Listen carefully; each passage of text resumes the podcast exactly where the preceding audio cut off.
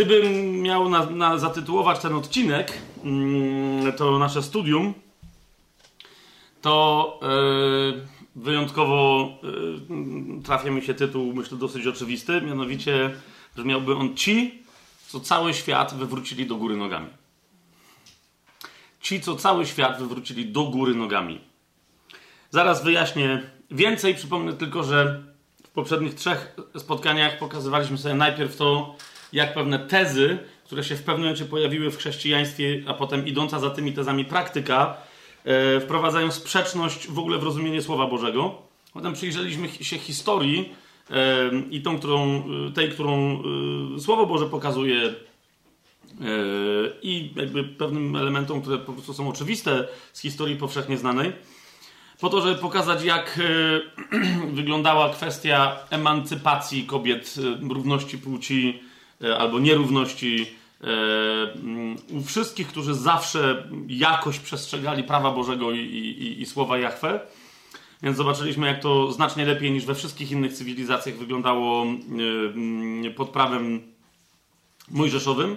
Ostatnio zajęliśmy się rewolucją Jezusową e, rewolucją obyczajową Jezusa.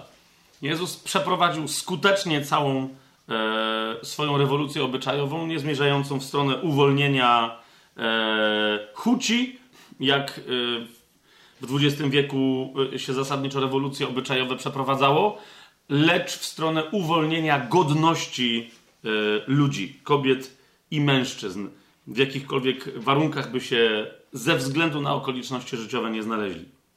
I teraz pytanie nasze brzmi, jak Kościół następnie tę rewolucję przejął i jak praktycznie wprowadził w życie. Bo że ją przejął, to jest dla nas oczywiste, ponieważ zwłaszcza Kościół pierwotny jest dla nas wzorem e, uczniostwa powszechnego, które zasadniczo jest też powszechną przynależnością do królestwa, Czyli kto jest uczniem i kto przynależy do królestwa? Ten, którego władcą pełnoprawnym, jedynym i kompletnym jest Jezus.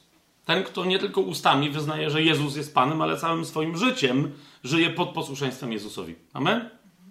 I teraz w dziejach apostolskich wyróżniłbym takie trzy e, e, rewolty, które chrześcijaństwo wprowadziło e, w cały świat i uważajcie na to, co mówię, powinno być strażnikiem tej rewolty, którą wprowadziło. Tak?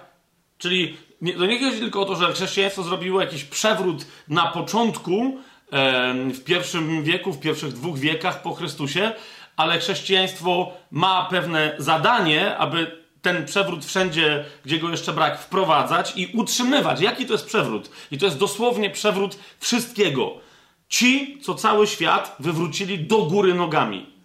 To jest, yy, to jest fragment Słowa Bożego. To nie jest, tak? To nie jest coś, co ja wymyśliłem, że, że fajnie by było, gdyby tak chrześcijan zdefiniować. Otóż są trzy powody, trzy obszary, dla, najpierw trzy powody, dla których chrześcijan można tak nazwać, że wywrócili wszystko do góry nogami. I, i w dziejach apostolskich to interesujące, dość w nieodległych od siebie miejscach, e, Słowo Boże podaje trzy obszary dokładnie, w których dokładnie te, o które nam chodzi, najbardziej fundamentalne, w których chrześcijanie są oskarżani o to, że właśnie w konkretnym obszarze wywracają wszystko do góry nogami wszędzie, gdzie się nie pojawią. Okay? Jakie to są obszary? Otóż po pierwsze, to jest obszar rozumienia władzy kogokolwiek nad kimkolwiek na tej ziemi. To, to jest pierwsze.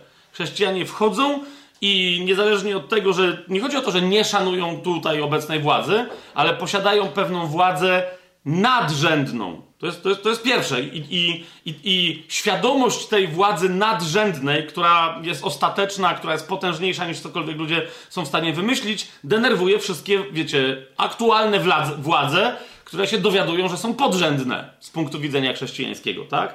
A więc po pierwsze, ze względu na władzę, po drugie, ze względu na Boga lub też bogów, na, a więc na to, co niematerialne, ze względu na to, co duchowe, przechodzą chrześcijanie i kwestionują wszystko, co do tej pory e, uzurpowało sobie prawo mówienia o tym, co boskie i co duchowe. Czyli kwestionują wszystkie możliwe religie. Tak? To, to, to, jest, to jest druga rzecz. I trzecia rzecz, ze względu na wolność osobistą i obyczajowość. Czyli kwestionując źródło pochodzenia władzy, jakim żyje świat, oraz kwestionując rozumienie duchowości, jakie chce reprezentować świat, czyli kwestionując religię, to się kończy zawsze tym, że chrześcijanie wprowadzają nową wolność. Znaczy, albo w ogóle, że wprowadzają wolność dla tych, którzy nie byli wolni w pewnych określonych układach i kompletnie zmieniają obyczaje. Teraz to nie jest, to nie chodzi tylko o to, że my byśmy chcieli, żeby tak było. Najpierw zacznijmy po pierwsze ze względu, czyli gdzie się pojawia ta oryginalna formuła, że chrześcijanie wywrócili cały świat do góry nogami. Otwórzcie sobie Dzieje Apostolskie, rozdział 17.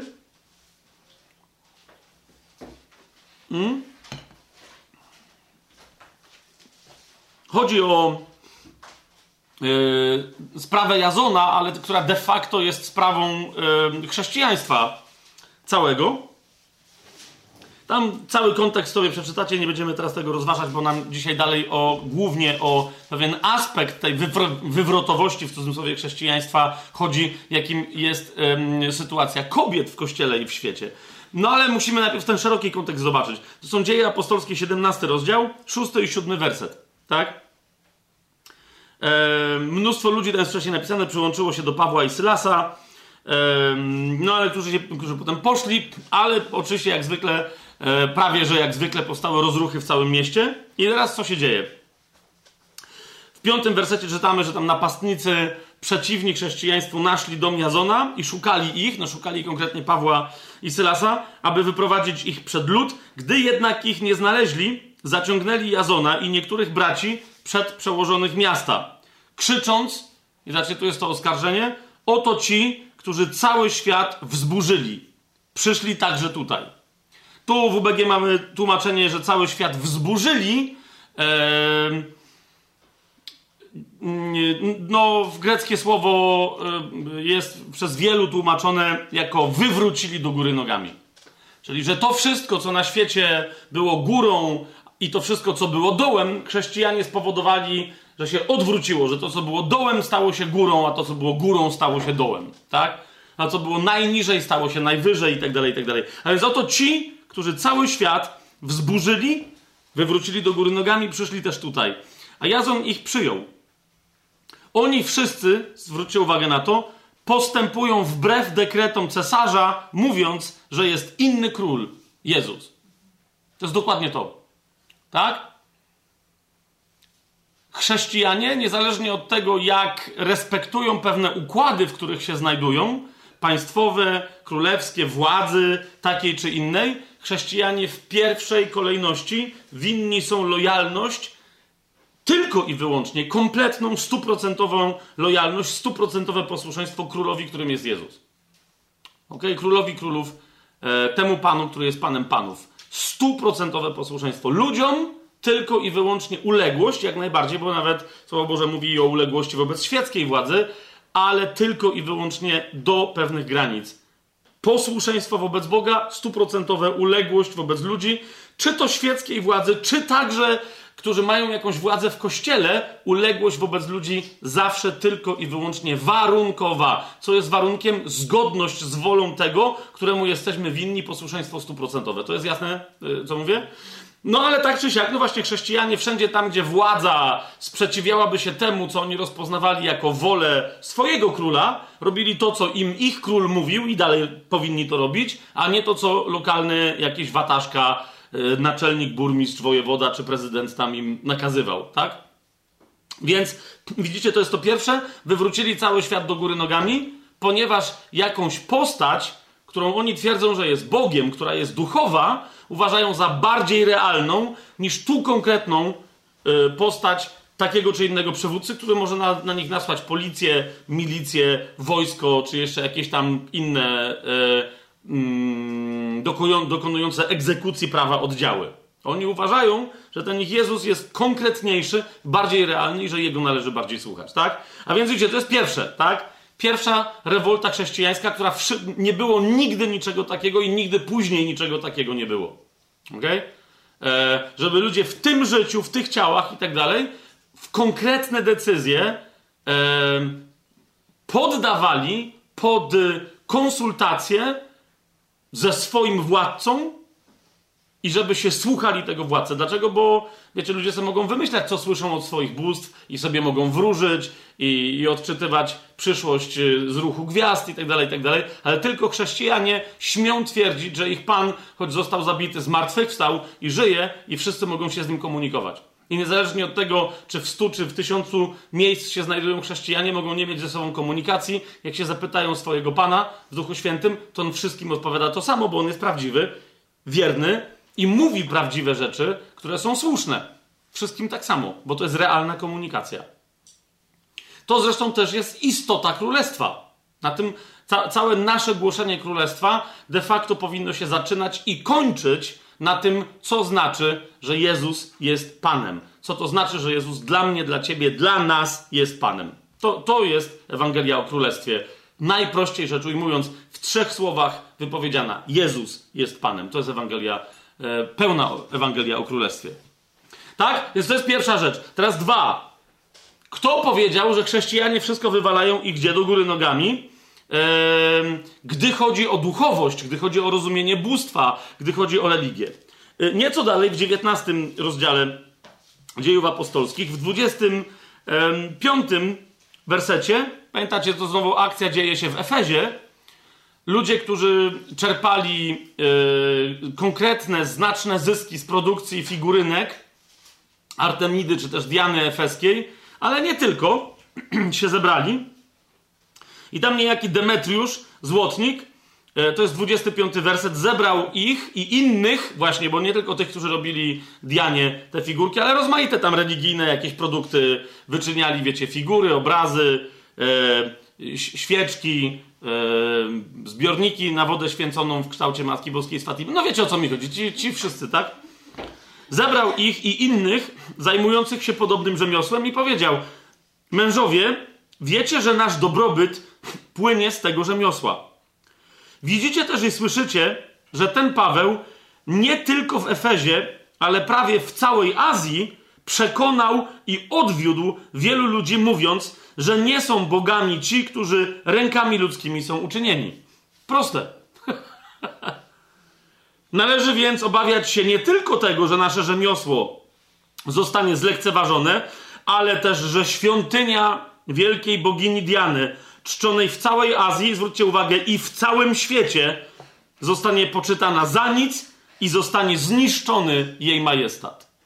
Widzicie o co chodzi? Kolejna rzecz. Tu jest oskarżenie chrześcijan, a tam władzę. Nie? Efes to była taka, wiecie o co chodzi, taka jasna góra, no nie? E, taka Fatima Lourdes, no z tych naszych skojarzeń prześwięte miejsce i ewidentnie, nawet jeżeli tam były, bo były jakieś władze, to te władze były bardzo mocno poddane. No, to nie była teokracja, ale te władze były bardzo mocno uzależnione od tego, co kasta kapłanów Artemidy czy też Diany Efeskiej e, wypowiadała. Tak? Nie, bez żadnych porównań do sytuacji w naszym kraju. Ale wiecie, tak? Yy, oni tam też mieli swoje yy, radio Diana i, i telewizję Trwam Demetriuszu. No nie? Też mieli tego typu naciski. Więc yy, znowu, chrześcijanie, to nie musimy teraz sobie tego wyjaśniać. I po prostu chrześcijanie, stąd chrześcijanie w cesarstwie, całym cesarstwie rzymskim byli wskazywani jako ludzie, którzy żyją w zdumiewającym zabobonie, który każe im nie wierzyć w żadnych bogów, w żadne życie właściwie rozumiane pozagrobowe. No bo wiecie, jak chrześcijanie mówili, że żaden Haron nikogo nie przewozi do Hadesu, na drugą stronę nie trzeba pieniędzy kłaść ludziom na oczach, żeby zapłacili i, tak dalej, i tak dalej, to było, no, no jest, przecież wszyscy w to wierzą, tak? Więc chrześcijanie dlatego byli bardzo często skazywani na śmierć yy, i ginęli śmiercią męczeńską pod jednym wyrokiem wyrażonym jednym łacińskim wyrazem ateisti, czyli ateiści, a więc ludzie niewierzący w bogów, nie oddający czci bogom, tak jak wszyscy normalni ludzie oddają cześć jakimś bogom. Chrześcijanie tego nie robią.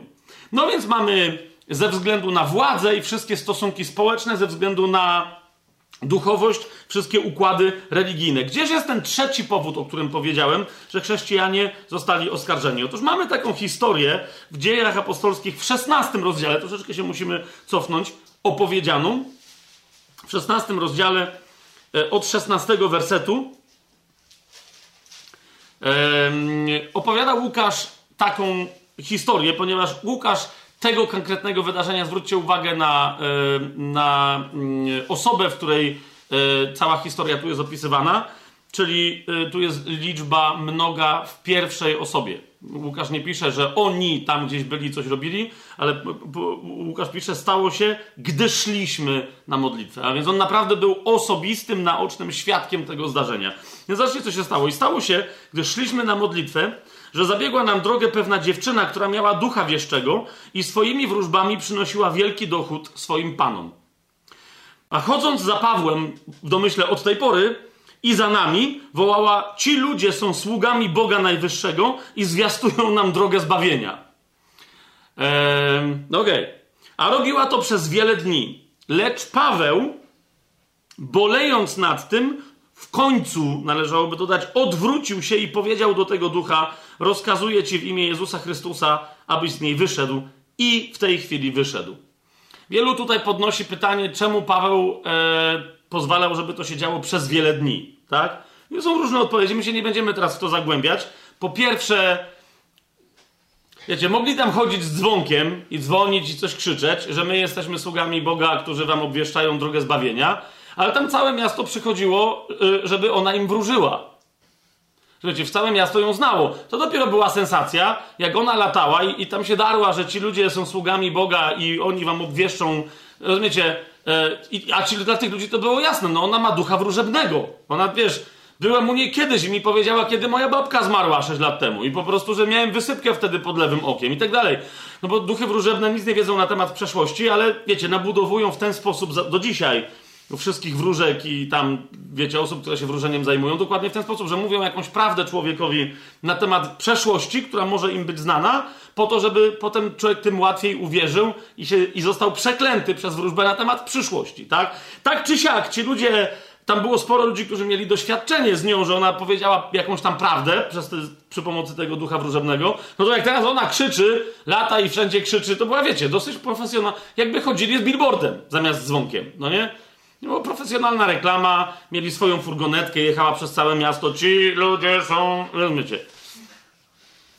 Więc niektórzy mówią, że no Paweł jakby z tego powodu e, to jest bez sensu, to jest bez sensu, ponieważ powiedziane, bo jak tam jest za chwilę powiedziane, że Paweł bolejąc, chodzi o to, że przez te wszystkie dni, tu jest jasne połączenie gramatyczne, Paweł bolał nad tą sytuacją. I on by jej nie wykorzystał do tego, żeby ona rozgłaszała i za zapewniała, wiecie, sensacje i, i większe tłumy do ewangelizowania chodziło dokładnie o to, co się stało, kiedy wreszcie Paweł tego nie wytrzymał. Nie? Po prostu ona była niewolnicą, która przynosiła zyski. Paweł o tym wiedział. Wiedział, że jak ją uwolni, to się zrobi afera. Dlaczego? Bo ona przynosiła krociowe zyski y, jej właścicielom. Jak ona straci tego ducha, oni to od razu będą wiedzieć. Zresztą tam widać wyraźnie, że tam jest jakiś układ. Oni to też rozumieli, że ona ma ducha, a nie, że ma talent. Rozumiecie o co chodzi? Więc oni od razu, zresztą oni to od razu poznali, że ona tego ducha straciła i że on więcej nie wróci. A skoro tak, no to, że wiecie, zamiast ewangelizacji, że rozpoczną aferę. Ja myślę po prostu, że Paweł, bolejąc w duchu, że nie może od razu jej uwolnić, głosił do momentu, kiedy uznał, że sprawa już na tyle się zaczęła, że może pójść dalej. Nie? Tak samo jak wiecie, głosił do momentu, kiedy mogli uciekać, a, a to, że Jazona tam zaciągnęli Żydzi przed trybunał i nie tylko Żydzi, no to wiecie, czym się to potem skończyło dla tych, co tam ich zaciągali, tak? Ale Paweł już wiedział, dobra, są tacy, którzy zostaną i oni się tym zajmą. I dlatego myślę, że to tak wyglądało. Jeszcze raz, tu historia nam o tym nie mówi, ale Paweł naprawdę tu jest wyrażone powyraźnie, że to go martwiło, że, on, że, że to go bolało, jakby, że ona w, taki, w takim stanie się znajduje. Więc jak, jak wreszcie po iluś tam dniach doszło do momentu, że Paweł uznał, dobra, wystarczy, no to właśnie rozkazuje ci w imię Jezusa Chrystusa, abyś z niej wyszedł, powiedział i w tej chwili wyszedł. I co się stało w 19 wersecie? No to, dlaczego Paweł powstrzymywał się przed, przed y, tym egzorcyzmem wcześniej przez parę dni. Gdy jej panowie zobaczyli, że przepadła nadzieja ich zysku, schwytali Pawła i Sylasa, zawlekli ich na rynek, przed władzę, stawili ich przed pretorami i powiedzieli, to właśnie to jest ten trzeci rodzaj oskarżenia, ci ludzie, którzy są Żydami, sieją zamęt w naszym mieście i głoszą obyczaje, w UBG mamy zwyczaje, których nam jako Rzymianom nie wolno przyjmować ani zachowywać. Widzicie o co mi chodzi? To jest rewolucja obyczajowa. Yy, my za chwilę wrócimy do tego fragmentu, bo ktoś powie, no ale co, o co chodzi? To jest obyczaj po pierwsze, jakim prawem śmiał nawet na sposób duchowy dotykać nie swoją własność. No to po pierwsze, to, to po, popsuli nam własność. Popsuli nam rzecz. Natomiast wiecie, rzecz była o tyle trudna i dlatego nie, nie powiedzieli, ona miała ducha, a Paweł go z niej wyrzucił, bo ludzie by się zainteresowali. Co, co, co miała? Co w ogóle goś zrobił? Bo wiecie o co chodzi? Mogłoby się. Tylko więc to jest tylko, że ej, popsuli nam niewolnicę. Wróżyła i przestała wróżyć. Co to są za obyczaje? Ty masz krowę, to jakby ci ktoś przyszedł i ci nogi, po, nogi tej krowie połamał, tak? I ona teraz nie może chodzić. Ty masz psa i ktoś by przyszedł i ci go poturbował i on się teraz boi i nie będzie szczekał przed, na złodziei i tak dalej. Przestała działać nasza własność. To jest to, co oni powiedzieli, tak? Ale druga rzecz, jak ona im była do niczego nieprzydatna, rozumiecie, to jej cena bo tu również nic y, na ten temat Słowo Boże tutaj nie mówi, ale jeszcze raz, jeszcze raz my do tego za chwilę wrócimy w nieco innym kontekście, to, to oczy nam się jeszcze szerzej otworzą, tak? Ale chodzi mi o to, że prawdopodobnie ktoś ją wykupił tak o. Kto to był, to, to też wam zaraz e, powiem, ale po prostu, rozumiecie, oni stwierdzili, co, co, co się w ogóle dzieje. No nie? Czyli nie tylko to, że ona nam przynosiła zysk, ale ca ona, jej cała wartość przez to, że ona nie ma tego ducha wróżebnego, jej cała wartość poszła tak, że po prostu, nie? No, może być łatwo uwolniona. Teraz coś powiem, no ale czy tutaj jeszcze chodzi o obyczaje związane z kobietami i tak dalej, i tak dalej, ależ oczywiście, że tak. Ależ oczywiście, że tak. Eee, dlaczego? Jesz jeszcze raz, zostańmy na razie przy tym, że chrześcijanie głoszą obyczaje, których nam jako Rzymianom nie wolno przyjmować ani zachowywać, że to się tyczy wszystkiego tego, co się odnosiło nie tylko do niewolników, ale wszystkich innych osób, które ze względu na rozmaite okoliczności życiowe, ze względu na posiadanie albo brak posiadania, ze względu na płeć, taką czy inną, ze względu na swój wiek, znajdowali się w gorszej sytuacji. Ok? Bo to e, temat niewolnicy jest dokładnie takim samym tematem, jak temat e, na przykład zabijania dzieci. Tak? Jak e, sprawdzicie do Didachy się jeszcze dzisiaj tam na końcu może trochę odwołam, na przykład w jednym z pierwszych, najstarszych listów, nie, nie Didachy, tylko e, chodzi mi o list do Diogneta w jednym z najstarszych pism poza biblijnych, w liście, w którym jeden z naszych braci, e, nie, nie wiemy dokładnie kto był autorem, pisze do osoby, która się nazywa Diognet i między innymi przedstawiając mu chrześcijan, wyjaśniając dlaczego są tacy dziwni, mówi mu, no dlaczego nie uprawiają głupoty pogan, którzy czczą bożki, czemu nie uprawiają głupoty Żydów, którzy uważają, że jedno jedzenie jest lepsze od drugiego, że jedne dni są lepsze od drugich i tak dalej, i tak dalej, i tak dalej. I po trzecie, i najistotniejsze, mówi, że chrześcijanie są dziwakami, ponieważ nie zachowują pogańskich obyczajów co do wszystkich, którzy są gorzej traktowani ze względu na płeć, ze względu na wiek, ze względu na zasoby materialne itd. Tak I jak mówi o dzieciach, mówi wprost: My jesteśmy tymi ludźmi, którzy nie zabijają dzieci. I on się tam odwołuje nie tylko do, wiecie, do obyczaju E, e, aborcyjnego, do, do tak zwanego spędzania płodu, które było rzeczą normalną. Nikt tego nawet nie roztrząsał za specjalnie w Cesarstwie Rzymskim, ale także do zwyczaju zabijania już urodzonych dzieci. Tak? Po prostu do pewnego wieku, w, pierwszych tygodniach, nawet w niektórych miejscach, w niektórych miesiącach, jak komuś dziecko jednak się nie opłacało, to je mógł zabić po prostu. No nie, po prostu porzucić gdzieś na śmietniku, gdzieś tam, dać do jedzenia psom, dosłownie, nie? żeby długo nie cierpiało że jakimś głodnym psom w określonych miejscach, żeby było rozszarpane i tak dalej. I on do Diogneta pisze, mówi, no, my jesteśmy tymi ludźmi, którzy nie zabijają dzieci. Nie? E, sugerując mu wręcz, że jak trzeba, to my bierzemy te dzieci, które inni chcą zabić. Nie? E, więc rozumiecie, e, jak e, tu konkretnie tym panom chodzi o niewolnicę, ale no, zaraz powoli do, e, także i niekoniecznie dzisiaj, ale do tych tematów w końcu się e, trzeba będzie też odnieść, tak? Gdy, gdy chodzi o to właśnie, że godność w oczach Bożych wszystkich istot ludzkich jest taka sama i chrześcijanie są pierwszymi strażnikami tego, a są oskarżeni o to, że w poszczególnych zwyczajach, które tę godność e, tradycyjnie rozmaitym ludziom odbierają, chrześcijanie na te obyczaje się nie mogą zgodzić. Jest to jasne? To jest wstęp tylko do całości. To jest wstęp tylko do tego wszystkiego, co dzisiaj chcę powiedzieć, więc tu mówię, zaraz do tego, zaraz, w pewnym do tego 16 rozdziału wrócimy, ale teraz pozwólcie, że wobec tego, co powiedziałem, teraz dopiero się e, pomodlimy. E, ojcze,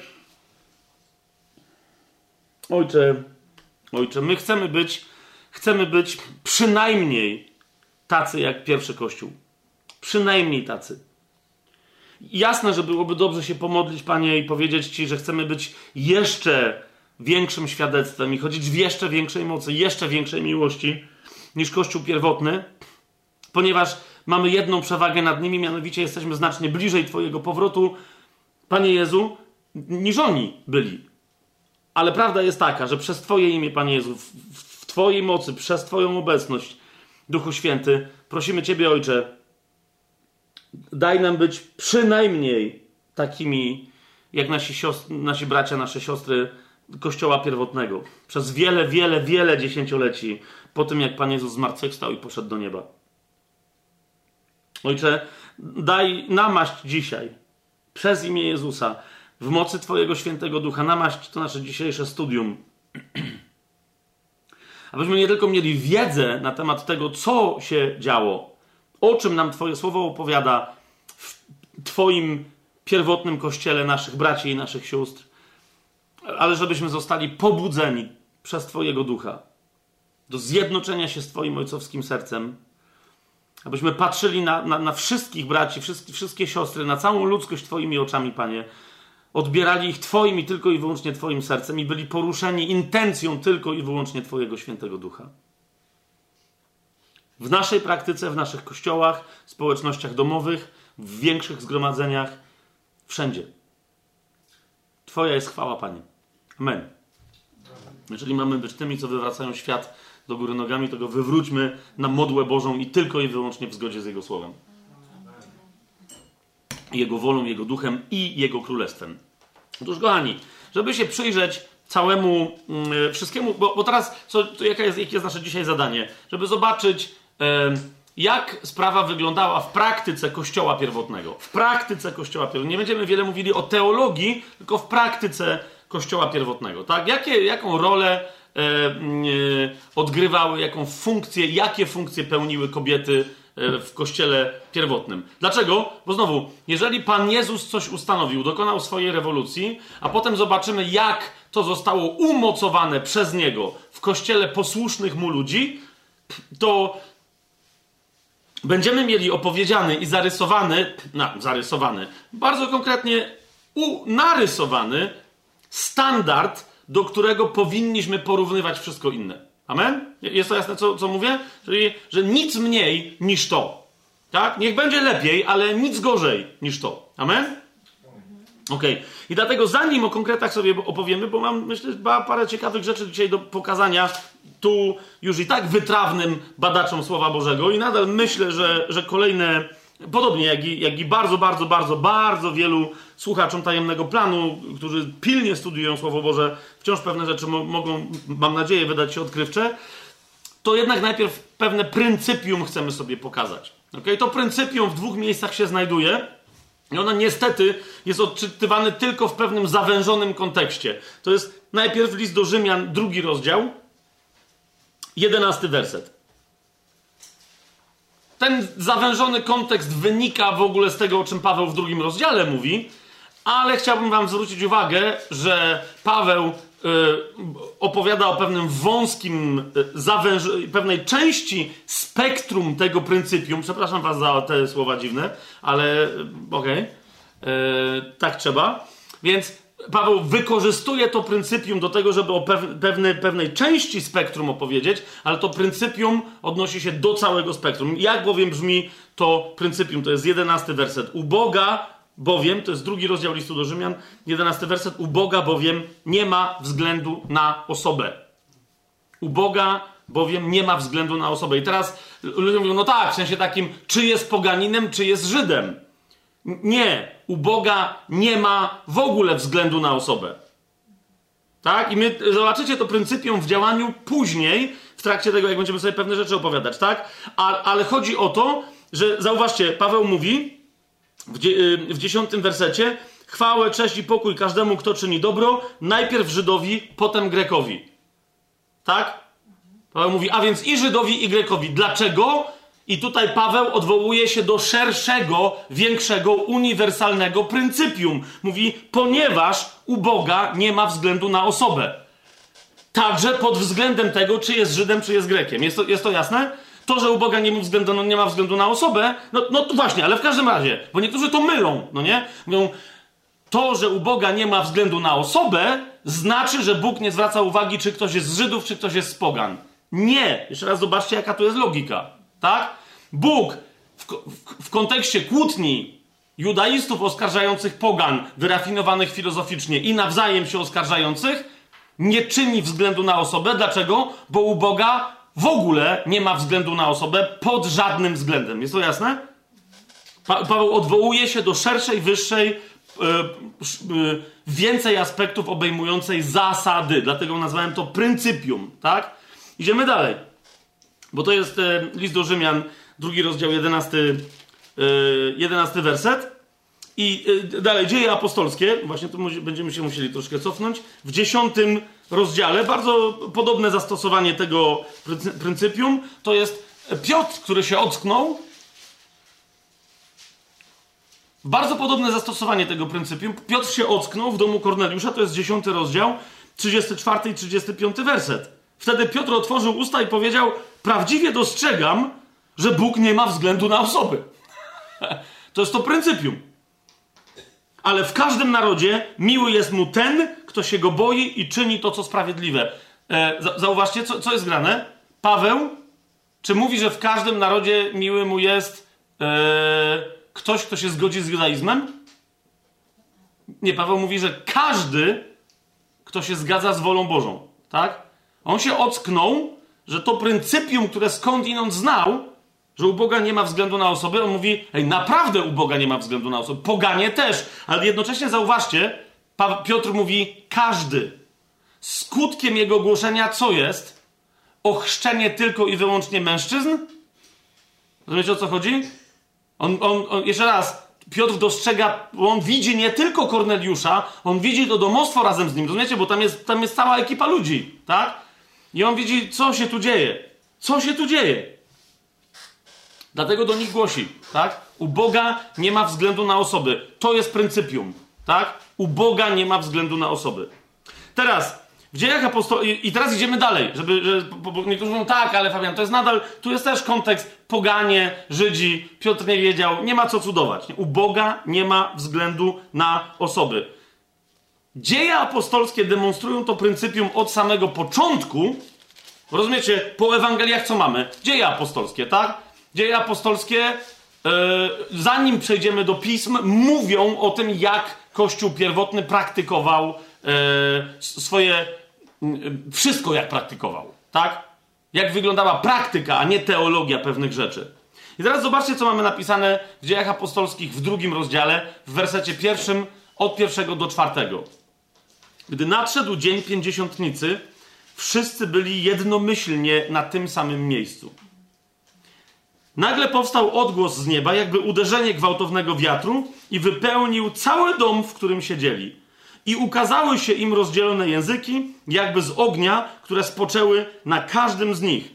I wszyscy zostali, napełni- wszyscy zostali napełnieni Duchem Świętym i zaczęli mówić innymi językami, tak jak im Duch pozwalał mówić. Mamy to? Mamy to? I teraz wiecie, potem, potem yy, yy, ze względu na pewien werset, mianowicie czternasty werset, wtedy stanął Piotr z jedenastoma, podniósł swój głos i przemówił. Wiele osób ma wyobrażenie wersetów 1-4, że to są wersety opisujące dwunastu apostołów. Spójrzcie jeszcze raz tymczasem, jaki mamy tam opis. Drugi rozdział, pierwszy werset. Gdy nadszedł dzień pięćdziesiątnicy, wszyscy byli jednomyślnie na tym samym miejscu. Pytanie moje brzmi, kto wszyscy byli jednomyślnie na tym samym miejscu? Otóż my tu mamy kontynuację historii, która się rozpoczyna pierwszym rozdziale, w dwunastym wersecie, bo do jedenastego wersetu mamy opis tego, że Pan Jezus poszedł do nieba, a obecni tam uczniowie zostali poinformowani, że nie wpatrujcie się w niebo, bo sprawy są do załatwienia, wracajcie, czekajcie, jak wam powiedział, na obietnicę Okej, okay. więc od dwunastego wersetu zaczyna się tak naprawdę właściwa historia dziejów apostolskich i brzmi ona tak. Wtedy wrócili do Jerozolimy, z góry zwanej Oliwną, która leży blisko Jerozolimy w odległości drogi szabatowej. Trzynasty werset. A gdy przyszli, weszli do sali na górze, gdzie przebywali Piotr i Jakub, Jan i Andrzej, Filip i Tomasz, Bartłomiej i Mateusz, Jakub Alfeuszowy i Szymon Zelota oraz Juda, brat Jakuba. Mamy ich? I teraz uważajcie. No więc pyta, ale pytanie moje brzmiało, ktoż to trwał jednomyślnie? Tu się pojawia informacja na temat tej grupy, która jest opisana w drugim rozdziale, w pierwszym wersecie. Ci wszyscy, tu mamy opisanych ilu? 11 zawodników, tak? Ci wszyscy trwali jednomyślnie w modlitwie i prośbach razem z kim? Z kobietami, z Marią, matką Jezusa i jego braćmi. Upsy i. Upsy i, i, i. Ja wiem, że głupka z siebie robi, chodzi mi tylko o to, że zróbcie sobie to upsi w głowie. Rozumiesz? Bo jeszcze raz, ci wszyscy, 11 chłopa, ok? Tam potem się okazuje, że tam jeszcze więcej było osób, ale zauważcie, że inni mężczyźni, nie, oprócz tych 11 i braci Jezusa, nawet nie są wspomnieni. Nie wiem, czy zauważyliście. Tam jest 120 osób. Chyba, że poza braćmi Jezusa i tymi 11 cała reszta to były kobiety. Tak? I teraz zobaczcie, co się dzieje. 15 jeszcze werset nam dodaje. W tych dniach Piotr stanął pośród uczniów a było zgromadzonych około 120 osób i powiedział. Rozumiecie, co, co się tam dzieje? Więc y, tam jest 120 osób w tym wieczorniku, plus minus. To są ci wszyscy zjednoczeni jednomyślnie na tej modlitwie. Amen? I teraz popatrz, więc masz 120-osobową grupę. Aha, jeszcze jedna bardzo istotna rzecz, bo niektórzy mówią Fabian, Fabian, Fabian. Miałem jakieś taką rozmowę i miałem takie, wiecie, takie, takie pouczenie, Fabian, Fabian. Ale zobacz, jak tu jest bardzo istotne. 11 apostołów. Bardzo poważna historia. Każdy jest wymieniony z imienia, z nazwiska, prawie że, w relacjach z innymi. No a czyż to potem, że kobiety, no to były kobiety, no jest to pewien ukłon ze względu na Maryję. Już wiecie, jakiej proweniencji był zawodnik, który mnie napominał, tak? To jest tylko to, ale to po prostu, że, no bo ona jest błogosławiona między niewiastami i skoro Słowo Boże musiało wspomnieć o Matce Jezusa, no to ona musiała być między niewiastami.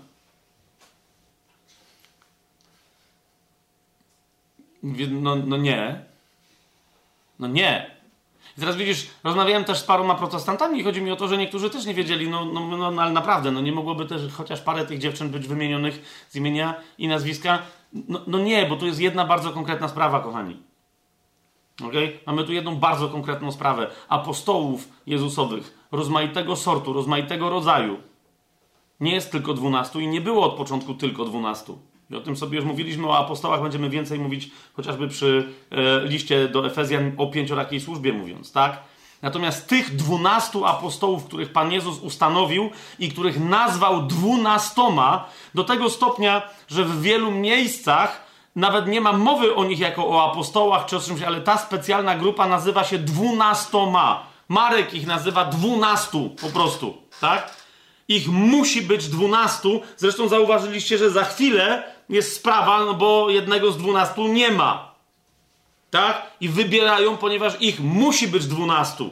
Tak? Dlatego w drugim rozdziale, w czternastym wersecie, staje już Piotr z kim? Z jedenastoma, a więc jest ich dwunastu. Dlaczego musi ich być dwunastu? Ponieważ ich misją wyłączną nie było głoszenie Jezusa, głoszenie Ewangelii, zakładanie kościoła czy kościołów itd., tak itd. Tak było, ale nie wyłączną misją. Natomiast ta grupa dwunastu apostołów Jezusowych ma swoją misję, której jeszcze nie wypełniła.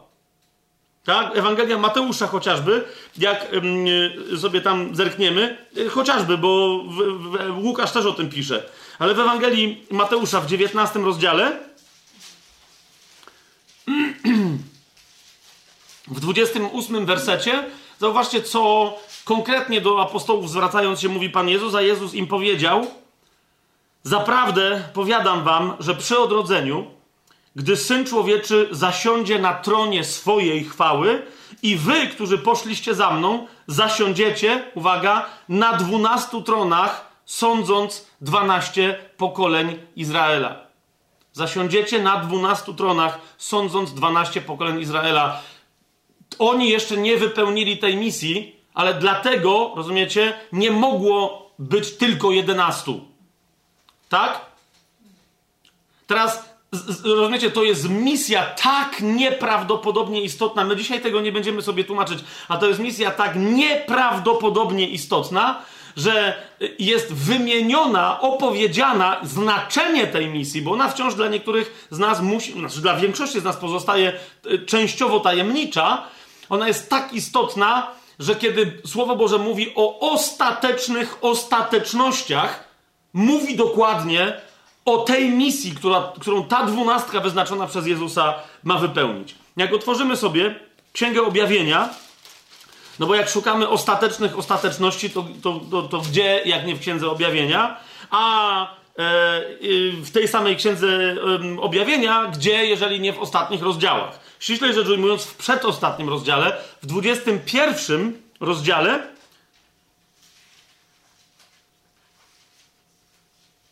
Spójrzcie, co mamy napisane.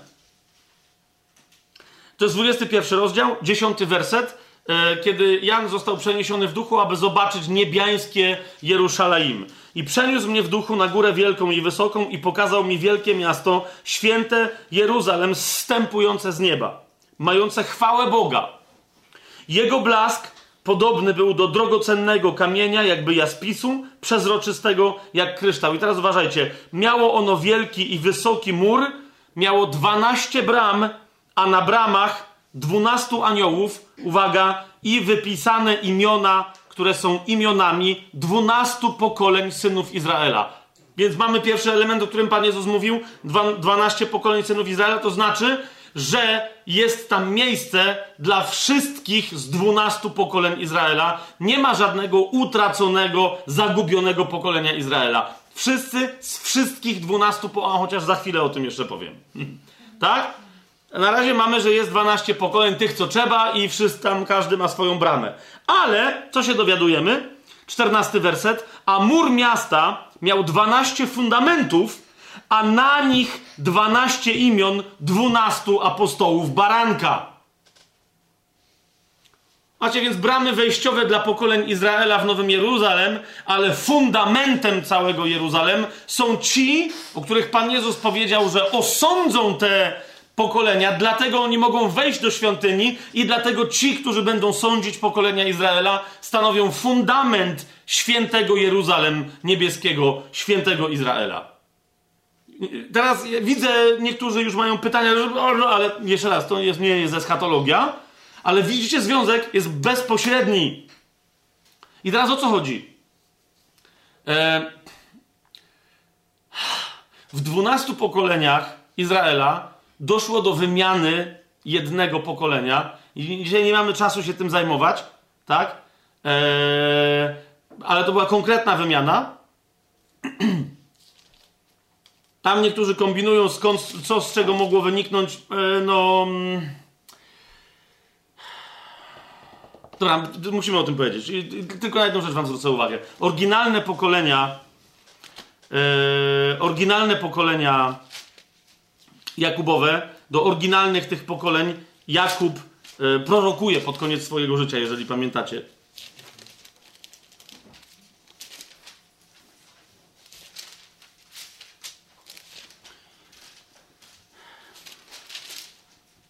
To jest 49 rozdział Księgi Rodzaju.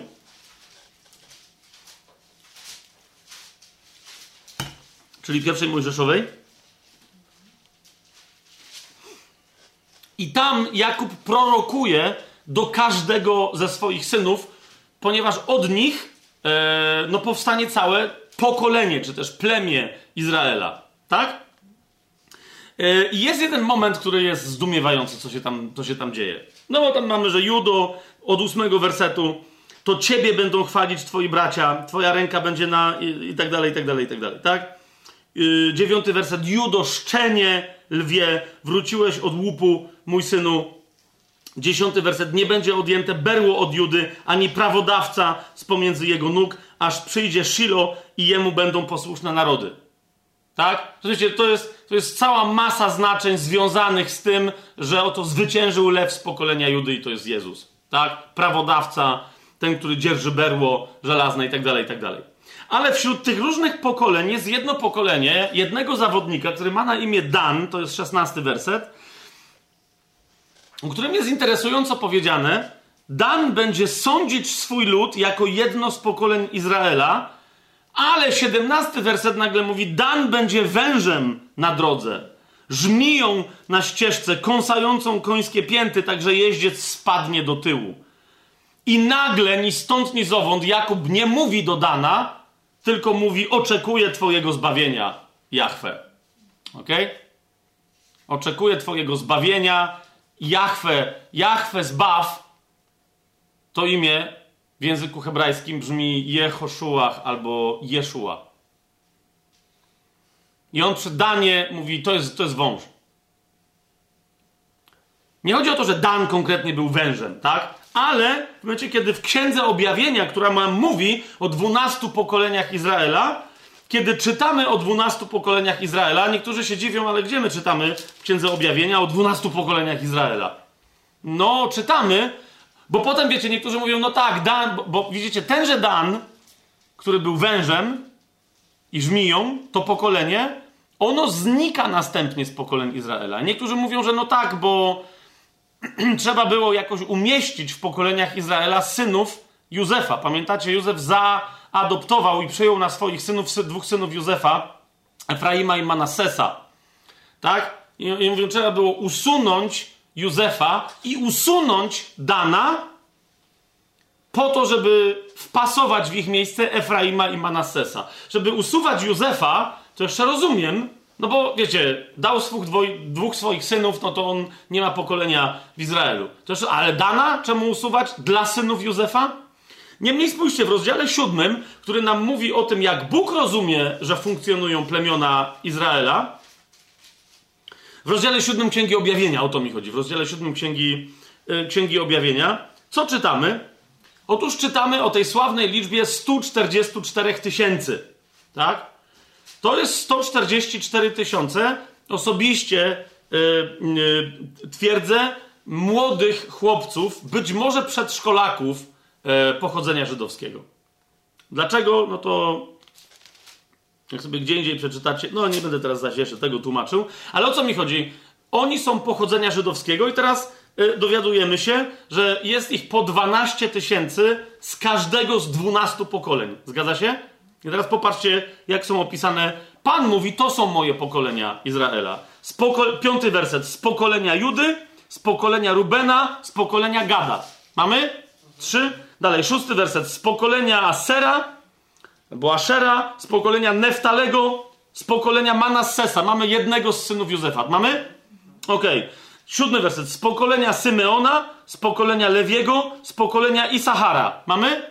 Następnych? Ok, i teraz ósmy werset z pokolenia Zabulona, z pokolenia Józefa. A czyli Józef jest. Nie przestał być synem Jakubowym. Jak zauważyliście, no Efraima nie ma. Tak? Bo wcale nie musiał być włączony. Jest Benjamin. I jedynym gościem, którego nie ma, jest Dan. Był Dan w oryginalnych synach ale go nie ma i Dan został zastąpiony przez Manassesa. To jest wszystko. Józef nie został usunięty. Nie wiem, czy to widzicie. Tak? Teraz dlaczego o tym sobie opowiadamy? Ponieważ, kochani, ta sama historia, która wydarzyła się wśród ojców pokoleń Izraela lub wśród po prostu pokoleń Izraela, że jedno z pokoleń zostało usunięte, ta sama historia zdarzyła się wśród sędziów tych pokoleń, mianowicie, że Judasz został usunięty. Kapujecie, co się dzieje? Teraz wracamy do dziejów apostolskich. Dlatego Łukasz w dziejach apostolskich, on po prostu bardzo wyraźnie do, do tego się odnosi. Oprócz Mateusza, który pisze do Żydów i cytuje Jezusa, który mówi, że wy siądziecie na 12 tronach, żeby siądzieć 12 pokoleń Izraela, jedynym, który przypomina o tej funkcji jest ewangelista Łukasz. Już nawet nie będziemy tam szli, sami sobie to znajdziecie, gdzie on o tym pisze, ale on o tym pisze, tak? I teraz na co on zwraca uwagę? Zauważcie, on powiedział, przyszło niepełnych dwunastu. Wymienia ich konkretnie, dokładnie tak, jak robi Biblia w innych miejscach, kiedy nie mówi jest dwanaście, ale bez dana, tak? Tylko co mówi? Są ci, ci, ci, ci i ci. Po co? Żeby nawet nie wspominać tego, którego nie ma. Jest to jasne? Tyle. Kto wie, wie, że nie ma dana. Tak samo, to samo robi Łukasz. Tak? On tam yy, wyjaśnia, co się stało z Judaszem, ale on mówi wyraźnie, przyszli ci i widzicie, że bez Judasza. I dlatego następna część historii jest, dla, dlatego ich wymienia, zmienia, bo dlaczego? Ponieważ wymienia, kto zastąpił Judasza w tej dwunastce, tak? I, i tyle, to nie był Paweł, yy, czy Szaweł Starsu, to nie był Paweł Apostoł, tak? Dlatego oni są wymienieni. Nie chodzi o to, że oni byli ważniejsi od tych kobiet, ale historia, którą za chwilę, zasadniczo prawie że do końca dziesiątego, pierwszego rozdziału, to jest opowieść o tym, kto zastąpił Judasza wśród tych z imienia wymienionych dwunastu, żeby to jego imię dodać do tych dwunastu, bo ich imiona są ważne, bo będą wypisane na niebieskim Jeruzalemie. Jest to jasne? I teraz zobaczcie w tym kontekście. On mówi, a więc są ci goście, którzy po prostu dwunastka, która została zraniona, jak Pan Jezus został zraniony, po prostu, bo szatan wyrwał jednego z tych dwunastu. Tak? Wraz z tą zranioną dwunastką, zauważcie, kto jest. Oni wszyscy trwali jednomyślnie w modlitwie i prośbach razem z kobietami, z Marią, matką Jezusa i jego braćmi. Maria, rodzina Jezusa, chodzi o to, że rodzina Jezusa jest wymieniona na ostatnim miejscu, a nie, że Maria jakieś prominentne miejsce tu zajmuje. Inna rzecz, że jest tu wymieniona ewidentnie Łukasz, no wiecie, cała Ewangelia Łukasza się zaczyna od opowiedzenia o niej, tak? On i Jan wyraźnie po paru momentach y, Marii, Matki Jezusa, wyraźnie wskazują, to po prostu to jest ta, która jest błogosławiona między niewiastami. To jest ta, która przez wszystkie pokolenia będzie zwać błogosławioną, więc ja mówię, to jest ta błogosławiona Maria, Matka Jezusa. Tak? I Łukasz o niej wyraźnie wspomina, zwłaszcza, że jej, on postrzega jej osobę inaczej niż braci Jezusa. Pamiętacie, że bracia Jezusa nie wierzyli w niego. A Łukasz wyraźnie od początku stoi na pozycji, że nawet jeżeli ona czasem była ciągana przez nich dla ich własnych rozgrywek, to pamiętacie, ona od początku rozważała wszystkie słowa Jezusa w swoim sercu. Z dwukrotnie przez Łukasza na początku jego Ewangelii podkreślone. Nawet jak potem Pan Jezus powie, głównie dlatego, że potem Pan Jezus w tej Ewangelii powie, na hasło błogosławione łono, które cię nosiło i piersi, które ssałeś, Pan Jezus odpowie, raczej błogosławieni są ci, którzy, a więc ona jest błogosławiona, nie dlatego, że mnie urodziła, tylko dlatego, że słucha mojego słowa tak samo jak wszyscy inni moi uczniowie. Nie ma między nią ani mi żadnej różnicy. Tak? Widzicie, co się tu dzieje? Więc teraz jak już mamy, to, to wy, zobaczcie ile obrazów sobie musimy wymazać, ikon, kazań, okej? Okay? Z, y, z okazji pięćdziesiątnicy musimy to wszystko sobie wymazać. To jest to. Jaka tam jest? To jest 120 osób. Kobiety, mężczyźni, wśród nich bardzo ważne osoby, czyli 12. Tak? Oni musieli tu być wymienieni, ale gdyby, myślę, że gdyby nie to, że chodziło o sprawę Judasza, by ich Łukasz nie wymienił, ale niech będzie. Duch Święty ich chciał wymienić. Tak, tylko chodzi mi o, o, ich szczególną, wyjątkową funkcję, jaką. I teraz zauważcie, co się dzieje, bo teraz wreszcie możemy sobie przeczytać właściwie, bo cały czas dopiero robimy pryncypium, tak? Drugi rozdział.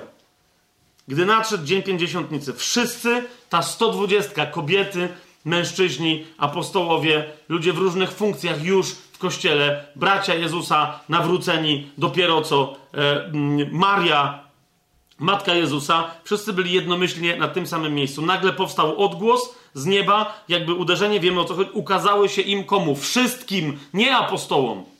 Wszystkim ukazały się im rozdzielone języki, jakby z ognia, które spoczęły na każdej z tych osób. Tutaj każdym z nich, okej, okay, zostawmy to. I wszyscy zostali napełnieni Duchem Świętym. Wszyscy, to jest kto? Cała ta 120 została napełniona Duchem Świętym i zaczęli mówić innymi językami, tak jak im duch pozwalał mówić. I teraz co się stało? Czy to dwunastu apostołów wyszło na zewnątrz, aby głosić Ewangelię? Aby mówić na językach? Aby. Zobaczcie, co się dalej dzieje. Kiedy powstał ten szum, zeszło się mnóstwo ludzi, zdumieli się, bo każdy z nich słyszał ich, ich, czyli kogo? Całą 120 mówiących w jego własnym języku. I, jeszcze raz, zauważ, popatrzcie, jak dalej się rozwija kontekst tej sytuacji, tak? Dwunasty werset. I zdumiewali się wszyscy i dziwili, mówiąc jeden do drugiego, co to ma znaczyć. Lecz inni naśmiewali się i mówili, upili się młodym winem. Teza moja, nie tylko dlatego, że gadali jak gadali, ale kto gadał? Wyszły chłopy i baby razem z nimi. No przecież impreza była. Przecież to jest zdrożność. To nie chodzi tylko o mówienie językami, ale o to, że mężczyźni i kobiety mówią. Teraz ktoś powie, no dobra, dobra, to teza, która, którą należałoby obronić. No, zauważcie, że ta dwunastka apostołów jest podkreślona jako ludzie, którzy wychodzą do przodu, a z nich Piotr wychodzi do przodu i mówi, ale co robi? Zobaczcie, jak wygląda jego obrona. Ok? Piętnasty werset.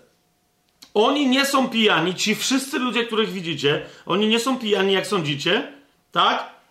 16 werset, ale to jest to, co zostało przepowiedziane przez proroka Joela. A co zostało przepowiedziane przez proroka Joela? 17 werset. I stanie się w ostatecznych dniach, mówi Bóg, uwaga, uwaga, uwaga, że wyleje z mojego ducha na wszelkie ciało i będą prorokować kto? Wasi synowie i wasze córki. Zauważcie, to jest pierwsze, do czego się Piotr odnosi. Mówi, nie oburzajcie się, a więc do czego się odnosi? że tu stoją baby i chłopy razem, ponieważ to zapowiedział Joel. Stąpił na nich i na kobiety, i na mężczyzn Duch Święty. Jeszcze raz, wróćmy troszeczkę. Czternasty werset. Wtedy stanął, to znaczy powstał Piotr z jedenastoma. Tak? Wy, wyszedł do przodu, tak? To jest, wiecie, frontman. Ale jeszcze raz, wykonał pewną akcję, w ramach której się oddzielił od kogo? Od pozostałych tych ludzi, 120 osób, z którymi, których byli częścią tych 120 osób do tej pory. Jest to jasne? Ja uważcie, 14 werset nie mówi, że ich tam było tylko 12, tak? Tam było 120 kob osób, kobiet i mężczyzn. Tak?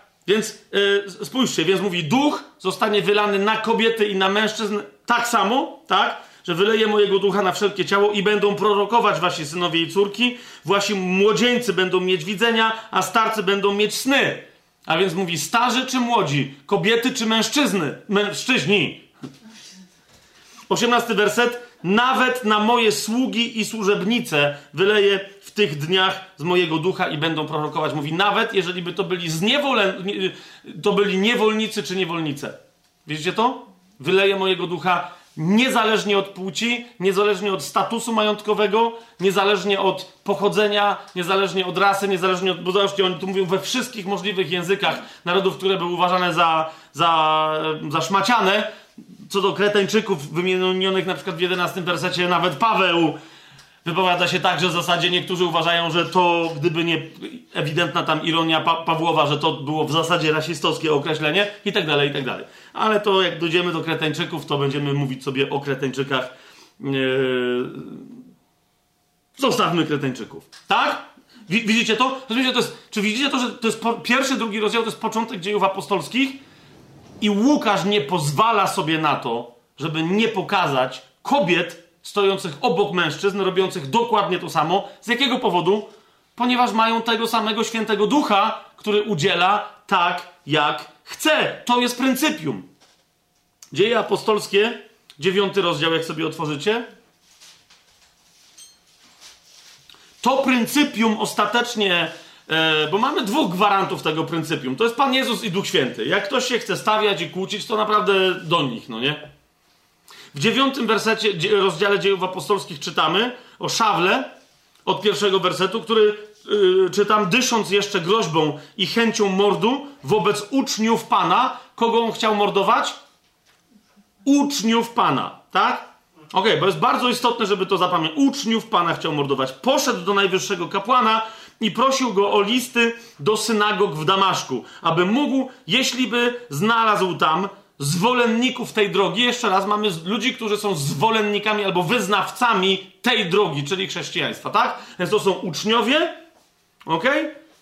To tak ich nazywa Łukasz, to są uczniowie, a yy, Szaweł wtedy nazywa ich wyznawcami czy też zwolennikami tej drogi. Uwaga, zarówno mężczyzn, jak i kobiety.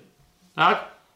Bardzo, bardzo, bardzo znaczące zaznaczenie, znaczące podkreślenie przez Pawła, przez Łukasza. Mężczyzn i kobiet. Dlaczego? Bo mówi, ci uczniowie, ta grupa uczniów, ci zwolennicy, ta grupa zwolenników to są mężczyźni i kobiety. Jak? Zarówno mężczyzn, jak i kobiet. Bez, to znaczy bez żadnej różnicy, tak? Aby ich przyprowadzić związanych do, do Jerozolimy. I teraz popatrzcie, gdy, jad, gdy jadąc zbliżał się do Damaszku, nagle olśniła go światłość z nieba, upadł na ziemię i usłyszał głos, który przemówił do niego: Szawle, szawle, dlaczego mnie prześladujesz? Mówi Jezus. O, E, wyraźnie słyszymy, że Szaweł jedyne o czym wiedział, to że są zwolennicy tej drogi i na nich podnosił rękę i ich prześladował i prosił arcykapłana o pozwolenie na takie prześladowanie, a Jezus mu mówi, mnie prześladujesz. Paweł później tylko objawienie tego, czym jest Kościół, rozwijał, ale on w tym pierwszym pytaniu to objawienie otrzymał. Ok? Chrystus, obecny tutaj na ziemi, jest niezależny od płci, jest niezależny od tego, w jakiej płci on się pojawił na ziemi. On mówi, mnie prześladujesz. Szaweł mówi, prześladuje mężczyzn, zarówno mężczyzn, jak i kobiety, wyznawców tej drogi, a Pan Jezus mu mówi, no właśnie, podnosisz rękę na mężczyznę, który jest moim wyznawcą, podnosisz rękę na mnie, podnosisz rękę na kobietę, która jest moją wyznawczynią, która jest moją uczennicą, podnosisz rękę na mnie tak samo, zarówno. On się zapytał, kim jesteś, panie? Rozumiecie, jakby na zasadzie, ale o co chodzi? Kiedy ja coś ci zrobiłem? Pan mu odpowiedział: Ja jestem Jezus, jeszcze raz, którego ty prześladujesz. Jeszcze raz powtarzam, przyjrzyjcie się temu zdarzeniu pod tym kątem. To jest kompletne objawienie tego, czym jest Kościół w tej pierwszej konfrontacji. Dlatego nikt inny tyle później nie pisze o Kościele, nikt inny tyle nie, nie, o, w Duchu Świętym nie oddaje nam objawienia jak Paweł, który wyraźnie mówi, że to była tajemnica zachowana przez Pana przez wieki i od wieków, i dopiero teraz jest ujawniona, i pełnię tego objawienia i ujawnienia, uja, ujawnienia przynosi nam Paweł. Słuchajcie, wszędzie list do Efezjan. Tajemny plan, cała nazwa e, tego naszego kanału, to jest dokładnie e, swoiste z Warszawki wzięte tłumaczenie e, określenia misterion e, z miejsca, w którym Paweł mówi o Kościele.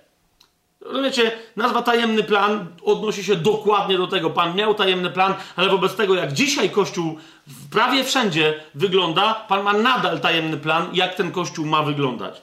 Znaczy tajemny dla tych, którzy chcą chodzić z zasłoniętymi oczami, bo on jest kompletnie w Słowie Bożym ujawniony. Jasne to jest, więc jest Pan Jezus, który się upomina i mówi zaraz. Kobiety i mężczyźni są tak samo uczniami, są tak samo wyznawcami, zwolennikami tej drogi.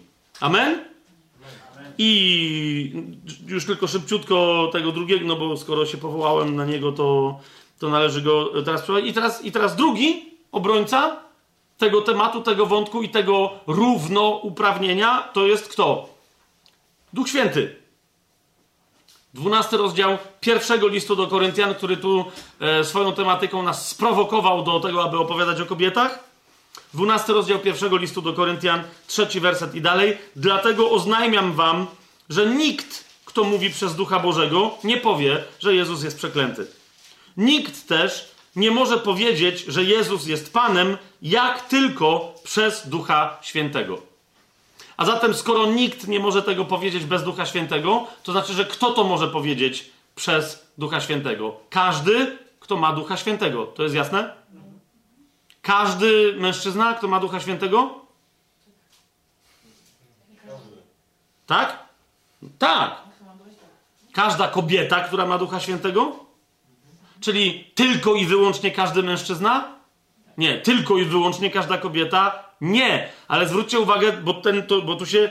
Czyli każdy, okej, okay, dobrze, a różne są dary, lecz ten sam duch. Różne też są posługi, lecz ten sam Pan, Pan Jezus, na którego się dopiero co powołaliśmy. Uważajcie, i różne są działania, lecz ten sam Bóg, który sprawia wszystko w kim? We wszystkich. I teraz uwaga, siódmy werset. A każdemu jest dany przejaw ducha dla wspólnego pożytku. Komu? Każdemu. Każdemu mężczyźnie, jeszcze raz się zapytam. Macia słusznie mówi tak. Każdej kobiecie? Też. Są jakieś dary, które są dla każdości męskiej, albo jakieś inne dary, które są dla każdości żeńskiej? No to teraz jednemu bowiem przez ducha jest dana mowa mądrości, drugiemu, i tu znowu tu jest wyliczanka taka, która, wiecie, sugeruje, że no jednemu mężczyźnie, jednemu. Yy, nie! Każdemu jednemu, o, o kim tu jest mowa, może być dany przejaw ducha jako mowa mądrości, mowa wiedzy itd., tak itd. Tak przez tego samego ducha. Jak sobie dobrze prześledzimy ten tekst aż do końca tego dwunastego rozdziału, to zauważcie, że w żadnym momencie Paweł nie rozgranicza, że kobieta nie może być apostołem, nie może być prorokiem, nie może być ewangelistą, nie może być cudotwórczynią itd., itd., itd. 27 werset, spójrzcie. Wy zaś jesteście ciałem Chrystusa, a z osobna członkami. On tu mówi o mężczyznach w ciele Chrystusa? Pytam się. Ale no, wszystkich. Więc 28 werset, a Bóg w kościele, a Bóg ustanowił niektórych w kościele przed pierwszych apostołów, drugich, potem będę mówił, dlaczego ja tak mówię, ale to jest dosłownie wyliczanka. Po pierwsze, po drugie, po trzecie, tak? Pierwszych apostołów, drugich proroków, trzecich nauczycieli. Potem dary cudotwórcze, dary uzdrawiania, niesienia pomocy, rządzenia różne języki. Sama nawet ta wyliczanka sugeruje, bo tu mówi ktoś no ale apostołowie to jest liczba e, mnoga, tak? Jak powiesz, że, że, się że się zebrała grupa nauczycieli, to, to nie znaczy, że tam nie ma nauczycielek, tak? Niektórzy mówią nauczycieli i nauczycielek, bo szanują kobiety, tak jak ja często to robię, tak? Mówię bracia i siostry i tak dalej. Ale Paweł nigdzie nie uważa, żeby oczywiste oczywistości musiały być jeszcze podkreślane, ponieważ wtedy nie było czepialskich, którzy powiedzieli, nie, gdzie są apostołki? Zwłaszcza, że dla podkreślenia wagi e, autorytetu kobiet usługujących w poszczególnych funkcjach, zwróć, zwrócimy jeszcze później uwagę, że kobiety celowo, bo wiecie, to jest tak, dlaczego dzisiaj kobiety słusznie, według mnie, próbują jakby szukać pewnych nazw, ale lądują nie tam, gdzie chcą, tak? Czasem im się udaje. Mamy na przykład słowo sędzia w języku polskim. I ono w zasadzie jest bardziej żeńskie niż męskie, męskie, ale mężczyźni, bo to jest ona, ta sędzia, nie? A niekoniecznie ten sędzia. Ten sędzi powinien być. No ale okej, okay, jest sędzia. Teraz z tym słowem jest łatwo, bo jakby ja to rozumiem, ja się zgadzam, nie? Nie, nie że nie sędzia i sędzina. Wiecie o co chodzi? To jest, to jest takie, to już to nie do końca jest sędzia, to jest wiadomo, jest sędzia żeński, czyli no sędzina, a to jest wiesz, ta sędzia i ten sędzia. Wiesz o co mi chodzi? Mi się to podoba. Samo tu, tak? Jest, nie wiem, jest, no właśnie, tak? Jest szef, no i teraz jest też, teraz, a ja jestem szefowa. Rzeczywiście tu się nie straci, ale przy niektórych wyrazach się, wiecie, no traci się, nie? To jest arbiter, a to jest to, a to jest arbiterka. No, jasne. Tak jak kierowca towarzyszy kiero, kierownicy, tak? I odwrotnie. No, rozumiecie? No nie. I dlatego w tamtym czasie Paweł, jak mówił, na przykład jak pisze o... Yy, o, o pewnej diakonisie tak zwanej, wcale nie, nie nazywają diakonisą czy diakonesą, ale nazywają diakonem. Żeby wyraźnie podkreślić, nie ma żadnej różnicy w tej funkcji między nią a mężczyznami, którzy pełnią tej, yy, te funkcje. Tak? Więc aż do końca tego, tego rozdziału jest bardzo interesujący. On mówi o rozdawanych darach, a nie o przynależności płciowej tych darów, że pewne dary są niemożliwe dla jakichś kobiet. Mamy to jasne? To jest. I jeszcze raz zobaczcie, że rzeczywiście chrześcijanie przez tego typu, tego rodzaju zwyczaje mieli rzeczy, rzeczywiście prawo szokować całe tamtejsze e, towarzystwo w dowolnej cywilizacji, w, dowolnym, e, w dowolnej kulturze. Dlaczego? No bo po prostu w głowie się nie mieściło, żeby jakiekolwiek odpowiedzialności miały być przekazywane kobietom w starożytności. Z wyjątkiem rodzenia dzieci. No bo tu jakby mężczyźni troszkę się nie odnajdywali. No nie? Teraz, jak już.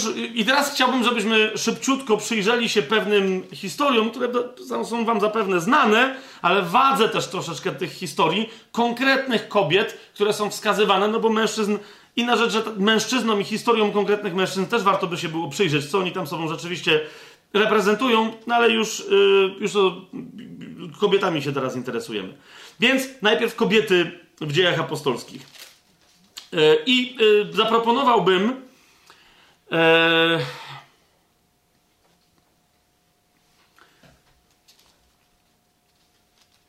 Na początek kobietę z dziewiątego rozdziału dziejów apostolskich, bo potrzebujemy po prostu takich y, przykładów.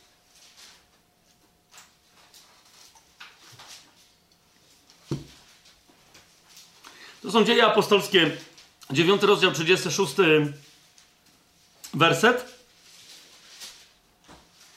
I dalej, i dalej, i dalej. Genialna, genialny pasus. Mieszkała też w Jafie. To jest dokładnie dzisiejsza y, Jaffa, tak? czyli port dla Jerozolimy. Jerozolima nie jest nad morzem, ale jest mocno połączona. No wiecie o co mi chodzi, tak? Mieszkała też w Jafie pewna uczennica o imieniu Tabita, co znaczy Dorcas. Jej życie wypełnione było dobrymi uczynkami i udzielaniem jałmużny. Eee, i dobrze, może, może tak, może od razu będę komentował, i, a nie będziemy czytać, a potem jeszcze raz to samo, to samo czytać. Otóż mamy jakąś kobietę, musiała być niezwykle istotna, skoro aż dwa jej imiona ym, Łukasz podaje. Ta kobieta jest nazwia, nazwana jakąś tam pew, pewną uczennicą. Zauważyliście? Czyli, że uczennic oprócz uczniów było wiele, ona była pewną określoną jakąś tam jedną z uczennic. Dlaczego na to zwracam uwagę? Yy, bo niektórzy skądś tam, gdzieś tam wymyślają, że słowo uczniostwo jest związane tylko i wyłącznie z uczniami męskiego rodzaju, tak? Czyli jest związane ze słowem matetes, greckim, czyli uczeń, tak? Otóż nie, bo ona tu jest w sposób jasny określona jako uczennica, nie została nazwana mathetes, czyli mathetria, to i to jest dokładnie uczennica w tej samej randze, co uczeń nazwany mathetes. Jasne jest to, co mówię? Ona była bardzo konkretnie w uczniostwie, tak samo jak wszyscy inni wtedy byli w uczniostwie, i to była kobieta. Jej życie, czytamy w 36 wersecie, było wypełnione dobrymi uczynkami i udzielaniem jałmużny.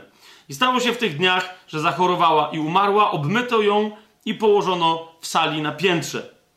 A ponieważ Lidda leży blisko Jafy, no w Lidzie się yy, Piotr znajdował, tak? Stąd ten komentarz. Gdy uczniowie usłyszeli, widzicie, inni uczniowie, do których grupy należała ta uczennica, że jest tam Piotr, posłali do niego dwóch ludzi, prosząc, aby nie zwlekał z przyjściem do nich. Dlaczego? No, bo w tej sprawie wysłali tych dwóch ludzi, że bardzo ważna uczennica, jedna spośród nich, umarła. Wtedy Piotr wstał i poszedł z nimi, a gdy przyszedł, wprowadzili go do sali na piętrze. Obstąpiły go wszystkie wdowy, płacząc i pokazując tuniki i płaszcze, które Dorkas im robiła, gdy była z nimi. Być może, że to imię jest tu istotne z jakiegoś powodu, e, bo e, to imię Tabita, czyli Tabita w, w języku aramejskim, jak i, e, jak i Dorcas w języku greckim, ono po prostu to jest tłumacz tak, bo tu nie mamy w 36 wersecie tego zaznaczone, a powinno być, bo tu jest po grecku napisane, że ona miała na imię y, Tabita, co się tłumaczy, czyli na grecki Dorcas. Więc może to jej imię było ważne, więc je przedstawię. y, ono oznacza, bo niektórzy tłumaczą jeleń, tak? W języku angielskim w wielu miejscach jest, że to oznacza deer. Y, no, to nie oznacza jelenia, tylko oznacza gazelę, tak? A jeżeli jelenia, to, to, to ewentualnie łanie, tak? Czyli y, konkretnie, wiecie, konkretną żeńską odmianę. Tak? I teraz, no i teraz nie, bo dla niektórych to może być dosyć interesujące. E, gazela, czy też łania, e, bo to powinno być takie, takie e, tłumaczenie. Z jakiegoś powodu wydaje mi się, że to ma znaczenie dla Łukasza. Ja nigdy tego za bardzo nie zgłębiałem, więc nie będę teraz, wiecie, cudował. Ale jeszcze raz ta Dorcas tu jest wymieniona, że w 39 wersecie, że robiła im tuniki i płaszcze tym wdowom. 40 werset, zauważcie, Piotr wygonił wszystkich, klęknął i modlił się.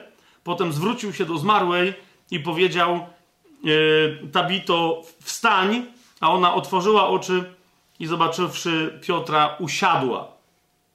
On podał jej rękę i podniósł ją, a zawoławszy świętych i wdowy, pokazał ją żywą. I od końca teraz, teraz zacznę, tak? Bo pierwsza rzecz jest, nie wiem czy zauważyliście, dość interesująca, bo jak czytamy, jak czytamy o tych wdowach, że tam przyleciały do Piotra, to wydaje się, że to są siostry nasze. Nie? Ale zauważcie na końcu, co jest powiedziane, że yy, zawołał Piotr kogo? Świętych i wdowy. Niektóre z nich mogły być spośród świętych, ale inne widać dosyć wyraźnie, jak dla mnie, że nie. A więc ona się w ogóle, wiecie, zajmowała. Zauważcie, yy, to, jest, to jest demonstracja tego, co Jakub nazywa prawdziwą pobożnością. Ona się po prostu zajmowała wdowami. Wszystkimi. Robiła dla nich, jak widzicie, tuniki, szyła i tak dalej, i tak dalej. I najwyraźniej to były, no, jako wdowy, to musiały być biedne osoby. Najwyraźniej ona sponsorowała te ubrania dla nich, żeby nie chodziły w szmatach. Tak? To, tak a propos na temat pozycji kobiet, bo jeszcze o wdowach to coś tam więcej wspomnimy w kościele, ale o tym, jak w ogóle chrześcijanie, zauważcie, pierwsze, pierwsza wywrotowość, jak traktowali nie swoje nawet wdowy. Tak? Po prostu absolutnie się nimi zajmowali, bo nimi nikt nie, miał, nie mógł się zająć. Po drugie, zwracam Wam uwagę na jedną rzecz, co robi Piotr, e, bo to jest też bardzo istotne. E, Piotr widać wyraźnie, że jak już się spotkał z Panem i trzy razy dostał pytanie, czy mnie kochasz, to się wielu rzeczy nauczył e, przy tej okazji i od tej pory. E, I wiele rzeczy sobie musiał przypomnieć. Ja znowu nie będę teraz, wiecie, wykonywać tu, bo nie ma potrzeby, ale porównajcie sobie cud, który, który Piotr był naocznym świadkiem większości cudów Pana Jezusa, ale ten dla niego był dosyć istotny, bo chodzi o uzdrowienie jego teściowej. Tak? To wtedy, jak sobie przypomnicie, po, po wypędzeniu gorączki z niej, Jezus na oczach Piotra podał rękę jego teściowej. Wiecie, dla Żyda to jest. Co tu się w ogóle dzieje? No, ta baba miała wstać i zacząć usługiwać, rozumiecie? I, I dlatego niektórzy mówią, no ona dlatego wstała i latała, no bo taki był jej psi obowiązek. Nieprawda. Ona, tam wyraźnie ten tekst pokazuje, ona wstała, zaczęła usługiwać, bo chciała. Okej? Okay? Począwszy od nie tylko dlatego, że Jezus ją uzdrowił, ale Jezus podał jej rękę i ją podniósł. I to jest dokładnie to, co robi, to, co robi Piotr z, yy, z Dorcas. Podał jej rękę i podniósł ją. Zawołał świętych, rozumiecie, on ją, ją, on ją zaprezentował. Tak się robi tylko. Okej, okay, okay, oni wszyscy. Rozumiecie, on ją przedstawił, tak jak pamiętacie, małą córeczkę Jaira, którą pokazał Jezus e, e, potem wszystkim? Czyli tak się robi. On pokazał im kogoś, kto był dla nich tak ważny jak córka lub jak matka. Tak? Wszystkim świętym i tym wdowom. Ale jeszcze raz, po prostu Piotr naśladuje w tym, że podaje jej rękę. Rozumiecie? Cały szacunek do niej jako do kobiety. To, to, to, co się tu dzieje dla umysłu greckiego czy pogańskiego, to jest w ogóle jakiś Rozumiecie, to jest, to jest bezeceństwo. Co w ogóle tu się dzieje? Ale jeszcze zwrócę wam na jedną uwagę, mianowicie 40 werset. Zwrócił się do zmarłej i powiedział, e, no właśnie, nie, nie kojarzy się to wam z czymś. Jak, jak myślicie, w jakim on języku do niej powiedział? Jasne, tutaj akurat to nie ma znaczenia, ale pamiętacie Talita Kumi? No to on do niej powiedział Tabita Kumi. Było dokładnie, było dokładnie to. Widać, jak Piotr z dwóch różnych wydarzeń, bo tam też był tylko Piotr z, ja, z Janem i z Jakubem. Pamiętacie przy uzdrowieniu córeczki e, Jairowej? Jak widać, jak on po prostu, mistrz Jezus z niego wychodzi. Rozumiecie? We wszystkim go. On nie, nie co ma robić, jest dorobi dokładnie to, co Jezus. Nie? Ale dlaczego to jest istotne? Ponieważ on, y, jak mówiliśmy sobie tyle o Jezusie, to choćby u Piotra widać, że to nie jest tylko kwestia, bo niektórzy tu się tym ekscytują, że o, bo Piotr naśladuje Jezusa jako cudotwórcę.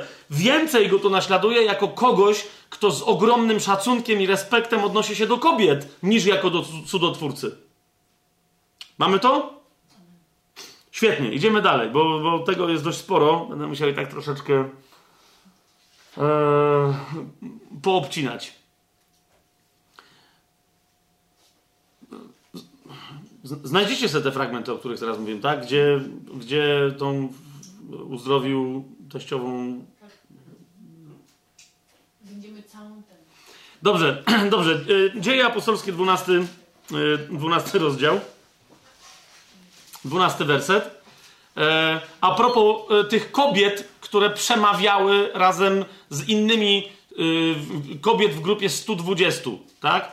Że one pełniły rolę przewódczą, że u nich. Wy pamiętacie, potem się nawróciło 3000 ludzi. Myśmy czasem y, w różnych miejscach to rozważali. Kto tych ludzi chrzcił? Gdzie oni się potem gromadzili? Zwłaszcza, że wyraźnie powiedziało, że po domach. Kto przewodził tym domom, tak? No, nie, nie żebym coś mówił, ale Piotr swoje pierwsze kroki do swojego kościoła domowego, y, gdzie kieruje bo my wiemy, gdzie był jego kościół. On idzie do swojego kościoła domowego, tak? To jest 12 rozdział, 12 werset. Idzie do kościoła domowego, o którym wyraźnie jest powiedziane, że jest prowadzony przez kogo? pamiętacie, jak, jak, go uwolnili aniołowie e, z więzienia Piotra, tak? Gdy to sobie uświadomił, 12 rozdział, 12 werset, przyszedł do domu Marii, matki Jana, którego nazywano Markiem, gdzie wielu zebrało się na modlitwie. No tylko ty, tak? Bo to jest tylko taka wzmianka, ale my, wiecie, często przy okazji właśnie takich wzmianek, no potem mamy, yy, po prostu puszczamy je mimo uszu. O, i, teraz 16 rozdział sobie otwórzmy. Przyjrzymy się pewnej sytuacji, potem jeszcze tu wrócimy jeszcze raz, żeby się przyjrzeć tej sytuacji. Otóż zauważcie, to pamiętacie, to jest ten rozdział, w którym Paweł uwalnia kobietę, niewolnicę od ducha wieszczego, tak? Dlaczego Dlaczego powiedziałem, że został oskarżony nie tylko o to, że się tyka czyichś, e, że się tyka, ty, ty, tyka czyichś niewolnic, ale też, że e, powiedziałem, że to się ewidentnie odnosi do kobiet. Ponieważ zanim Paweł tego dokonał, mamy opisaną inną historię. To jest 16 rozdział, 13 werset. W tym samym miejscu, w tej samej miejscowości. Zobaczcie, 13 werset. A w dzień szabatu wyszliśmy za miasto nad rzekę, gdzie zwykle odbywały się modlitwy. Mhm. Znaczy, gdzie zwykle odbywały się modlitwy czyje? Chrześcijańskie? No nie, no bo co, co by tam Paweł wtedy robił? Odbywały się więc czyje modlitwy? Judaistyczne, żydowskie, tak? No ale pytanie brzmi, zaczekaj, no ale to zaraz, to oni nie mieli synagogi? Musieli wychodzić za miasto, nad rzekę? Dlaczego? Kochani, po pierwsze, to jest bardzo już na wstępie istotna rzecz, tak? Y, nawet jakby, wiesz, wiecie, jakby, jakbyście nie znali tego fragmentu, nie mieli go teraz przed oczami, ktoś by przeczytał tyle. Pytanie, jeżeli oni muszą wyjść za miasto, nad rzekę, kogo tam zastaną? Nawet jakby nie było dalej tego tekstu, który tutaj mamy, odpowiedź musiałaby brzmieć same kobiety. Lub większość kobiet i paru mężczyzn, ale nie więcej niż dziesięciu. Dlaczego? Bo Żydzi nie musieli wybudowywać swojej synagogi, żeby mieć synagogę. Tak? Synagoga były potrzebne e, dwie rzeczy do tego, żeby mieć synagogę w mieście. Po pierwsze, dziesięciu mężczyzn wyznających judaizm. Dlaczego? Począwszy od sławnej tradycji, pamiętacie, ale jeżeli będzie tam 50, to czy dalej będziesz ich karać? Nie. A 40, a 30, a 10 i na tym, pamiętacie, Abraham z Bogiem przestał się targować. Na 10. Jeżeli będzie 10 sprawiedliwych, no czyli potem Żydzi uzna, czyli wyznających judaizm, to wystarczy, żeby założyć yy, miejscowy kahał, gminę żydowską, tak? I wtedy, jak było dziesięciu mężczyzn, wystarczyło, żeby jeden z nich, mający obszerniejszy dom, przyjmował ich u siebie. Idea kościołów domowych jerozolimska wynikała dokładnie z tej idei. To są kościoły, czyli synagogi domowe.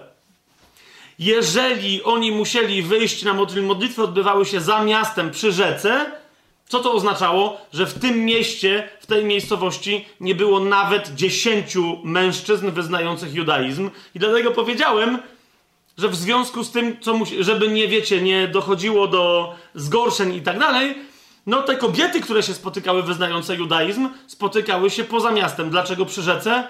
Bo jak kobiety takie rzeczy robiły, i po drugie, skąd, no właśnie, po drugie, skąd wyciągnąłbym wniosek, że to musiały być same kobiety jednak, a nie na przykład większość kobiet i pięciu mężczyzn? No bo ta rzeka to sugeruje.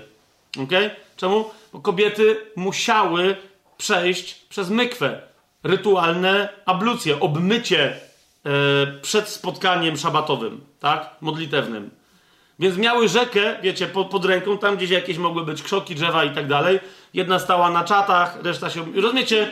To przy facetach to nie do końca byłoby, nie do końca byłoby możliwe. Nie? Jasne to jest, co, co mówię? Jak one były same, no to tam, wiecie, wszystko, wszystko grało, tak? I teraz dokładnie o tym Słowo Boże nam mówi, czyli w dzień szabatu wyszliśmy za miasto nad rzekę, gdzie zwykle odbywały się modlitwy. Usiedliśmy i rozmawialiśmy z kobietami, które się tam zeszły. Widzicie, to jest, to jest dokładnie to. Tam się kobiety spotykały na modlitwie. I teraz się zaczynają najbardziej sensacyjne historie. Ja już pomijam fakt, nie wiem czy zauważyliście, że dla ekipy Pawła nie ma w ogóle żadnego problemu, że się spotykają tylko i wyłącznie z grupą kobiet. Tak? Nie, nie, jeszcze raz zwróćcie uwagę, że tam nie ma w tym, bo zobaczycie wcześniej jaka jest historia, oni nie mają w tym mieście. Patrzcie, oni po prostu przyszli do miasta, do Filipi, w dzień e, szabatu wyszliśmy za, i, i zostaliśmy w tym mieście przez kilka dni. I oni, zauważcie, nie głosili. Chcieli zacząć, jak to często Paweł robił, od głoszenia najpierw Żydom. Tak?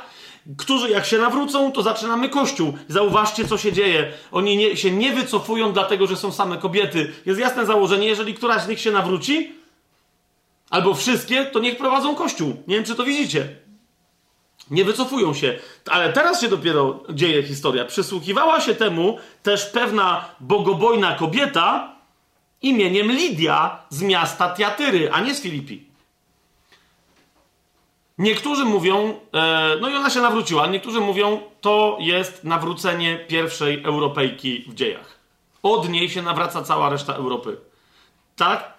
E, ona nie jest Żydówką. Skąd o tym wiemy? To jest to określenie bogobojna kobieta. To nawet nie wiemy, czy była prozelitką. Ona się po prostu przyłączyła do Żydówek, słyszała od nich o, o jedynym Bogu i tak dalej, ale ona być może przeszła na judaizm, ale bez mężczyzn nie została właściwie przyjęta, po prostu musiałaby mieć męża Żyda, wiecie o co i tak dalej, tam były, więc ona po prostu dlatego była bogobojna. W wielu innych miejscach Słowo Boże mówi, nawet w dziejach apostolskich niektórzy głoszą i mówią, że w wielu miastach mamy tych bogobojnych ludzi, którzy nie są Żydami, a się w zasadzie z nami zgadzają. Jasne? Więc stąd wiemy, że to nie była, rozumiecie, to była poganka z Europy.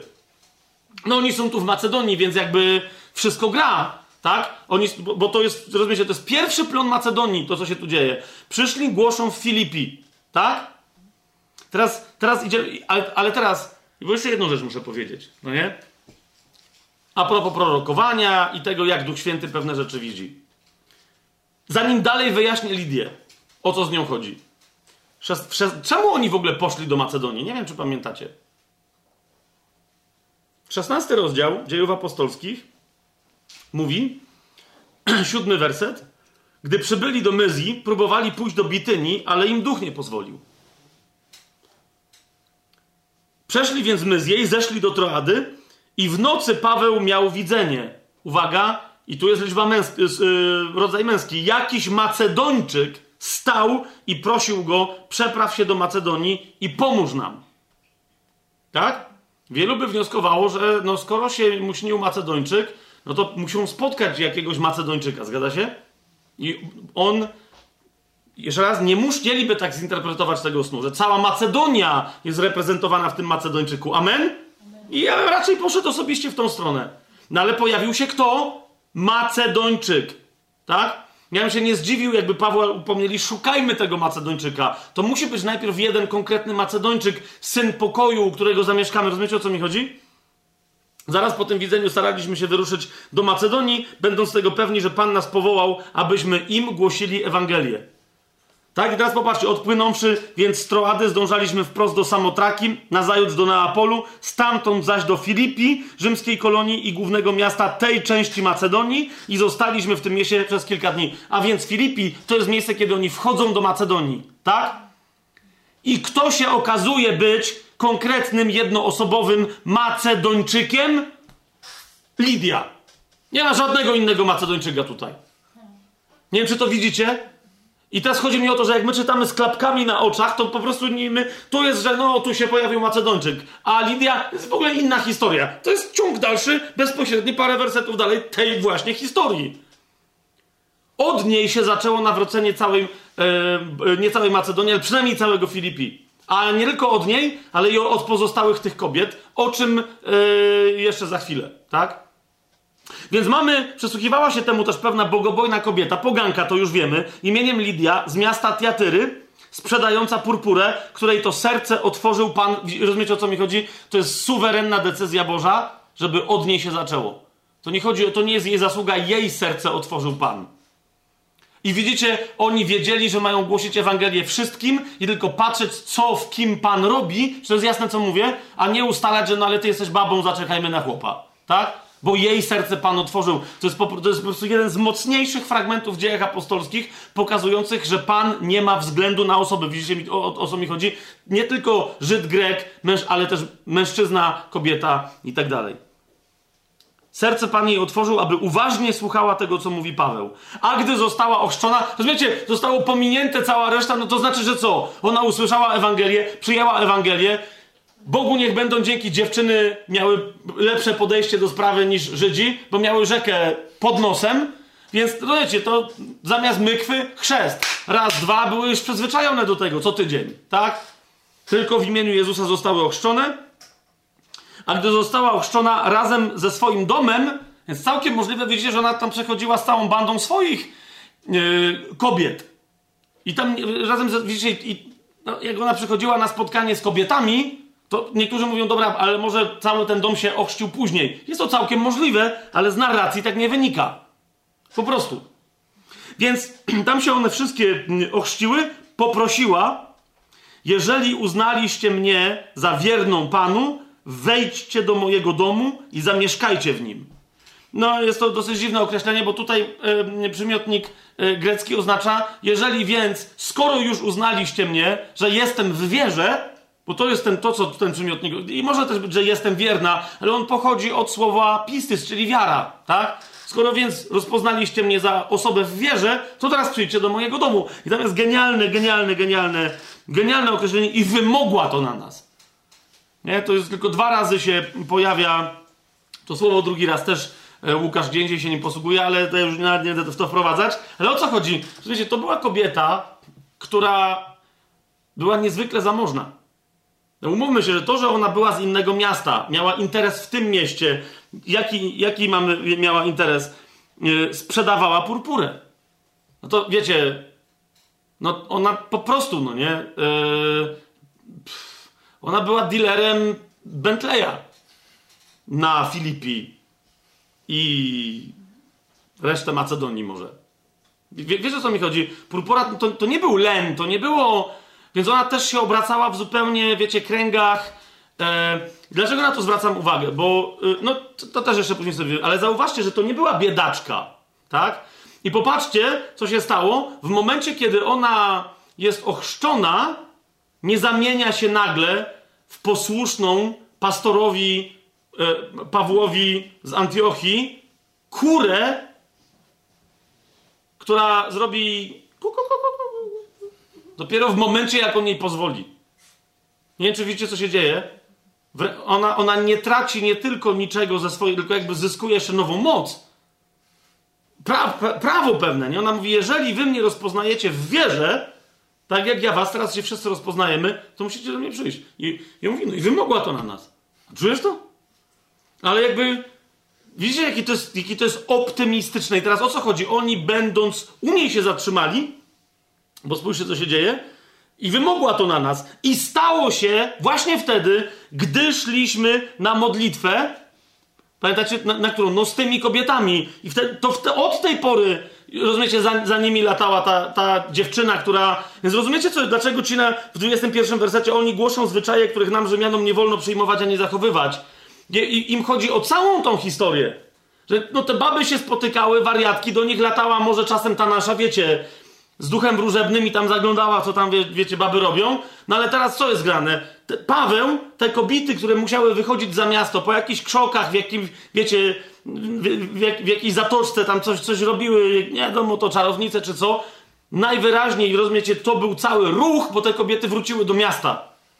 I teraz wiecie, teraz już nie potrzebowały dziesięciu sprawiedliwych Żydów, żeby cokolwiek zaczynać. Niektórzy powiedzą, a Fabian, już bez przesady, tak? Bo nie mamy na to żadnych dowodów. Nie mamy? Jeszcze raz przypomnijcie mi, w jakim się mieście znajdujemy? Jak się nazywa to miasto? Co? Filipi. Niektórzy mówią Filipia. A jak myślicie, Paweł jak pisał list do Filipian, to oni gdzie mieszkali? W Filipeuzandii? Co? Filipi. Tak? To jeżeli te kobiety, oprócz Lidii, o której mówimy, któreś z nich zakładały rzeczywiście Kościół, tak jak mówię, że zakładały, to powinien Paweł o nich wspomnieć, co? Czwarty rozdział listu do Filipian. I teraz, teraz ciary. Czwarty rozdział listu do Filipian. Ciary na ple, dla mnie zawsze. Czwarty rozdział listu do Filipian. Proszę Ewodię, drugi werset. Proszę Ewodię i proszę Syntychę, aby były jednomyślne w Panu. Proszę też i Ciebie, wierny towarzyszu, pomagaj tym, które razem ze mną pracowały w Ewangelii. Wraz z Klemensem i z innymi moimi współpracownikami, których wszystkich imiona są w Księdze Życia. Bez różnicy. Tylko, że moi współpracownicy i ja potem z Filipi odeszliśmy, a one zostały i budowały kościół. Czemu tu nie ma Lidii? Bo Lidia nie była z tego miasta. No ona tylko na nich wymusiła, żeby przyszli do niej do domu, który tam miała. Tak? Może wiecie, przy, przychodzi, ale zobaczcie, mamy dwie konkretnie kobiety wymienione na początku, które. Yy, yy, dla, rozumiecie, bo niektórzy mówią, no bo widzisz, to jest dowód na to, dosłownie, kiedyś usłyszałem, że baby to jedyne, co wprowadzają w kościele, to jest podział. Bo baby się kłócą, baby se zazdroszczą, baby... Wie, człowieku. Człowieku. To nie jest, rozumiesz, to nie jest napuszczają na siebie pastorów, y, żony swoich mężów jednego na drugiego, ale to nie jest, wiesz, nie, co ty to robisz? To jest, tamten, to jest tamten kościół. Kobiety, które byłyby czyimiś żonami, nie miałyby yy, za specjalnie takiego prawa głosu, ponieważ cały kościół by wiedział, że one mówią coś do ich mężów. Jeżeli Paweł mówi, proszę Ewodię i proszę Syntychę, aby były jednomyślne w Panu, to o co mu chodzi? Chodzi mu o to, że to są dwie przywódczynie w kościele, które mogą doprowadzić do rozłamu. I dlatego od tego zaczyna. Jednomyślność kościoła Filipian zależy od jednomyślności tych dwóch przywódczy. Nie wiem, czy to widzicie. A mężczyzna, do którego się tutaj zwraca Paweł, proszę też i ciebie, wierny towarzyszu, pomagaj tym, które razem ze mną pracowały w Ewangelii. On mówi wyraźnie, służ im wszelką pomocą. One nie są twoimi służącymi. Ty masz im służyć. Porówno, nie zabierając strony, nie stając po stronie żadnej z nich. Nie wiem, czy to, to, to jest jasne teraz? Po grecku to jest po prostu tak klarowne, że to się w głowie nie mieści. Rozumiecie teraz o co mi chodzi? Dlaczego ten szesnasty rozdział dziejów apostolskich jest znacznie bardziej złożony niż się wydaje, jak się go czyta? Od tych kobiet nad, jezior, nad rzeką, poza granicami, poza murami miast, dosłownie tam nie, nie mam, to nie jest mur miasta, tylko poza bramą miasta. No ale no okej, okay, tak? Rozumiecie, co się dzieje? Od nich zaczęła się społeczność, do której, do której pisze Paweł. Być może dlatego, teraz ja, nie, teraz ja zaś, żebym, no ale już po tylu tych rzeczach, które tu mówię na cześć kobiet, nie, mam nadzieję, że nie zostanę uznany za seksistę, ale być może dlatego, że ten kościół jest tak kobiecy, Filipianie to są w większości, wiecie, Filipianki jednak, e, żeby nie rzec, że trochę Filipinki. E, być może dlatego właśnie ten kościół jest taki smutacki. I być może właśnie dlatego tym kobietom Paweł mówi: radujcie się. Tym przywódczyniom mówi: naprawdę radujcie się. Radujcie się. Nie? Ale dobra, nie będę teraz tego wątku rozwijał. Niemniej on naprawdę, 16 rozdział dziejów apostolskich, bardzo pociesza moje serce. Ale teraz e, o tym wiedząc, o tym pamiętając, o przywództwie kobiet, jasnym przywództwie kobiet e, w Filipach, czy w Filipi, e, czytając list do Filipian, zobaczycie, że czytacie nowy list. Autentycznie zobaczycie, że czytacie nowy list. Nie? Od samego początku, jak zobaczycie nie jakichś tam dostojnych starców, czy panów w koloratkach, czy jeszcze wiecie czym, elegancko ubranych mężczyzn em, w krawatach z, z, z, z wyświechtanymi Bibliami w rękach, żeby było widać, że czytają, tak? Em, z, zobaczcie początek listu do Filipian. Dziewiąty werset. I o to się modlę. I zobaczcie kobiety, które, rozumiecie, kobiety, starsze kobiety, młodsze kobiety, mężczyzn również, tak? Ale że to jest, to od tego się, od nich się zaczęło. I modlę się, o to się modlę, aby wasza miłość coraz bardziej obfitowała w poznanie i we wszelkie roz, zrozumienie. Abyście wszyscy tam mogli rozpoznać to, co lepsze, żebyście byli szczerzy i bez zarzutu na dzień Chrystusa. Napełnieni owocami sprawiedliwości, które przynosicie przez Jezusa Chrystusa ku chwale i czci Boga. Nie, bo tu mam za chwilę, a chcę bracia, abyście wiedzieli, prostu to jest zwyczajowy sposób zwracania się w całej Biblii i to nam wyłącza mózg, że tam są jakieś kobiety.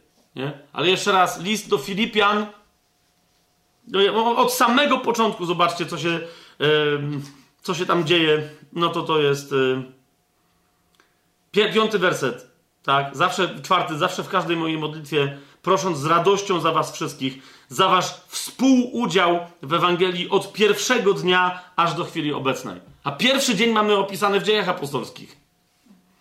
Nie? Rozumiecie? Chodzi mi o to, że Paweł tam wspomina coś, gdzie mamy fragment, w którym mamy jasno, wspomina dzień, w którym się spotkał on i z ekipą facetów, z, którym, z którymi się spotkał się z kim? Z samymi kobietami. Więc rozumiecie, jak go, dla, dlatego, bo niektórzy mówią na, naprawdę, że ale to jest przeinterpretowane. No jak to ma być? Jeżeli ja was wspominam, to myślę o czym? Paweł o czym myśli? Nie było tam żadnego chłopa. To były same kobiety.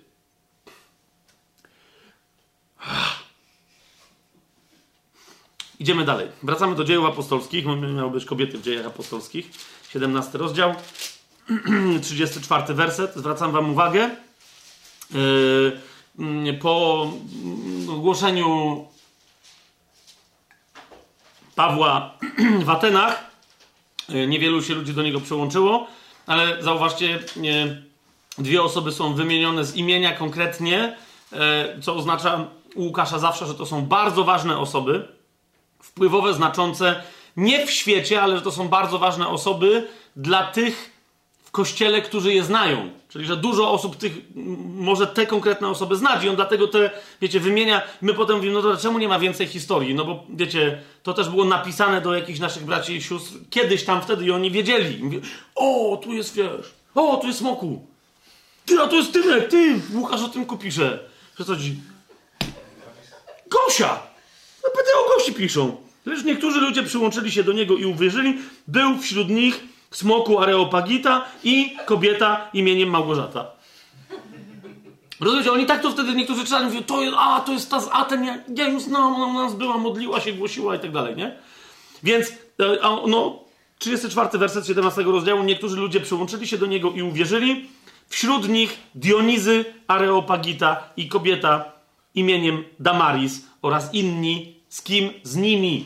To już widzisz, to już widzisz, kto wszedł potem w, w rolę konkretnie bardzo przywódczą, tak? W 18 rozdziale dziejów apostolskich, no tu nawet nie muszę tłumaczyć, ponieważ ja już tłumaczyłem e, tę parę i więcej na ich temat mówiłem przy okazji w ogóle życiorysu Pawła, z tego co pamiętam. Dobrze mówię? E, chodzi mi o... Mm, chodzi mi o Akwi- Pryskę i Akwilę. Ch- chyba przy, przy Pawle więcej o nich mówiłem. W każdym razie mamy tu historię, 24 werset, a do Efezu przybył pewien Żyd imieniem Apollos, rodem z Aleksandrii, człowiek wymowny i biegły w piśmie. No, jak dużo retorów pochodzących z Aleksandrii. Ale to ten temat też odłóżmy na razie. Był on obeznany z drogą Pana, a pałając duchem mówił i nauczał starannie o Panu, wiedząc tylko o chrzcie Jana. Czyli wiecie, ma gorliwiec, jak wielu dzisiaj w chrześcijaństwie, coś tam wiedzą, ale to wszystko było niepogłębione.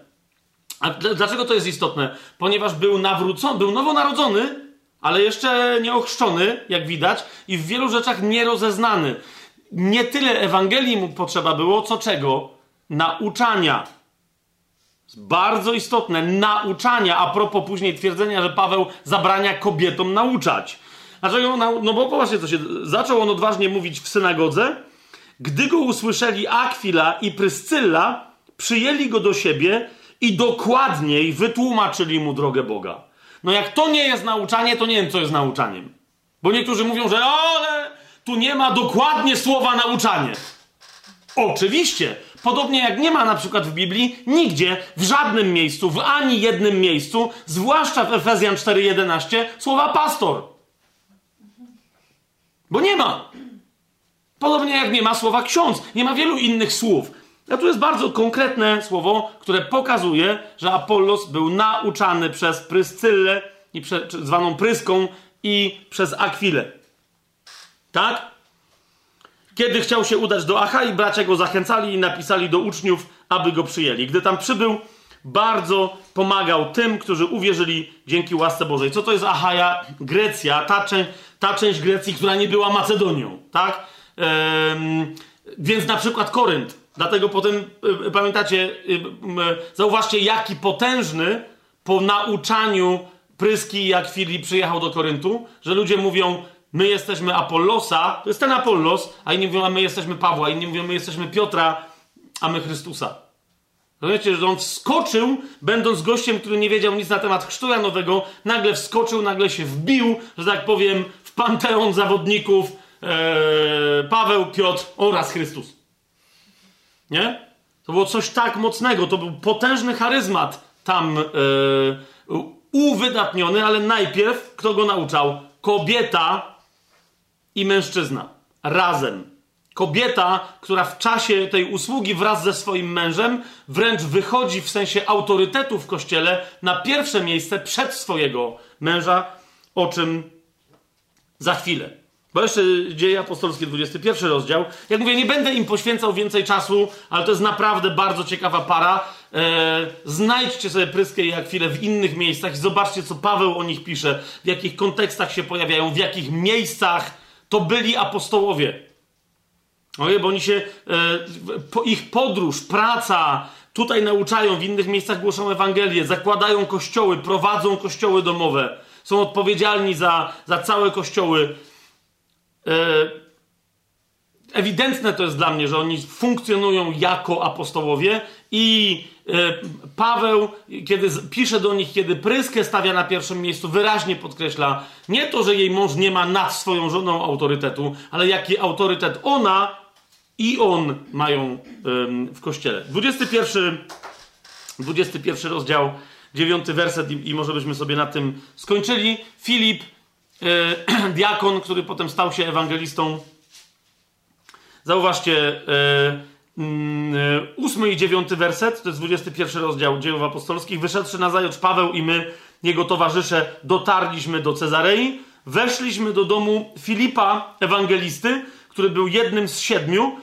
E, dlaczego na to zwracam uwagę, na ten ósmy werset? Bo popatrzcie, Łukasz bardzo wyraźnie mówi i o namaszczeniu, i o funkcji w kościele. Tak? Jednym ciągiem, na jednym wydechu mówi o Filipie i o jego czterech córkach. Więc mówi o jego funkcji w kościele i o jego namaszczeniu, i mówi o ich namaszczeniu, ale też o ich funkcji w kościele. Łukasz, który jest Mm, że tak powiem, starym chiazmatykiem, czyli nieustannie, gdzie tylko może, konstruuje chiazm grecki. Tu ewidentnie robi tak zwany pseudochiazm, po co, żeby podkreślić to, co ja teraz powiedziałem. Już, już wam to pokażę. Czyli mówi tak. Weszliśmy do domu Filipa, ewangelisty, to jest namaszczenie. On nigdy nie przestał być ewangelistą, tak? To jest jego namaszczenie. Nikt nie może odebrać ci daru namaszczenia, tak? Filipa Ewangelisty, który był, to jest bardzo istotne, jednym z siedmiu, kogo? Diakonów. Widzicie, na starszego który jest mm, e, nadzorcą lub służącym, czyli tak zwanym biskupem lub tak zwanym diakonem, może powołać tylko apostoł i odwołać tylko apostoł. To są funkcje wyznaczone w kościele, a nie namaszczenia. Jest bardzo ważne, to nie są namaszczenia. Dlatego, jak pisze, jak się powołuje biskupów czy diakonów Tymoteuszowi czy Tytusowi Paweł, to mu podaje takie ludzkie kryteria. Mówi, oni muszą spełnić te kryteria. Ty nie rozeznawaj w duchu, czy bo oni mogą mieć namaszczenie do bycia ewangelistami, kimś tam, ale jak naznaczasz kogoś na funkcję, to, no to, to rozważ te wszystkie kryteria, dobrze się im przyjrzyj. Jak apostoł może takich naznaczyć, tak tylko apostoł może ich odwołać, ale chodzi o to, że można ich powołać i można ich odwołać. I dlatego zauważcie, on był jednym z siedmiu, już nie jest. Nie, nie jest diakonem. Był jednym z siedmiu diakonów, natomiast ewangelistą dalej jest, chociaż nie widzimy dalszych opisów tego, co on robi jako, ale jest, to jest jego namaszczenie, tak? Teraz chodzi o co? Że w ramach pięciorakiej służby, w ramach usługi w lokalnych kościołach, czasem w ramach swojego namaszczenia przyjmują funkcję, która jest tożsama z tym namaszczeniem. Czyli chodzi mi o to, że takie funkcje jak diakon czy biskup, one muszą, do, do nich trzeba być wyznaczonym przez apostoła. Ja mówię o dziejach apostolskich, nie o dzisiejszej praktyce, tak? I, i o, o, praktyce w ogóle pierwotnego kościoła. A więc ewangelista może być diakonem. Zgadza się? E, ewangelista może być, no będzie troszkę trudniej, ale nawet może być biskupem, tak? Nauczyciel może być biskupem, nauczyciel może być również diakonem i tak dalej. Więc ludzie mający te powołania przynależne do pięciorakiej służby namaszczenia, tak? Ale nie tylko z takich starszych składa się starszeństwo w, w danym kościele lokalnym. Inni, nie będący tam koniecznie diakonami, lub naznaczonymi przez apostoła biskupami są starszymi. Dlaczego? Ponieważ są ludźmi z pięciorakiej służby, którzy osiedli w danym miejscu. Tak? Na przykład w Antiochii nie było apostoła, który by wyznaczył tych pięciu na początku, żeby tam byli diakonami i biskupami. 13 rozdział dziejów apostolskich. Wiemy, jesteście dalej ze mną, wiecie o co chodzi? Okej. Okay. A Słowo Boże o nich nie mówi, że było tam paru biskupów i diakonów tylko mówi, że była tam pięcioraka służba, która na ten czas osiadła, przynajmniej część pięciorakiej służby, która osiadła na pewien czas w Antiochii i tam tylko usługiwała i przez to stali się starszymi. Tak? W ten, w ten sposób Paweł, Piotr, który osiadł w tym mieście, który nazywa Babilonem, Piotr przez to mówi: Ja starszy piszę do was starszych, do, do, do innych starszych. On nie przestał być apostołem, ma namaszczenie apostolskie, ale skoro apostoł, apostoł osiadł w jednym miejscu, to staje się starszym. Czy to jest jasne, co, co cały czas mówię? Teraz więc, yy, w Antiochii tych pięciu pochodziło ze służby nauczycielskiej i proroczej. Jest powiedziane, że było tam paru pewnych, byli tam pewni prorocy, nauczyciele i prorocy. Tak? Zatem chodzi mi o co? E, że oni tam byli starszymi, tak? I jednocześnie mieli swoje namaszczenia, ale te namaszczenia odpowiadały funkcji lokalnych proroków i lokalnych nauczycieli. Zamieszałem trochę? Okej, okay, jest to jasne, bardzo dobrze. Teraz dlaczego o tym mówię? Bo widzisz, bycie prorokiem należy, to, czyli prorok to jest namaszczenie, i możesz mieć proroka wędrownego, który w 21 rozdziale swoją drogą się pojawia. Pamiętacie Agabosa? Tak? I to jest prorok wędrowny, właśnie to jest bardzo istotne, który nie jest nigdzie starszym. Dlaczego? Bo należy do pięciorakiej służby i usługuje całemu kościołowi i wędruje. Idzie od miasta do miasta. Pamiętacie go wcześniej z ekipą, jak ogłosili, że będzie głód na całej ziemi, przez co kościoły się zdążyły przygotować. Tak? Więc prorok, czyli osoba prorokująca, osoba prorocza w pięciorakiej służbie, nie ma funkcji lokalnej, ale też może prorok stać się prorokiem lokalnym i wtedy jest starszym. Jest to cały czas jasne, co mówię? Teraz patrzcie, co się dzieje. Mamy więc Filipa, który nadal jest ewangelistą, ale dowiadujemy się, że osiadł w Cezarei, a więc należy do starszych lokalnych. Tak? Który był niegdyś diakonem, a więc należał do starszeństwa w Jerozolimie, ale już nie jest. Więc, więc widzimy, że jest lokalnym ewangelistą, ale już nie jerozolimskim diakonem. I, co się dowiaduje, i miał on cztery córki, dziewice.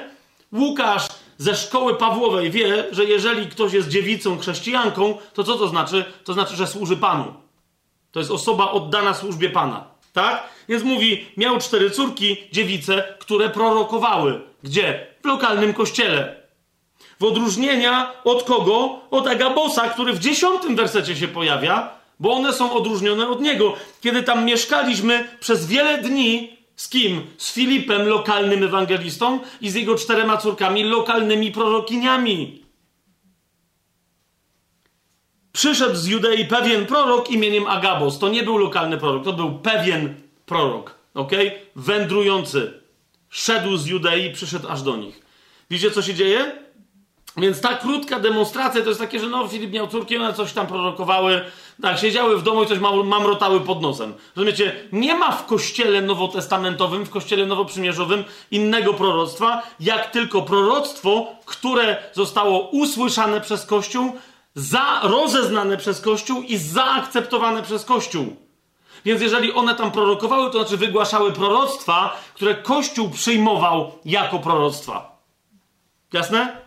Dlatego, jeszcze raz zobaczcie, jest powiedziane o pewnej funkcji, którą stracił Filip Ewangelista i namaszczeniu i funkcji, którą ma, a potem w jednym tylko wyrazie, dlatego to jest pseudochiazm, Łukasz się po prostu nie chciał powtarzać i dlatego powiedział, że miał cztery córki, które prorokowały. Równie dobrze mógłby napisać, miał cztery córki o namaszcz... Jakby pisał w XX wieku, to by musiał napisać, miał cztery córki, które miały namaszczenie prorocze, tak rozpoznane przez miejsce, przez lokalny kościół, w którym były, że były tam lokalnymi prorokiniami. Jasność? Dlatego, y, jak dopatrujemy się, szukamy i widzimy pewne kobiety w dziejach apostolskich, to jest istotne, żeby te kobiety zobaczyć. Idziemy dalej? List do Rzymian.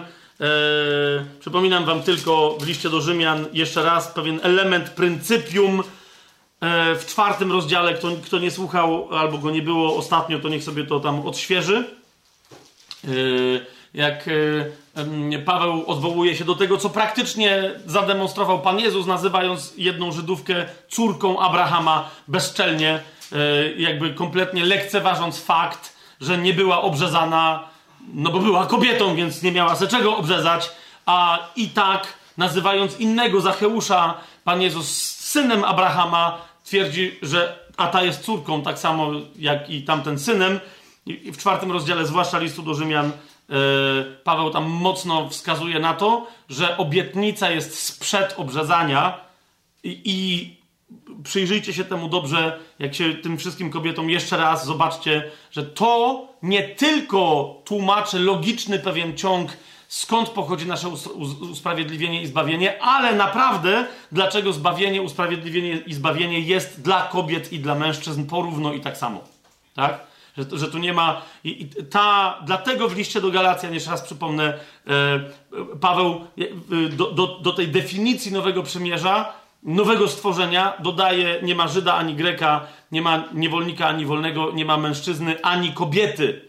Dlaczego to dodaje? Ponieważ tam przyszli judaiści mocno naciskający, e, bardzo mocno naciskające na obrzezanie, na co im, im bo pa, Paweł wiedział, czym to się skończy. Tak? Jeżeli mężczyźni do duchowości mężczyzn przynależy coś, czego nie mogą mieć kobiety, to się zawsze bardzo szybko tak samo kończy.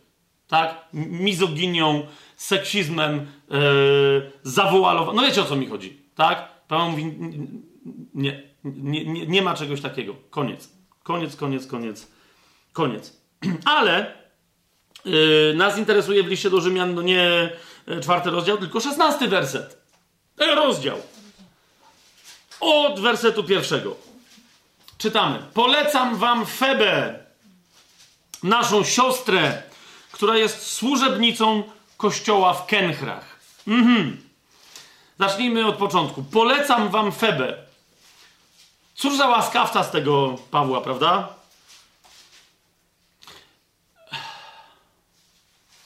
Agnieszko, jakbyś mogła Madziusi, bardzo cię proszę mogła usłużyć mojej żonie. Tak? No, żebym tam jakiś nie miał niepotrzebnych sprzeciwów, bo jak wstanę. Niektórzy wręcz tak interpretują, polecam wam Febę. W języku greckim e, słowo tu użyte brzmi prawie, prawie, bo, bo, ale de facto jakby pochodzi ze zlepienia słów, które gdyby je rozlepić, to brzmiałyby wobec was, choć mnie tam nie ma, stoję obok Feby. To jest to. Rozumiecie, co się teraz dzieje? Czy Paweł mówi, jakbym tam był, dosłownie, obok niej. A że mnie nie ma, to nic nie zmienia. Ona ma ten sam autorytet. Stoję obok niej, jestem jej równorzędny. To znaczy, to jest słowo, które tu jest przetłumaczone jako polecam wam Febę. Sprawdźcie sobie potem sami ci, którzy tam lubią grzebać w Grece. Druga rzecz, na którą wam zwracam uwagę, bo to jest e, zastanawiające, tak? Zasadniczo w Nowym Przymierzu słowo siostra ma dokładnie takie samo znaczenie jak dzisiaj e, w chrześcijaństwie. Czyli ktoś może mieć rodzoną siostrę, wiecie o co mi chodzi, lub też, no mówimy w ten sposób o wierzących kobietach. Tak samo jak brat. To jest dokładnie to samo, tak? Niemniej e, Paweł e, nie pisze, polecam wam Febę, naszą i waszą siostrę, tak? Bo wtedy by napisał, polecam wam siostrę Febę, tak? Albo Febę, siostrę, ale pisze, polecam wam Febę, naszą siostrę. On pisze tu całe te pozdrowienia w 16 rozdziale, to są pozdrowienia, yy, rozumiecie, z Koryntu pisane, tak? No, a ona jest, yy, no właśnie, naszą siostrę, która jest służebnicą kościoła w Kenchrach. Więc on mówi, a więc naszą siostrę społeczności korynckiej i tej, która się zbiera w Kenchrach. Pamiętacie, tam był drugi, drugi port, tak? Teraz nazywa ją nie żadną służebnicą. No zobaczcie, co się tu dzieje. Służebnicą pańską, oczywiście. Która jest diakonem zboru w Kenchrach. Która jest diakonem. Nie żadną diakonisą tutaj, bo niektórzy jeszcze to cudują, że no rzeczywiście ona miała pewną funkcję. Ona jest diakonem kościoła w Kenchrach. Jeszcze raz chcę wam przypomnieć o, o, o diakonach, to jeszcze będziemy mówić, ale co to znaczy? ona zarządza, jak, skoro nie ma jedną z, to całkiem możliwe, że jest jedyną osobą zarządzającą całym majątkiem zborów w Kenchrach i wszystkim, co materialne. Tak? Podkreślałoby nam to, abyście ją przyjęli, zobaczcie drugi werset, w Panu, jak przystoi świętym i pomagali jej w każdej sprawie. Pamiętacie list do Filipian? Ewodia i Syntycha? Tamten też ma, a więc macie jej wysłużyć w każdej sprawie którą będzie załatwiać, w której by was potrzebowała. Uważajcie, i ona bowiem wspomagała wielu, także i mnie samego. Aż mnie trzęsie. Oczywiście, że wspomagała. Przychodziła, majteczki prała, skarpetki prze, przeprała, prawda? Od czegoż jest kobieta? No siostrą zakonną była.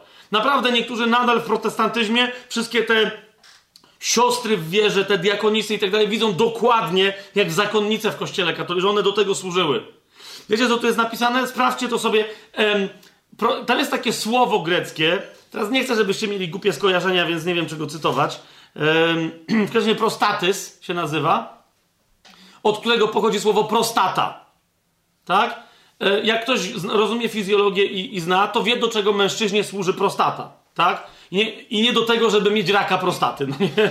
Bo w jednym miejscu, jak to kiedyś tam tłumaczyłem, to jedna siostra stwierdziła, że no do czego? No chyba tylko, żeby raka mieć. No, no nie. Więc, a więc tam to są bardzo istotne dla męskich yy, organów rozrodczych funkcje. Okej, okay, nie będę się w to wdawał. I on, to, to pochodzi dokładnie od tego słowa. Ale teraz to słowo należałoby przetłumaczyć, bo wtedy nie chodziło o to, że ona była prostatą Pawła, no jakby tak. Yy, ona bowiem była, i to jest po grecku, że ona była kim dla mnie, pisze Paweł. Była, i to słowo oznacza, o, y, gdyby je przetłumaczyć na łacinę, należałoby przetłumaczyć patron. Ona była moim patronem albo patronką. Ale co, kto to był patron? No to znowu jest bez, bez sensu, tak w sensie jak to patronem, że, że co, Paweł chodził protektorką. To była osoba zamożna i wpływowa, i jeżeli ktoś w pewnym momencie w Koryncie, rozumiecie, miałby coś przeciwko Pawłowi, to musiałby mieć do czynienia, czy w Kenchrach musiałby mieć do czynienia z nią. Rozumiecie, dlaczego w pewnym momencie łatwiej, jak sobie zaobserwujecie podróże i tak dalej, czemu tak często jest w, porównaniu do innych miejsc jako punkt, że tak powiem, przerzutowy, punkt zawracania, wiecie, nie pójścia prostszą drogą, tylko dookoła. Dlaczego prostsza droga tak często była przez Kenchry? Bo tam była Feba. Tak? Ona, ona, on, co on, on mówi, to należy tak, to przed, ona bowiem była protektorką wielu, nawet i mnie samego. Rozumiecie? Ona miała autorytet, którym osłaniała wielu mężczyzn i kobiety, nawet samego Pawła. Jest szoker, co? Dla mnie, jak ja to pierwszy raz zobaczyłem w Grece, mówię, jak można tak to przetłumaczyć? Dla, o co to w ogóle chodzi? To jest konkretny tytuł, to jest rzeczownik. Funkcja. To rozumiesz, określenie jej pozycji, jej osoby. To przecież jak ona przyjechała do Rzymu, to, yy, to, nie, to, to nie chodzi o to, że Paweł, wydźwięk tego, co Paweł pisze do Rzymian, to nie, wiecie, wydźwięk jest nie taki, że przy, ta kura, co do was przyjechała, której zapewne nie zauważyliście, jakbyście mogli jej troszeczkę dopomóc, też może czasem z pół skarpetki jej przeprać, to nie, rozumiecie, wydźwięk tego jest taki, Paweł pisze do Rzymian, mówi, nie bójcie się jej, tylko jej pomóżcie. Wiecie, to, to jest w ogóle co innego on tu pisze. Mówi, nie bój... Tam przyjechała kobieta z siłą, z majestatem, ona nie, wiecie, rozumiesz? On mówi, jeżeli ona będzie coś potrzebować, zobaczysz, to Paweł, jakby wręcz Paweł sugerował, skorzystacie na tym, jak jej pomaga. Nie, że wam pieniądze da, tylko się czegoś nauczycie może. Zobaczycie w działaniu kobietę, która nas tu zdumiewała. Protektorka. Wow! Czytamy dalej. Pozdrówcie Pryscylę i Akwilę, moich pomocników w Jezusie Chrystusie. Kogo? Żona mnie upomina, nie krzycz tak, ale muszę! Żeby emocjonalnie, w pamięć emocjonalną, pozdrówcie Pryscylę i Akwilę, moich kogo? Współpracowników. A nie, że Paweł, wiesz, coś tam robił, a ci, rozumiesz, trzymali mu mitrę i pastorał obok, jako ministranci. Pomocników, współpracowników. Paweł by sobie nie... Jak mu ktoś pomaga, to mówi, ale rozumiesz, ko kolejne przeinad... Jeszcze raz, uwielbiam, kocham UBG, wszystko gra. No ale rozumiesz, ja wiem, że to wynikało z pewnych kulturowych, wiesz, zapożyczeń, no w zborze się wychował, ktoś w jakim się wychował, zostawili to. Współpracownik. Oni współpracowali z Pawłem. Paweł, jak mówi, współpracownik posługuje się słowem, które brzmi prawie jak wspólnik, który ma takie same równe prawa. I tu kogoś tam, wiecie, dawno, dawno temu zabolało i wepchnął w tą tradycję, że oni tylko pomagali Pawłowi. Oni współpracowali z nim. Widzicie, jaka jest tu jest różnica? Dlatego mnie tu nerw szarpie. Zwłaszcza, że ci współpracownicy yy, później się pojawiają. Dokładnie ten sam wyraz, 21 werset. Podra pozdrawia was kto? Mój współpracownik Tymoteusz. Jakoś przy... No dlaczego nie pomocnik? No bo do Tymoteusza to już umówmy się, Tymoteusz był pastorem w Efezie. To jest ten sam wyraz. I mamy to mamy jasne? To jest ten sam wyraz. Pozdrówcie Pryscyllę i Akwilę, moich współpracowników w Jezusie Chrystusie, uważaj na to, którzy za moje życie nadstawili swojego własnego karku swoim prestiżem, swoim autorytetem, swoimi pieniędzmi, swoją władzą broniła mnie może Febę. Ale, Feba, yy, ale oni nadstawiali swojego karku. Zasłaniali mnie, jak trzeba było. Ryzykowali yy, życiem, którym nie tylko ja sam dziękuję, ale wszystkie kościoły pogan. Wiecie, co to znaczy? Wszystkie kościoły pogan to byli współpracownicy w moim dziele apostolskim. Jeżeli oni byli współpracownikami, w dziele apostolskim, to, co to oznacza? Tak? Tylko apostoł z apostołem i apostołką mogą mieć spółkę apostolską. Ja im dziękuję, ale i wszystkie kościoły pogan. No i oczywiście na końcu pozdrówcie także kościół, który jest w ich domu. Gdzie rosną następne Apollosy, prawdopodobnie. Idziemy dalej. Zauważcie, na razie w pozdrowieniach dla takiego potężnego kościoła, którego jeszcze nie widział Paweł, bo wiecie, to jest jeden. To jest, dlaczego to jest wyjątkowe, unikatowe wręcz powiedziałbym? Ponieważ Paweł musi być bardziej, wiecie, mnie jakby nieco bardziej oficjalny. To są nadal bracia i siostry, ale musi jakby, wiecie, w innych to pozdrawia tego, tego. No i wiecie o co chodzi, bo tam jeszcze przysyła ludzi, którzy też się znają z ludźmi, mówią, Paweł pozdrawia, wow, jest fajnie, no nie? Ale on tu nie zna tego kościoła, wiecie o co mi idzie? Więc musi rozpoznać wszystkich, którzy są z nim związani. Dlaczego to jest wyjątkowe? Bo Paweł jest jakby, daje kompletną listę tych, których zna z jakiegokolwiek powodu w Rzymie. Dlatego, patrzcie ile tu jest kobiet. A propos zaangażowania albo tego, że kobiety mają siedzieć cicho, rodzić dzieci i chodzić w kapeluszach. Ok? Więc, Kościół, pozdrówcie mojego miłego Epeneta, który jest pierwszym plonem Achai dla Chrystusa. No, skoro tak, yy... dobra, nieważne. Pozdrówcie Marię, która wiele pracowała dla nas. Następna pracownica, tak? Nie współpracowała. Widzicie, Paweł jest bardzo precyzyjny. Ona pracowała dla nas, poświęcała się i tak dalej. Sama jedna. Ale to nie była współpraca, więc to była, ona była jaką, jakąś inną... Ale rozumiecie, osobny werset ma Maria, która dla nas pracowała. Zauważcie, że jest sześć wersetów i, i, i, i nie ma na razie wersetu, żeby jakaś baba się nie pojawiła. No kurde. Siódmy werset. Pozdrówcie Andronika i Junię. Ja wiem, ja wiem, no ale UBG w uczciwości swojej daje jedynkę i obok, bez żadnego komentarza, nie wiem czy jest przypis, że to jest Junia, ten ich Junias. No to nie trzeba było od razu tę Junię tu wstawić, tylko co tu się dzieje? Pozdrówcie Andronika i Junię. Wyobraźcie sobie, że i tu dalej mamy moich krewnych i moich współwięźniów.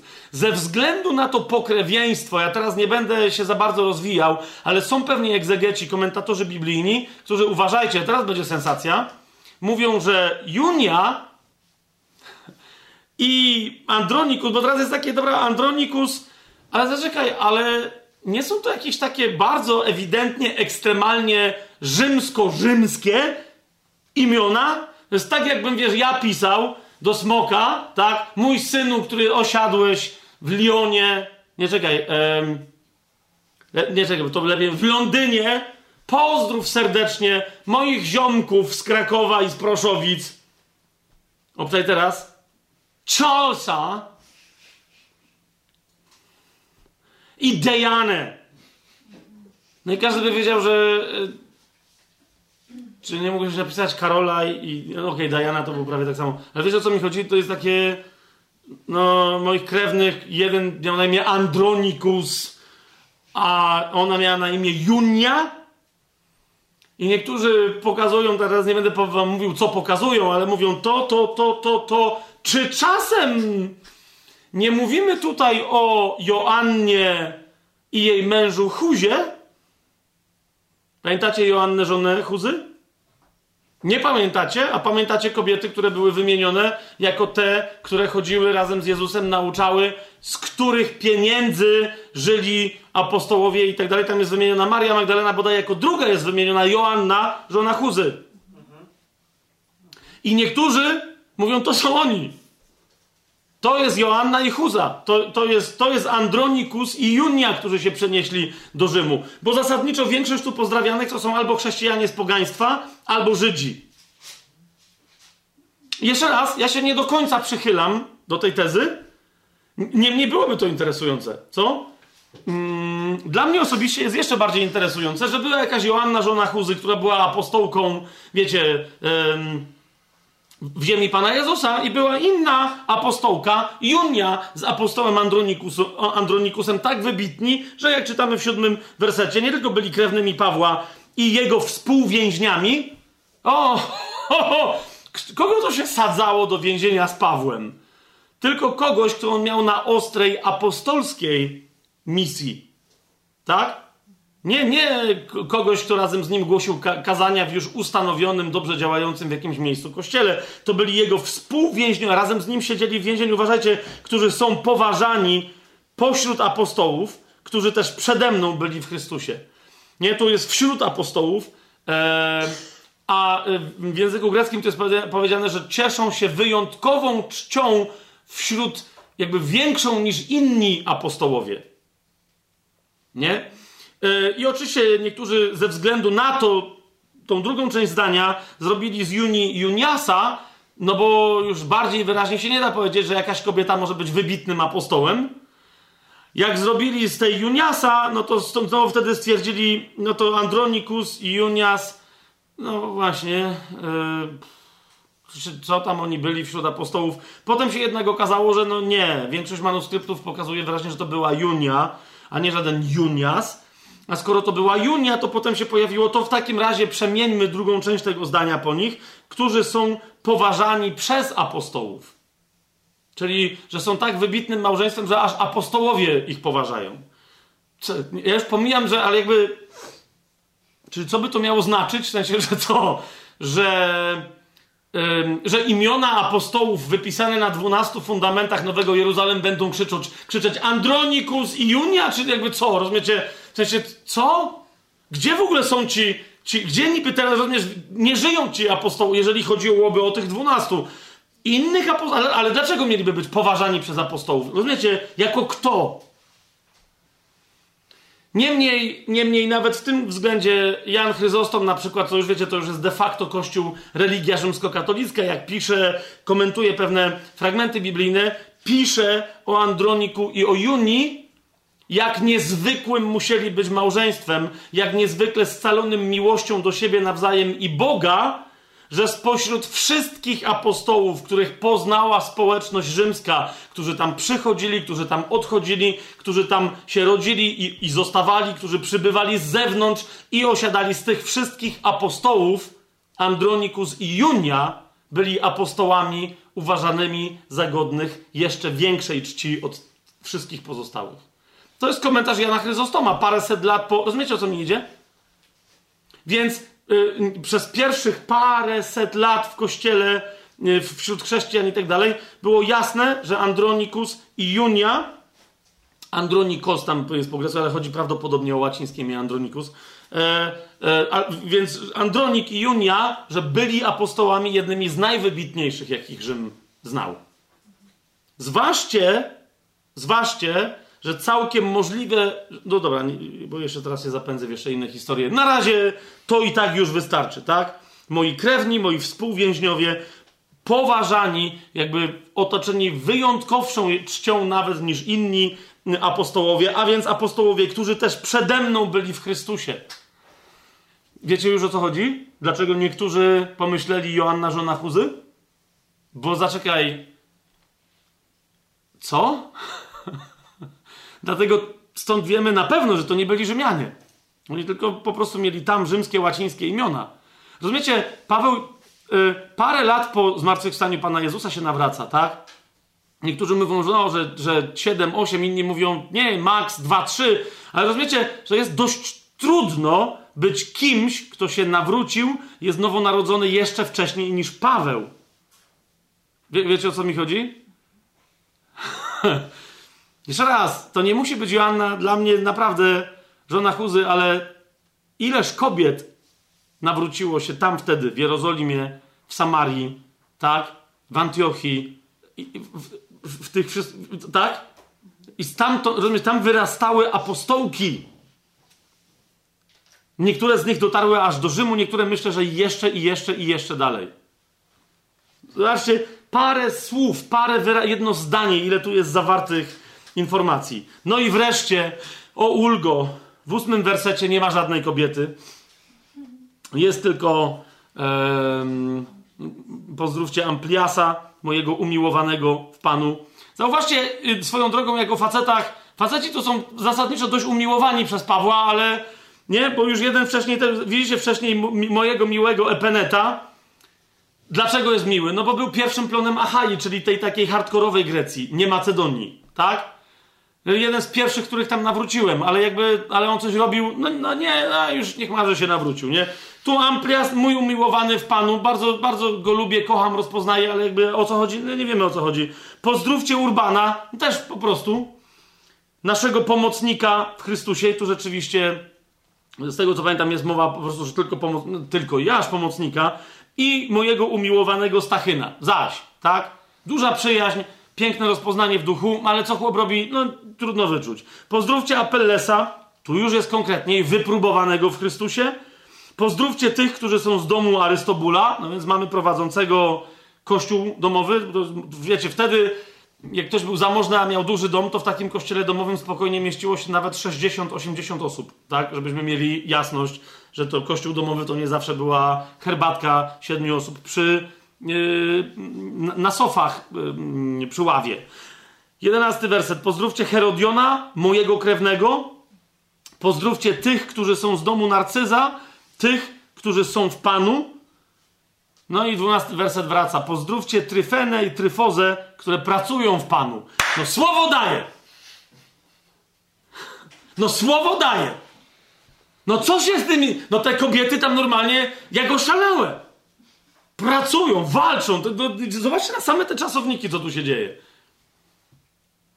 Tryfenę i Tryfozę, które pracują w Panu. Pozdrówcie umiłowaną Persydę, która wiele pracowała w Panu. No normalnie pracuje. Pszczółeczki. Pozdrówcie Rufusa, wybranego w Panu oraz matkę jego i moją. No to wiadomo, że Pawłowi myślę, że nie chodzi o to, że bo by wtedy pozdrowił Rufusa jako swojego brata, jakby to była jego naprawdę matka, tak? Ale zauważcie, znowu, znowu, skoro Paweł w kimś rozpoznaje rolę wobec siebie matczyną, to, to, to co on mówi o jego, yy, o tej jego mamie, nie? Pozdrówcie, zobaczcie dalej, Asynkryta, Flegonta, Hermasa, Patrobę, Hermesa i braci, którzy są z nimi. No i tak dalej, i tak dalej. E, pozdrówcie Filologa i Julię, Nereusza i jego siostrę, Olimpasa i wszystkich świętych, którzy są z nimi. On tu wymienia przywódców. Widzicie? Wszystkich świętych, którzy są z nimi. Z kim? Z tymi przywódcami, których wam E, których wam wymieniłem. I teraz tu są pary, Filolog i Julia, e, małżeńskie, są pary e, rodzeństwa Nereusz i jego siostra, są pojedynczy przywódcy Olimpas, ale też są pojedyncze przywódczynie, na przykład Patroba. Tak? Zwróćcie uwagę, jest wymieniona nie, nie jako podległa komuś z kimś współpracująca, jako samodzielna jest wymieniona. E, genialne, genialne, genialne. Zostawiam to nie da, bo, bo nam. Yy, jak coś to mi dawaj znać, Weronika, dobra? Bo, yy, więc pierwszy list do Koryntian. Następna rzecz. Ta osoba funkcjonuje wręcz wśród niektórych jako przysłowie. Znam takich chrześcijan. To jest dość zabawne. Czasami, a czasami jest niezabawne. jak chcą ci powiedzieć, że ktoś plotkował na Twój temat z nimi, ale nie chcą Ci powiedzieć, kto to jest, i zapytasz, ale kto Ci tak powiedział, to czasem niby żartobliwie odpowiadają od ludzi Chloe. Okej, okay, sęk tylko w tym, że Paweł, e, jak powiedział, że ludzie Chloe mu coś przekazali, to była wiadomo, kto to był. Dlaczego? Bo Chloe była przywódczynią, prowadziła kościół domowy, to było wiadomo, kto to był, tak? On ich nie wymieniał, ale wyraźnie mówi, ja z wami, ja na wasz temat nie plotkuję z ludźmi, o, o, o których nie znacie. Tylko Chloe przesłała mi swoich wysłanników. Pierwszy rozdział, jedenasty werset. Don, doniesiono mi bowiem o was, moi bracia. No i tutaj mamy yy, yy, przez domowników Chloe, że są wśród was spory. Widzicie wyraz domowników? No ale przyjrzyjcie się mu wyraźnie w UBG. Pochyloną czcionką, pochylonym drukiem. Co to znaczy? Że tu nie ma tego wyrazu. Czyli była jakaś baba i wysłała, wiecie, kogoś od siebie z domu, żeby Pawłowi przekazał. Nieprawda. Rozumiecie? Ona się czuła odpowiedzialna za Kościół, wysłała kogoś w misję przez, czyli od kogoś, bo nawet jak list do niego dotarł, także, który napisała Chloe, a nie y, ktoś z jej domowników, to wysłała kogoś z tym listem. To była znowu zamożna kobieta, wpływowa, która, którą było stać na to, żeby napisać list, jeżeli nie wysłać kogoś od siebie, to kuriera. Doniesiono mi bowiem o was, moi bracia, przez Chloe, że są wśród was spory. Dotarła ta informacja do mnie przez Chloe. Jest konkretna kobieta wymieniona. I Paweł się też nie boi, że oni teraz do niej przyjdą i powiedzą, co jest? Dziaduwo. Bo Chloe najwyraźniej y, wzbudzała w nich szacunek, ale nie mogła sobie poradzić. O czym? Że są podziały. Nie? Że są podziały. Zauważcie, kobieta, która ma na sercu, ma na myśli jedność Kościoła. No i dobrze, teraz jeszcze moglibyśmy wiele tam rzeczy, ale okej, okay, dobrze. Przejdźmy do drugiego, do Tymoteusza, bo czasu mamy mało, a jeszcze parę, paroma rzeczami się musimy zająć, jak Bóg da. Drugi do Tymoteusza, trzeci rozdział, gdybyście sobie mogli otworzyć, czternasty i piętnasty werset. Tymoteusz od małego był zapoznany z Pismem, ze Słowem Bożym, jeden z najwybitniejszych po Pawle nauczycieli Słowa Bożego, o czym Paweł wielokrotnie daje znać, że jego umiłowany syn duchowy Tymoteusz jest kimś takim. I teraz w trzecim rozdziale drugiego listu do Tymoteusza, w wersecie 14 i 15 czytamy taką zachętę mm, przez Pawła skierowaną do Tymoteusza. Ty zaś trwaj w tym, czego się nauczyłeś i co ci powierzono, uważajcie na to, wiedząc, od kogo się tego nauczyłeś. Ponieważ od dziecka znasz Pisma Święte. Jeszcze raz zwróćcie uwagę, czego się nauczyłeś, co ci powierzono oraz wiedząc, od kogo się nauczyłeś. Tak? Czyli tak? Czego się nauczyłeś i od kogo się nauczyłeś? Czego się nauczyłeś? Od dziecka znasz Pisma Święte które cię mogą uczynić mądrym ku zbawieniu przez wiarę, która jest w Chrystusie Jezusie. Od dziecka znasz Pisma Święte, tak? Czyli to jest to, czego się nauczył. Ale ma pamiętać również co? Od kogo się nauczył? No to od kogo się Tymoteusz nauczył? Hmm?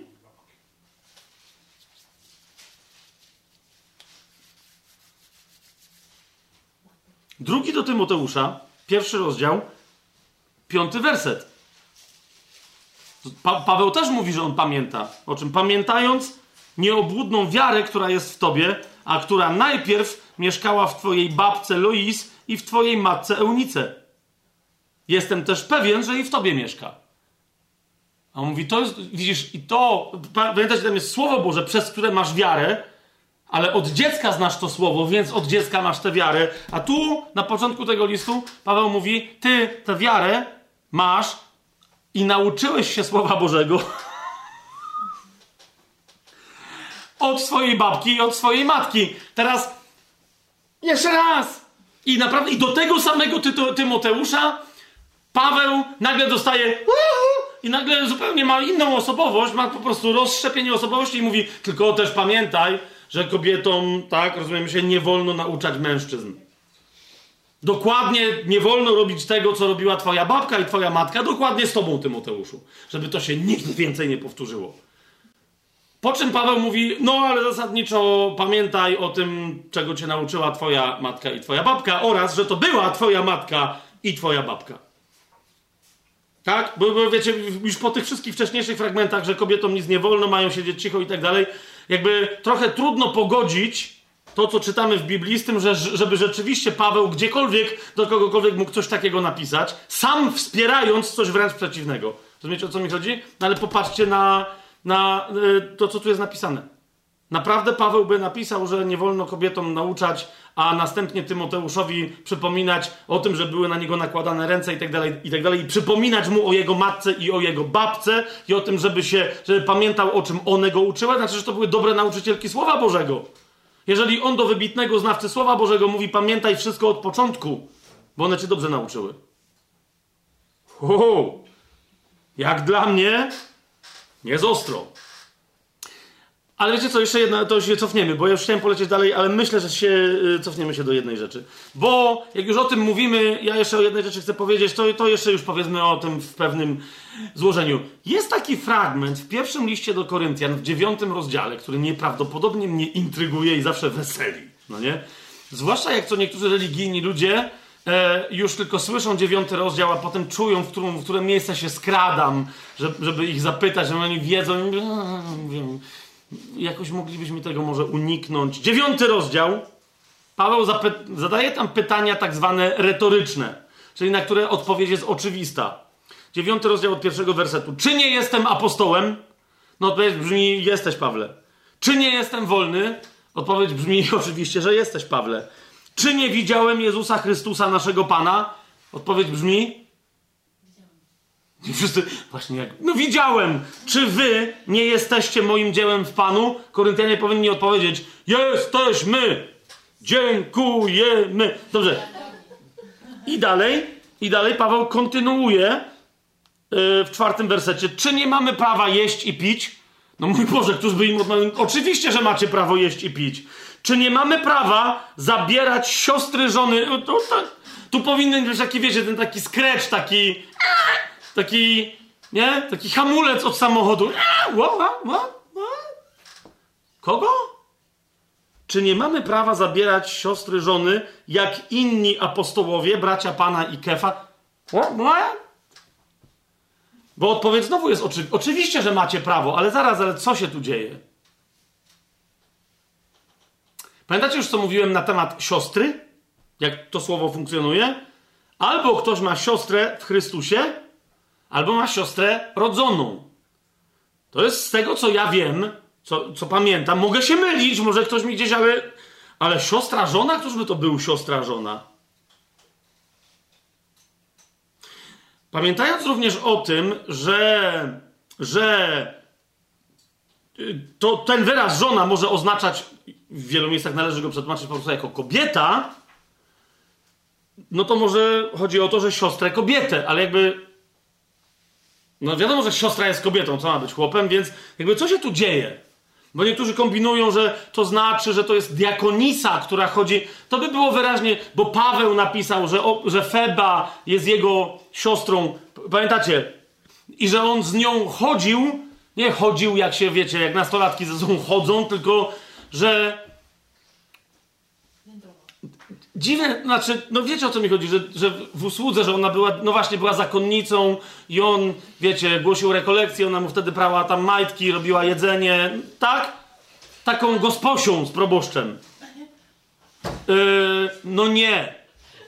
No nie, bo wtedy by rzeczywiście Słowo Boże wystarczyłoby, i Paweł, patrząc na jego język, yy, wystarczyłoby, żeby powiedzieć yy, siostra. Czy nie, czy nie wolno nam ze sobą zabrać siostry E, która jest diakonem na przykład, albo, ale nie kombinowałby z siostrą kobietą, siostrą żoną. No ale z drugiej strony, jakby, czemu Paweł miałby zadawać oczy? No, niektórzy mówią, no, że jest oczywiste pytanie, czy nie mamy prawa jeść i pić, tak? No ale to jest pytanie w kontekście, kiedy u was jesteśmy, czy nie mamy prawa jeść i pić, tak? Natomiast kto by zabronił żonatemu mężczyźnie, żeby przyszedł z żoną? Jakby to to już jest nawet, bo, bo jemu chodzi o to, że czy my nie mamy praw apostolskich, tak jak inni apostołowie, tak? Czy jak u was jesteśmy, to czy u was nie mamy prawa jeść i pić, tak? Czy nie mamy do was pewnych praw? Więc w tym kontekście na pytanie, czy nie mamy prawa wziąć ze sobą siostry żony, jak inni apostołowie? Ja już pomijam, że Paweł w tym samym liście, w siódmym rozdziale, parokrotnie powtórzył, że nie ma żony. I mówił, żeby lepiej tak zostać. Więc co z tą siostrą żoną, którą miałby prawo wziąć? Bo nie ma, ewidentnie mówi, że nie ma.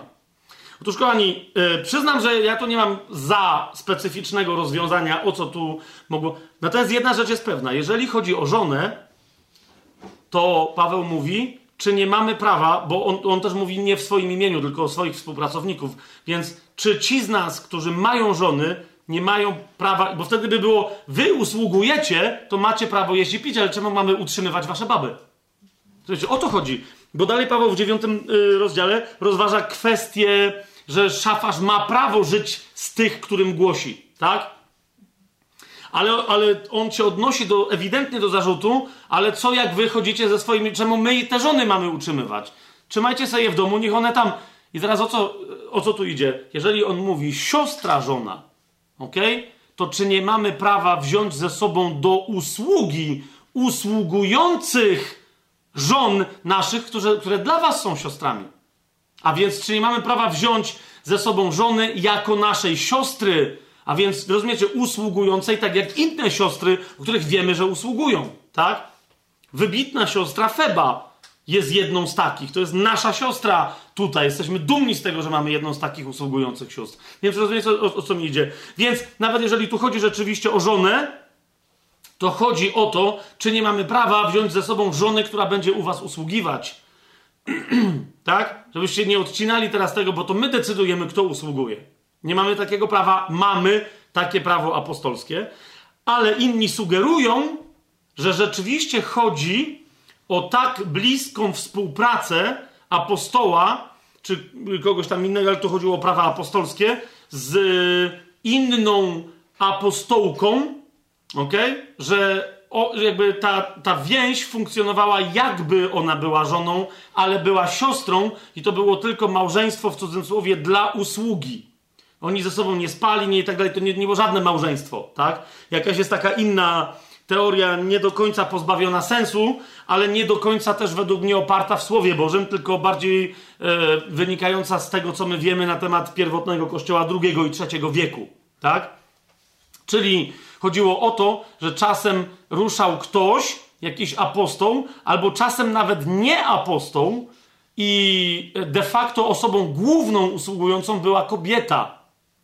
Ale ze względu na pogan, yy, którzy by powiedzieli zaraz, ale co jest grane? Kim jest ta kobieta, co ona robi, czemu ona o czymś decyduje i tak dalej. Był z nią mężczyzna, żeby ona mogła swobodnie działać, w razie czego on, wiecie, wobec yy, świata mówił, że zaraz, ale tutaj ta pani mi podlega i wara, tak? Więc służył do jej ochrony takiej, niekoniecznie, że ją tam ktoś pobił czy coś, tylko do ochrony takiej społecznej także. Wiecie o co idzie? I on mówi, że, y, że w naszej ekipie mogą też być takie kobiety. Niemniej osobiście skłaniam się raczej, żeby nie było ku interpretacji, że tu rzeczywiście chodzi o żonę, ale która jest wzięta w podróż nie dlatego, że nie ma co robić w domu, po prostu towarzyszy mężowi i, i ją musi jakiś kościół utrzymywać, ale że to jest żona, która wraz z mężem usługuje jako siostra. A więc to, że jest żoną, jakby jest w drugiej kolejności wobec tego, że jest usługującą siostrą w ekipie apostolskiej. A to, że jest żoną, nie ma nic do rzeczy. Jest, jest to jasne, co teraz powiedziałem? Dobra, i teraz pierwszy do, do, do Tymoteusza, pierwszy do Tymoteusza 3,11. Jeszcze o jednej rzeczy muszę powiedzieć, e, bo w przyszłym tygodniu już się zajmiemy kwestiami tych nakryć dla kobiet i tak dalej. Może zanim 3.11, zobaczcie, bo tu jest taki ciąg. E, od pierwszego wersetu trzeciego rozdziału pierwszego listu do Tymoteusza. Otóż, wiarygodne to słowa pisze do swojego umiłowanego duchowego syna Paweł. Jeżeli ktoś pragnie biskupstwa, pragnie dobrej pracy. No my oczywiście pamiętamy, że biskup to jest dozorca, który dba o porządki, więc jeżeli ktoś pragnie dozorstwa, pragnie dobrej pracy, no i wreszcie wiemy o co chodzi w tym zdaniu. I teraz dozorca, więc ma być nienaganny, mąż jednej żony, czujny, trzeźwy, przyzwoity, gościnny i tak dalej, i tak dalej, tak. Dobrze rządzący się, czwarty werset, we własnym, e, własnym domem.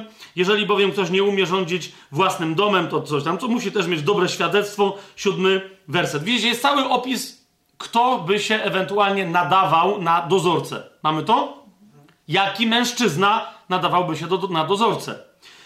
Dalej, ósmy werset mówi o diakonach. Diakoni także mają być poważni, niedwulicowi, nienadużywający, zachowujący tajemnicę wiary w czystym sumieniu i niech będą najpierw wyprobowani, a potem niech służą, jeśli są nienaganni. Dziesiąty werset. Czyli jaki mężczyzna nadaje się na diakona. Zgadza się? No i teraz jedenasty werset. Ich żony także niech będą poważne, nie rzucające oszczerstw, trzeźwe, wierne we wszystkim. Diakonie niech będą mężami jednej żony. Yy, zaraz. Znowu. Co się tu stało? Bo niektórzy widzą, tu jest absolutnie ciąg logiczny, ale momencik. Yy, jest bardzo niewiele zdań, w których jest aż tyle pochylonych czcionką wyrazów wstawionych w werset. I jak się wyjmie te pochylone czcionką wyrazy, to właśnie wtedy ten, ten, przyjrzyjcie się temu. Żony także poważne. Co?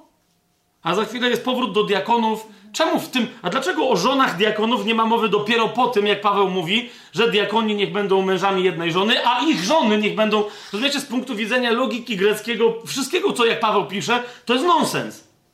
Wiecie, dlaczego to jest nonsens?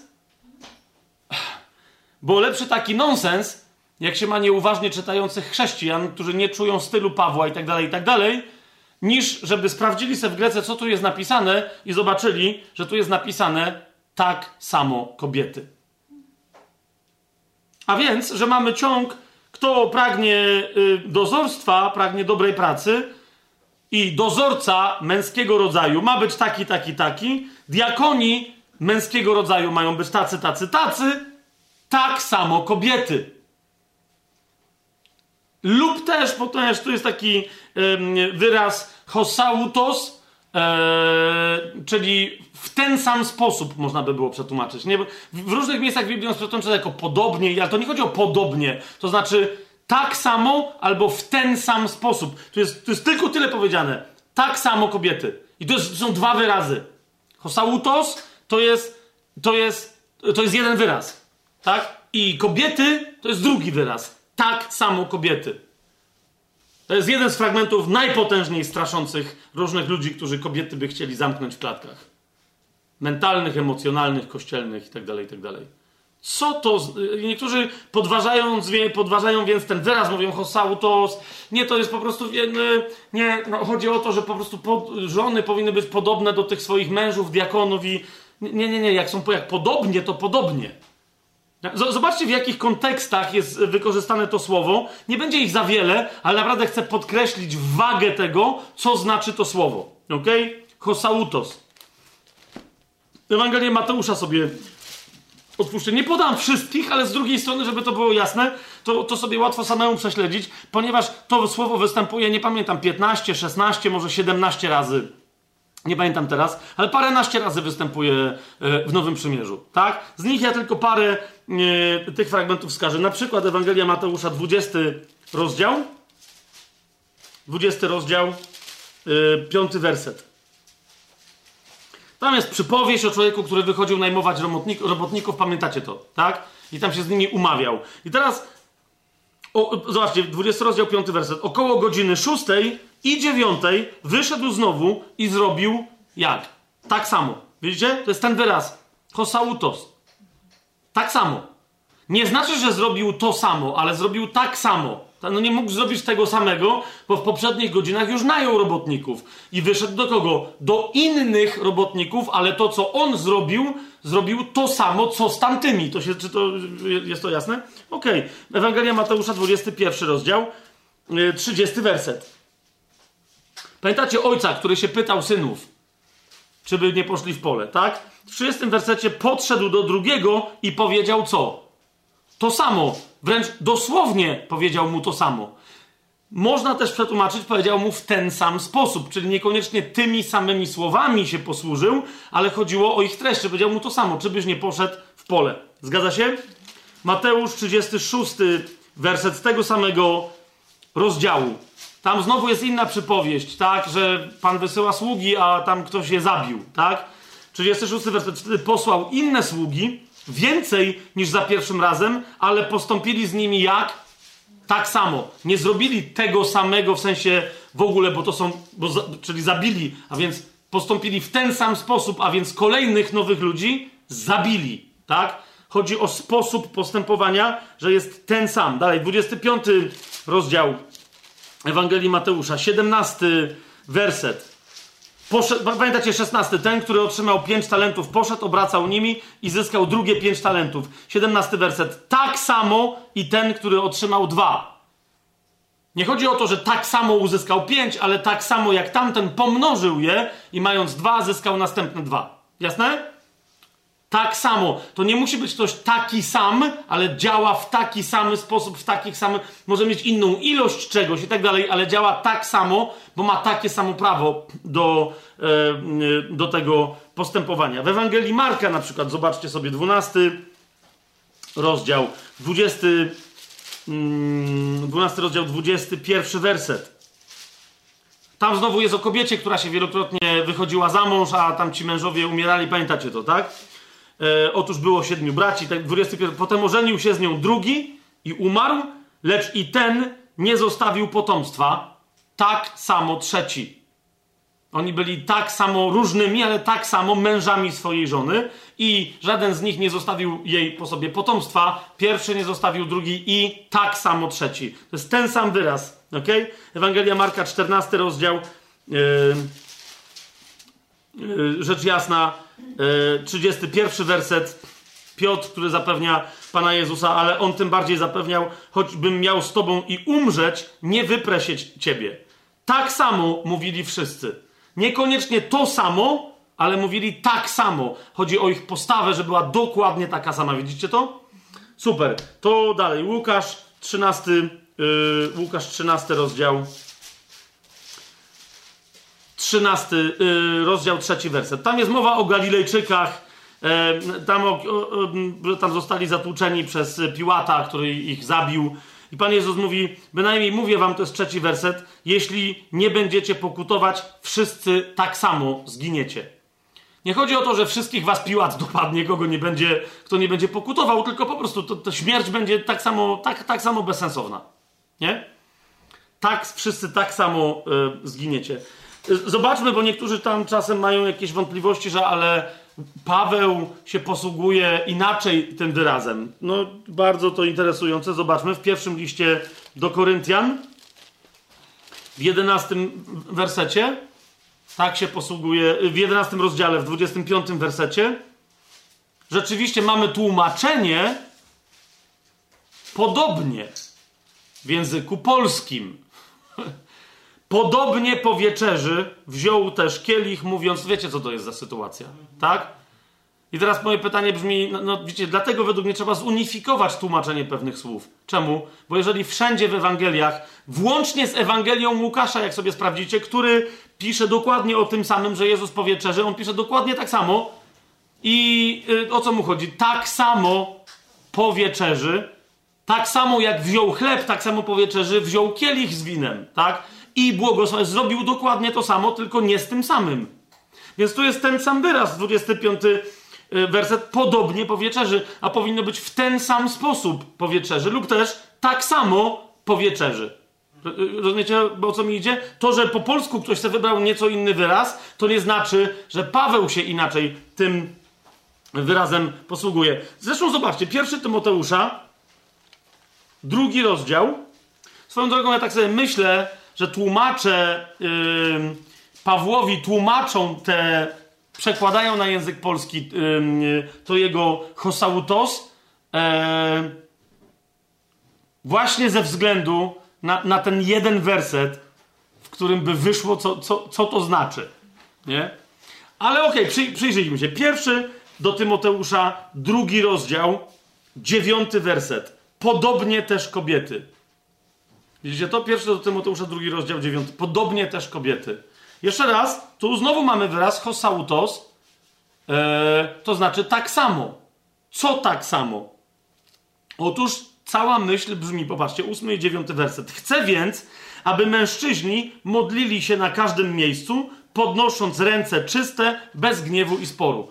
Czyli mówi, chcę, żeby mężczyźni byli pobożni, a żeby pobożność ich w modlitwie była jasna, czego potrzebujemy, żeby w swoim życiu nie, nie mieli splamionych rąk jakimś grzechem. Zwłaszcza, żeby się nie gniewali i żeby się nie wdawali w kłótnie. Jasne to jest? I teraz Paweł mówi, tak samo i kobiety niech się zdobią ubiorem przyzwoitym, ze wstydliwością i umiarem, nie z zaplatanymi włosami, albo złotem, albo perłami, albo kosztownymi strojami, ale dobrymi uczynkami, jak przystoi kobietom, które uznają się za pobożne. Czyli Paweł mówi, jak się modlicie i jesteście kompletnie widzialni, to to, to co jest fizycznie widzialne, niech, niech, niech wasze czyste ręce będą wyrazem tego, że w ogóle macie czyste ręce i nie macie grzechów na sobie. Tak samo kobiety, jak się publicznie modlicie i tak dalej, niech to też będzie wyrazem, tak, tego, że nie jesteście uwodzicielskie, okrutne, podstępne, jakiekolwiek, ale że żyjecie tak, jak świadczy o tym e, wasz strój, czyli według dobrych uczynków zgodnych z pobożnością. Widzicie teraz? I dlatego Paweł mówi, to dokładnie posługuje się wyrazem tak samo. Nie to samo, ale tak samo, w ten sam sposób kobiety mają to samo uzyskać. Tak? W trzecim rozdziale, w ósmym wersecie, zobaczcie, najpierw jest biskup, drugi werset, więc ma być nienaganny i tak dalej, i tak dalej, i tak dalej. Ósmy werset, diakoni, tu już jest wyraz także. Jak myślicie, jaki tu jest wyraz? Tak samo. Diakoni tak samo. Mają być poważni, niedwulicowi, nie, czyli Paweł powtarza większość tego, nieco innymi słowami, o, co mówił o biskupach. Nie? Mówi, pod tym względem tak samo diakonów to obowiązuje. Tak samo. I jedenasty werset, tak samo kobiety. Widzicie teraz w tym kontekście? Tak samo kobiety niech będą poważne, nie rzucające oszczerstw, trzeźwe, wierne we wszystkim. Poważne, tak samo kobiety, poważne. Tak? Zobaczcie, diakoni mają być jacy? Poważni. Tak? I, i, I wcześniej, teraz chodzi mi o co? Nie piszę, do, że a to czemu w takim razie, bo ktoś mi powiedział, a czemu w takim razie Paweł nie napisał, że w takim razie kobiety też niech będą żonami jednego męża. Z, z jednego prostego powodu. Łosiuniu. Bo nie mogły. A chłopi mogli. Znaczy my chłopi, yy, robotnicy też i żniwiarze. Yy, a mężczyźni mogli. Mężczyźni mogli mieć wiele żon, a kobiety nie mogły mieć wielu mężów. I tyle, więc Paweł nie musiał tego tłumaczyć, bo to było niemożliwe. A biskupom mówił wyraźnie, no tylko jedna żona, tak? Mamy jasność? I potem widzisz, jak jest powiedziane, że te zalety biskupów, diakonów, niektórzy mówią dobrze, ale to się nie odnosi i do biskupów, i do diakonów, ale tylko do diakonów. Okej, okay, mogę się z tym zgodzić. Mogę się z tym zgodzić. Niech, niech, będzie, tak? Według mnie to nie wynika tu logicznie z tekstu, ale niech będzie. Czyli rzeczy, bo niektórzy mówią, okej, okay, dobra, to są diakoni i tak samo kobiety, które są diakonami, ich to też obowiązuje. Nie? Rzeczywiście załóżcie, wtedy to ma sens, tak? Bo on pisze pewne rzeczy wspólne o diakonach mężczyznach. Zauważcie, od ósmego wersetu. Potem mówi, że no, a i przypominam, że kobiety, diakonise, to samo, które są diakonami, to samo obowiązuje. Nie? A potem wraca do diakonów i mówi, no coś, czego nie może powiedzieć potem kobietom, tak? A jeszcze diakoni niech będą mężami jednej żony. Nie? Widzicie, to, to ma wtedy sens. Wszystko to nabiera nagle sensu. Natomiast, no również y, jest to oczywistym sensem, że jak widzicie, e, kobiety w, e, są absolutnie włączone w to, co czasem wydaje się nam, że jest napisane tylko i wyłącznie dla mężczyzn i o mężczyznach. Nie? Ten tu fragment według mnie e, jest jednoznaczny. Nie? No nie? Zresztą nie ma dzisiaj poważnego egzegety, który by się tutaj wtrążolił i nagle stwierdził, nie, jednak to są ich żony, które coś tam, bo jak już ktoś musi dodawać ich do żony, to sugeruje, że Duch Święty nie umiał pisać po grecku. Bo to jest, wiecie, to jest tak naturalne złożenie, w, w tylu miejscach i w innych miejscach występujące kogoś coś. To jest, dlaczego by tu nagle Duch Święty zapomniał, że się pisze ich żony, jeżeli mu chodziło o ich żony? Tak? Yy, swoją drogą ten wyraz się pojawia jeszcze u Tymoteusza w piątym rozdziale, w dwudziestym piątym wersecie. Yy, I też jest przetłumaczony podobnie, a dokładnie powinien być przetłumaczony tak samo albo w ten sam sposób. 24-25 werset 5 rozdziału mówi: Grzechy niektórych ludzi są jawne, jeszcze zanim zostaną osądzone, a za niektórymi idą w ślad. Zauważcie, 25 werset powinno być: Tak samo dobre uczynki są jawne. Widzicie to? Nikt nie widzi. Widzicie to? A nie podobnie. To jest dokładnie ta sama zasada, która wszędzie wcześniej obowiązywała. Tak samo dobre uczynki. Więc widzicie, w tym samym jednym liście ten wyraz się pojawia, ile nie policzyłem? Pięć razy? W samym tym tylko jednym liście. Nie? I on zawsze ma dokładnie takie znaczenie, więc dlatego jakby ten temat, ten podrozdział tego, tych naszych rozważań nazwałbym tak samo kobiety. Tak samo kobiety. Swoją drogą zerknijmy sobie jeszcze do e, Tytusa. Jak już jesteśmy w, w liście do Tytusa, ten, ten wyraz też się pojawia w ciekawym kontekście. To jest drugi rozdział. Spójrzcie tam. Tam jest mowa nie o starszych zboru, jak niektórzy e, dowodzą, ale po prostu o starszych ludziach. I, I, to są inne wyrazy, chodzi mi o to, że po grecku, tak? Że tu, tu, tu jest drugi e, werset i trzeci werset, zobaczcie. Starsi, i rzeczywiście tu ten dodatek, że to są mężczyźni, rzeczywiście tutaj chodzi o seniorów. Po prostu. O, to by było dobre tłumaczenie. Seniorzy. To jest dobre tłumaczenie. Ej, ale to niech, niech sobie ktoś tam zapisze, jak będziemy potem y, tłumaczyć list Tytusa. Więc seniorzy niech będą trzeźwi. Po... O, to jest dobra rada dla seniorów. Seniorzy niech będą trzeźwi, poważni, roztropni, zdrowi w wierze, w miłości, w cierpliwości. Tak samo seniorki.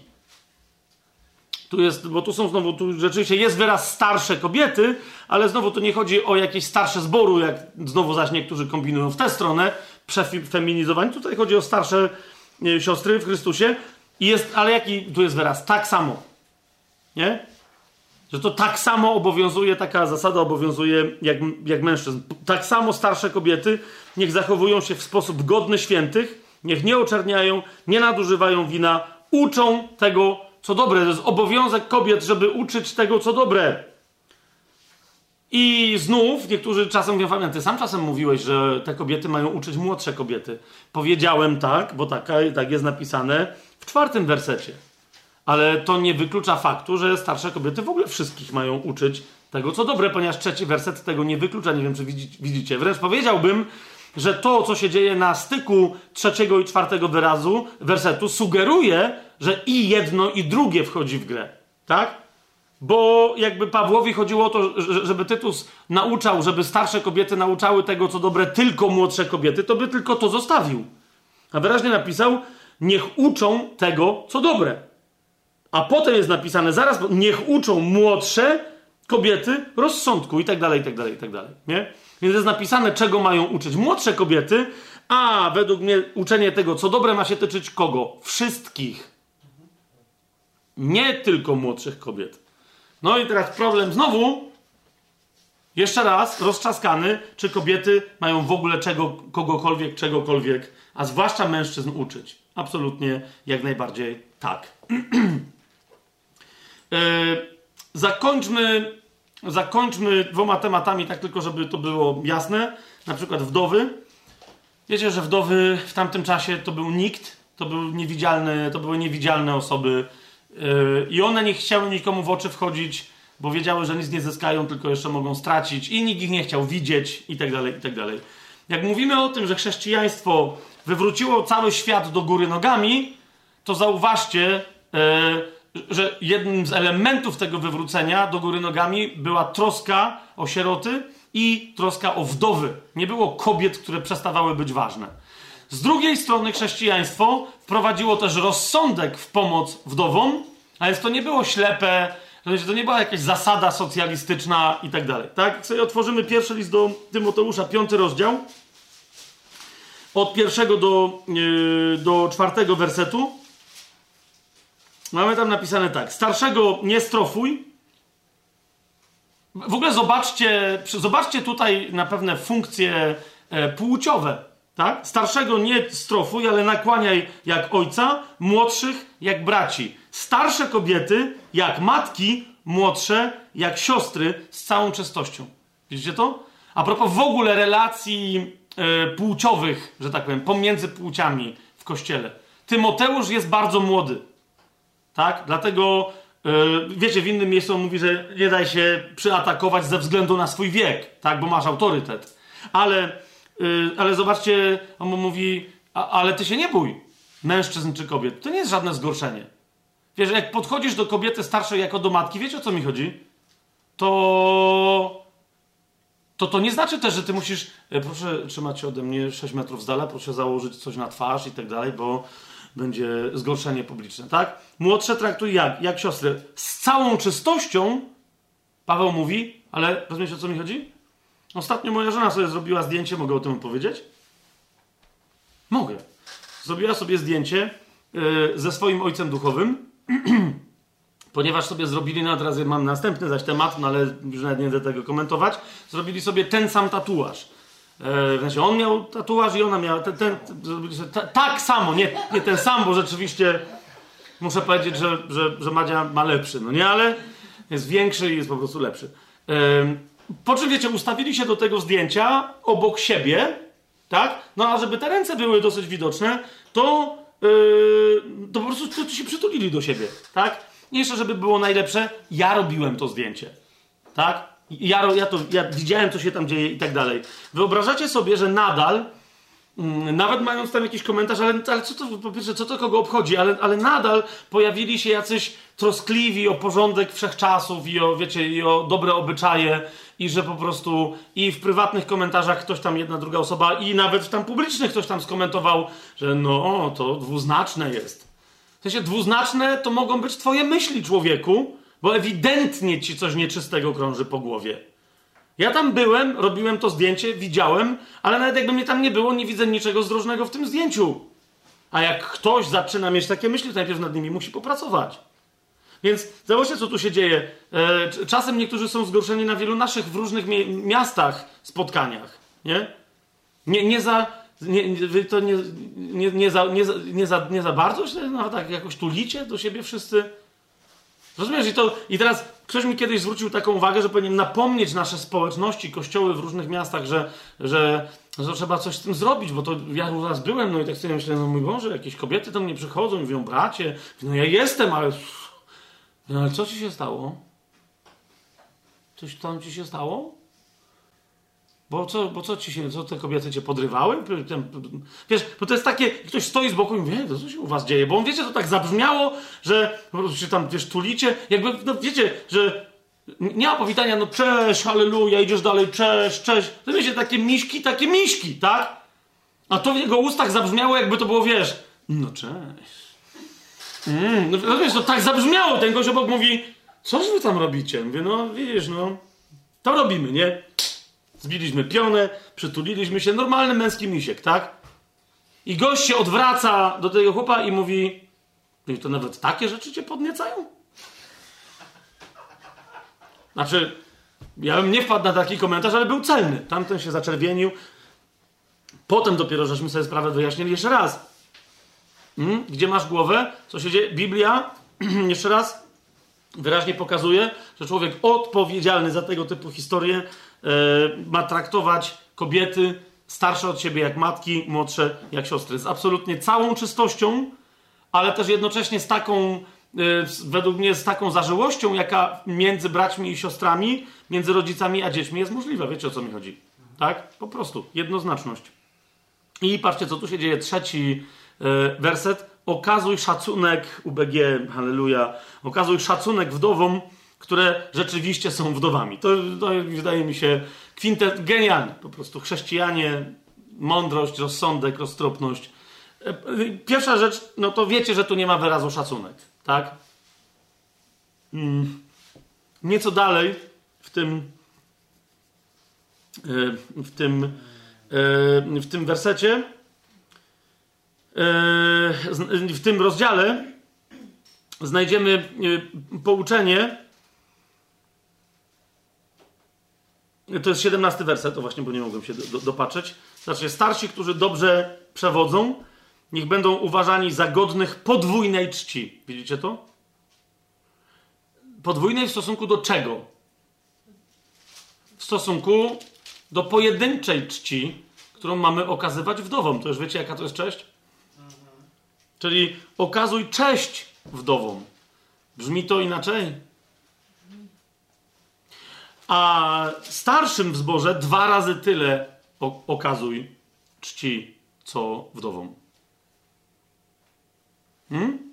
Ym, dalej wróćmy do tego y, trzeciego, dobra, do, do czwartego wersetu. Jeżeli jakaś wdowa ma dzieci lub wnuki, niech się one najpierw uczą być pobożnymi, względem własnego domu i odwzajemniać się rodzicom, jest to bowiem rzecz dobra i miła w oczach Boga. Wiecie, pierwsza rzecz, Paweł mówi, ej, e, chrześcijaństwo to nie jest Polska Zjednoczona Partia Robotnicza i my nie mamy pro, programu socjalnego dla wdów. To nie jest obowiązek Kościoła, to jest obowiązek pobożności każdego chrześcijanina i każdej chrześcijanki.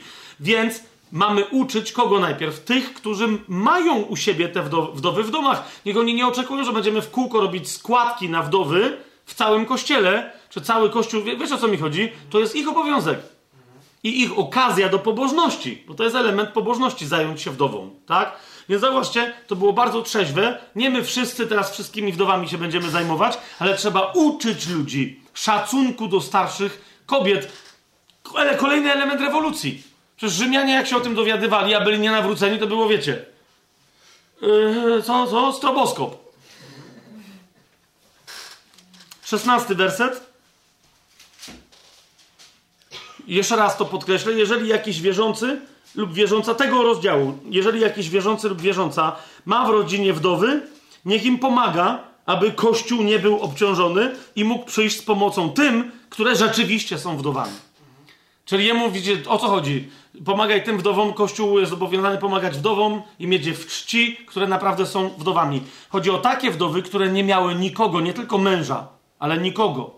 Wdowy, bo on tam jeszcze rozważa temat młodych wdów, tak? Swoją drogą, a propos tego, jak czasem słyszę, jak to ludzie powszechnie żyli, średnia wieku miała po prostu 21 i 4 miesiące. No dajże spokój.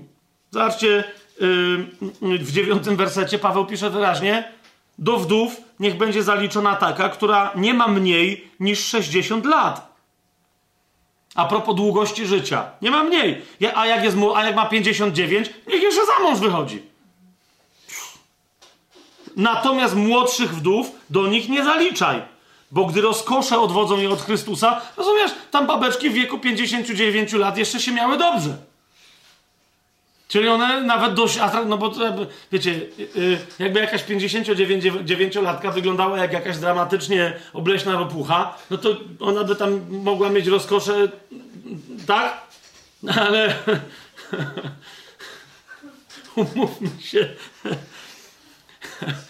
że tymi rozkoszami, o co Pawłowi tutaj chodzi, za wielu by nie zwiodły, tak?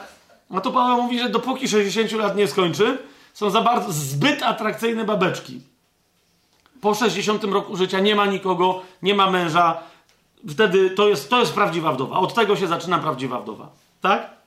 Więc to jest rewolucja, traktowanie wdów. Relacje małżeńskie. Jeszcze raz, małżeństwo to jest temat dopiero na następny raz, więc ja w ogóle tego nie będę rozwijał. Wiecie, do Efezjan i tak dalej. Yy, jakby teologii, czym jest chrześcijańskie małżeństwo, czym miało być, jak jest zamyślone, ale mi tylko chodzi o pewne, wiecie, rewolucja chrześcijaństwa jest absolutna, niepodważalna, oczywista, wprowadza kompletną równość w małżeństwie. W podstawowych, jakby we wszystkim, tak? Niektórzy mówią, że później się, jak zwykle, tam się drąże, no ale wiesz, tu ta, ta ma być poddana jemu, a on nie ma być jej poddany. To wynika w ogóle z innej funkcji małżeństwa, którą jest funkcja prorocza. Kobieta ma być poddana mężczyźnie jako obraz i wzór dla wszystkich chrześcijan poddania się Kościoła Chrystusowi. A mąż jednocześnie mają kochać jak Chrystus Kościół, znaczy przelewać za nią swoje, demonstrować jego kompletnie oddan, jego kompletne oddanie się Kościołowi, a nie to, że jest Panem i władcą. Tak? Natomiast w praktyce, zobaczcie siódmy rozdział pierwszego listu do Koryntian, rzecz jasna, wersety od drugiego do piątego, zobaczcie, jak jest kompletna równowaga, lustrzane odbicie. Co ma mężczyzna, to ma kobieta. Co ma kobieta, to ma mężczyzna. No nie w sensie fizycznych właściwości, tylko e, praw do, do czegoś. Aby uniknąć nierządu, niech każdy ma swoją żonę i każda niech ma swojego męża. Widzicie? Wzajemność, równowaga, balans z jednej strony i z drugiej strony po tyle samo, że tak powiem. Niech mąż oddaje powinność żonie, podobnie i żona mężowi. Dalej, no nie muszę tłumaczyć, tak, o co tu chodzi, jakby, że to musi być wzajemne. Żona nie ma władzy nad własnym ciałem, lecz mąż. Nie wiem, czy domyślacie się, co tu może być za słowo, ale nie będę teraz komentować, czy ono tu jest. Podobnie i mąż nie ma władzy nad własnym ciałem, lecz żona no, potężniejszego zdania w kontekście niektórych nauczań na temat seksu małżeńskiego w kościele rzekomo biblijnym, potężniejszego zdania, które by się tym różnym dziwacznym nauczaniom przeciwstawiało, nie znam. Jest proste. Bo nauczania w większości jest to, że yy, mąż jest głową, żona jest ciałem, mąż jest Chrystusem, żona jest Kościołem. Więc kiedy tylko mąż chce, jak chce i niezależnie od wszelkich okoliczności, ma ochotę na seks, żona musi być gotowa jak dmuchana lalka. Przepraszam, że spłycam, nawet nie wiem, czy spłycam, skracam niektóre nauczania, ale one dokładnie tak brzmią. To nie jest prawda. Nie wiem, czy widzicie. Jak, jak to ma być biblijne wobec żona nie ma władzy nad własnym ciałem, podobnie i mąż nie ma władzy nad własnym ciałem. Ale mają władzę nad swoimi wzajemnie ciałami. Nie okradajcie się z tego nawzajem, chyba że za obopólną zgodą. Znowu, nie ma tak, że mąż decyduje, yy, teraz się nie będę z tobą kochał. Dźwięk zepsułem. Teraz się nie będę z tobą kochał. Teraz się będę z tobą kochał. A co, jeżeli ona akurat chce? To nie, ty jej nie możesz okradać. Ale jadę na rekolekcje święte. No a masz pozwolenie od żony? Masz pozwolenie od żony? Nie okradajcie się z tego, chyba że za obopólną zgodą, na pewien czas, aby oddać się postowi i modlitwie, potem znowu się zejdźcie i tak dalej, i tak dalej. Dziesiąty do szesnastego wersetu. Yy, spójrzcie, cały czas wzajemność. Tym, którzy trwają w związku małżeńskim, nakazuje nie ja, lecz Pan. Żona niech nie odchodzi od męża, lecz jeśli odeszłaby, niech pozostanie bez męża, albo niech się z mężem pojedna. Mąż również niech nie oddala żony. Wzajemność. Pozostałym zaś mówię ja, a nie pan. Jeśli któryś z braci ma żonę niewierzącą, a ta zgadza się z nim mieszkać, niech jej nie oddala. A jakaś żona ma męża niewierzącego, a ten zgadza się z nią mieszkać, niech od niego nie odchodzi. Widzicie? To ta sama zasada, to samo prawo. Mąż niewierzący bowiem i tak dalej, i tak dalej, yy, i tak dalej, i tak dalej. Cały czas to wzajemność. Kobieta ma to samo co mężczyzna, w sensie praw, obowiązków, godności, czci. Tak? Czci. Czci. List do Diogneta. Zacytuję tylko bardzo krótko, bo jeszcze więcej tych fragmentów mógłbym cytować, ale to dobra, wystarczy tyle. E, z powodu jednego, jednego pana i, i, i sprzeciwu wobec uzurpacji kogokolwiek innego, chrześcijanie wywrócili cały świat do góry nogami. Z powodu jednego Boga i sprzeciwu wobec uznania kogokolwiek albo czegokolwiek innego za Boga. Oraz z powodu wszystkiego, co z tego wynika. Uwolnienia tych, którzy byli i podniesienia z powrotem do godności wszystkich ludzi, którzy byli z jakiego powodu, z jakiegokolwiek powodu słabi, poniżeni, ograniczeni, wykluczeni itd. itd. Chrześcijaństwo, chrześcijaństwo wprowadza ewolucję, rewolucję kompletną. Dwie Dwie rzeczy wam teraz zacytuję na sam koniec i potem jeden może cytat z Biblii i na tym zakończymy. W liście do Diogneta, gdzie tam opisuje normalne rzeczy chrześcijańskie, jego autor, między innymi e, pisze taki fragment, dzisiaj go sobie znalazłem. Tyranizować bliźniego, dążyć do przewagi nad słabszymi, bogacić się i krzywdzić ubogich, to wszystko szczęścia nie przynosi i w taki sposób nikt Boga nie naśladuje. Takie postępowanie nie ma nic wspólnego z jego majestatem. To jest coś, co tłumaczy, jakby dlaczego chrześcijanie są tacy durni Diognetowi. I, I on mu pisze: tyranizować bliźniego w jakiejkolwiek formie, dążyć do przewagi nad słabszym, bo jest słabszy, bogacić się, krzywdzić biednego i tak dalej. Mówi: My naśladujemy Boga, rozumiesz, który jest żywy, który jest prawdziwy.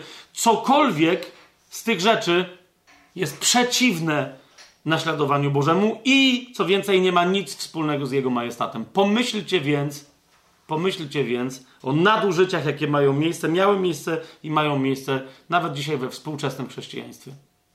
Hmm? Tyranizować bliźniego, dążyć do przewagi nad słabszym itd., itd., itd. I druga bardzo interesująca rzecz. Niejaki Rodney Stark, bardzo poważny, nobilitowany, e, uważany, rozpoznany e, socjolog z uniwersytetu, w, z uniwersytetu Princeton napisał kiedyś taką książkę. No, ona wzbudziła nieprawdopodobne, ogromne sensacje, która się nazywała The Rise of Christianity, czyli powstanie chrześcijaństwa, podniesienie się chrześcijaństwa. E, I jako socjolog za, zaczął rozważać, jak to się w ogóle stało, że jakaś sekta pojudaistyczna, która nawet Żydów wnerwiła, mając w sumie takie tradycje. Jak to się stało, że. Yy, no właśnie, niektórzy mówią, że chrześcijaństwo zaraziło władzę. Nie? I wtedy cesarstwo rzymskie, władze rzymskie, wtedy cesarstwo rzymskie stało się chrześcijańskie. Ja bym powiedział, że to nie ma niczego wspólnego. Cesarstwo rzymskie się nie zaraziło nigdy chrześcijaństwem. Cesarstwo rzymskie tylko przejęło pewien power, który był w chrześcijaństwie i zamieniło go w religię swoją własną na powrót, transformując swoją religię a reszta chrześcijaństwa to nie chrześcijaństwo zaraziło władzę, to chrześcijaństwo zaraziło się władzą i poszło w stronę religii. Ale część chrześcijaństwa została wierna, tak? Niemniej on mówi nadal, ale, ale no, żeby to imperium zobaczyło, on mówi, imperium zobaczyło liczbę w chrześcijanach i, i moc w chrześcijanach, power. I on mówi, oni chcieli mieć ten power. No, okazało się, że jak pomieszali, pomieszali, sobie zrobili z tego swoją religię, to się rozpadli, taki mieli power, tak? I on mówi, ale, ale, ale zadałem sobie pytanie, tenże Rodney Stark, profesor, i zadałem sobie pytanie, ale jak to jest możliwe, że cały czas będąc prześladowanymi, wyżynanymi, mordowanymi, ściganymi, oni się rozrośli z paru, paruset, paru tysięcy osób w jakiejś zapadłej dziurze, którą był wtedy Izrael, nagle rozrośli się do milionów, dziesiątek, setek milionów wyznawców w Imperium Rzymskim. Co się stało? I on mówi, pierwsze moje odkrycie, wszystkie, rozumiem, się badał dokumenty i tak dalej. Książka była niesamowicie sensacyjna. Mówi, po pierwsze, nie wiedzieliśmy o tym, ale wiemy, że niesamowite epidemie, koronawirus tamtejszy, pandemie, powiedziałbym, na, gdy chodzi o skalę, dopadły Imperium Rzymskie. Jedna w 165 roku, to był drugi wiek, druga w III wieku, czyli w 251. Ja mówię, w ich wyniku jedna trzecia ludności Imperium zginęła. Rozumiecie? Załóżmy, że mieli 100 milionów ludzi, zostało 66. Czujecie to? Jedna trzecia. I teraz on mówi, a, ale co przy tej okazji się, do, do, czego się dowiedzieć? Ludzie uciekali z miast, uciekali na wsie, odizolowywali się. No skąd my to znamy? Tak? Żeby tylko nie być z innymi. Jedyne osoby, które nie opuściły miast, jedyne osoby, które nadal się spotykały tłumnie i uważajcie, szły z pomocą, niosły wszelkiego rodzaju pomoc chorym w miastach, to byli chrześcijanie. Chrześcijanie zostają w miastach, to jest jego komentarz, i usługują wszystkim. I jego ostatni komentarz, i żyją. To go najbardziej zdziwiło, ponieważ on mówi, jakby statyst, to jest socjolog, tak statystycznie rzecz ujmując, z wszystkich chrześcijan też powinny zostać dwie trzecie. A oni w tym czasie rosną w odróżnieniu od reszty społeczeństwa. Ich, ich szeregi się pomnażają. Czyli mówi sensacja. Oni się nie boją, chodzą do chorych i tak dalej. I on tam sobie tłumaczy, że chyba dlatego, że chrześcijanie bardziej wierzyli w życie wieczne niż to doczesne, mówi, tylko nie umiem wyjaśnić, czemu nie umierali. Ale jakby to jest pierwsze. I ujęli tym, widać, że ujęli serca wielu innych ludzi. Nie? Czym? On mówi, nawet nie wiem czym. Tą pomocą, odwagą, czym. Nie wiem, mówi, ale rozumiesz, jak wszyscy uciekają, cesarz ucieka, wszyscy legiony się rozpadają, wszyscy byleby się nie pozarażać, a ci impreza, w samym środku miasta, chodzą razem w grupach, mają swoje wieczerze, pamiątki wieczerze i tak dalej. Ludzie byli zafascynowani. No nie boicie się? Czujecie? Mówię, no dlaczego? Przecież będziemy żyć. A jak nie będziemy żyć, to i tak będziemy żyć. Tak, wiesz o co chodzi. Jest fajnie. Dwa. To jest następne, o czym Rodney y, Stark mówi. Kobiety uzyskały w sposób praktyczny status równy mężczyznom w chrześcijaństwie. Nieważne, jakby nie chodzi o nawet niewolnicę, coś tylko mówi całe, całego prawa rzymskiego i tak dalej. Po prostu gdzie się pojawiali chrześcijanie, w sposób praktyczny nie było żadnego rozróżnienia. Nie było specjalnych miejsc, specjalnych tytułów, specjalnych przywilejów, nie było niczego. To, to pisze socjolog. Mówi przez kilka, pierwsze 200 czy 300 lat, tak? To pisze socjolog. Trzy. Różnice społeczne innego rodzaju były przez chrześcijan lekceważone i niwelowane. Czyli jakby, wiecie, że ktoś był niewolnikiem i coś tam i tak dalej, to oni na zewnątrz tego nie respektowali, nie, nie zmieniali tego, tak? Na zewnątrz, jak to był czyś, nie, ale oni to lekceważyli. Mówili do niewolnika, jakby to był pan, jakby do pana, jakby to był niewolnik. Do wszystkich byli, wiecie, po polsku byśmy powiedzieli, z wszystkimi byli na ty, no nie? Jakby to było oni, więc lekceważyli w ogóle jakieś konwenanse, jakieś tam rzeczy, ale jak już ktoś wchodził w społeczność chrześcijańską, to on mówi, to, to, to, tam, to oni przestawali lekceważyć, że coś z czegoś wynika, tylko zaczynali to niwelować. Zobaczcie list e, z prośbą o uwolnienie niewolnika Pawła do, do Filemona, tak? Gdzie. I zobaczcie, jaki to jest język. To nie ma, ja ci rozkazuję coś, ale to jest po prostu cały czas w pokoju, w miłości braterskiej. Paweł wie, że on wie, że obydwaj wiedzą, ale i tak prosi, no nie? I on mówi, no to było to. Wszelkie, jakiekolwiek w społeczeństwie uznane tradycyjnie różnice chrześcijanie lekceważyli, a jak ktoś wchodził do nich do środka, to wewnątrz on, on je niwelowali, nie było żadnych. I między innymi powołuje się na Pawła, list do Galacjan, nie ma Żyda ani Greka, nie ma niewolnika ani wolnego, nie ma mężczyzny ani kobiety. Nie? Gościu, który jest w ogóle niewierzący. Tak? Dalej. Dzieci. I on to podkreśla, mówi wyraźnie. Chrześcijanie nie zabijali dzieci, a jeżeli jakieś dziecko miało być zabite, to je ratowali. Chrześcijanie nie mieli niczego nigdy wspólnego z aborcją, nie mieli nigdy niczego wspólnego e, z wykorzystywaniem sierot jakby jako niewolników i tak dalej, i tak. Mówi zupełnie szoker wtedy dla całego społeczeństwa, ale ujmowało to serca kobiet. Nie? Mówi, że to, to, było, to było to. Natomiast wiele osób, które przeszły przez piekło, będąc niewolnikami tylko dlatego, że stracili rodziców, on mówi, ci ludzie lgnęli do chrześcijaństwa tego, no nie? Nawet nie wiedzieli, kto to jest Chrystus, czy coś, mówią, nie, nie, jak coś takiego się dzieje, to dla was wszystko. Dalej, po piąte, wolność. On mówi, wolność, mówi, że my nie rozumiemy tego dzisiaj za bardzo. Ale mówi, cała starożytność, a dzisiaj zasadniczo powiedziałbym, większość religii tak czy inaczej jest przeniknięta przez poczucie fatum. Tak? Poczucie fatum. Ono się wyraża, najprościej rzecz ujmując, w określeniu tak musiało być. Spadnie na ciebie coś, jakieś nieszczęście, ty nie możesz temu zapobiec, ty nie możesz, ale lepiej w ogóle byłoby się rozeznać z twoim bóstwem, bo wiesz o co chodzi? Czasem nieszczęścia, pff, zawsze nieszczęścia spadną na ciebie, jak się sprzeciwisz woli twojego bóstwa.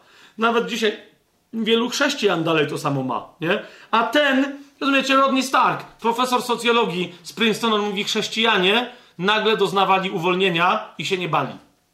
Ich Bóg był Bogiem, który im błogosławił. Ich Bóg był Bogiem, który mówił, czyńcie ziemię dla mnie poddaną. Bądźcie płodni, rozmnażajcie się, kreujcie, twórzcie. Oni mieli zupełnie inne, pod... żadne okoliczności on, ich nie przerażały. Paweł w łańcuchach głosi ze swobodą, jakby był królem, tak? Niewolnicy, jesteście tak samo wolni jak wasi panowie. On mówi, że to było coś, co, co przerażało niektórych, ale większość ludzi fascynowało. Jak to nie boicie się? Nie boisz, również jak się nie ukłonisz, Zeus na ciebie zrzuci piorun. Zresztą są w starych pismach, tych oryginalnych chrześcijańskich, że chrześcijanie stali, rozkładali ręce, podnosili głowę i mówią, niech rzuca.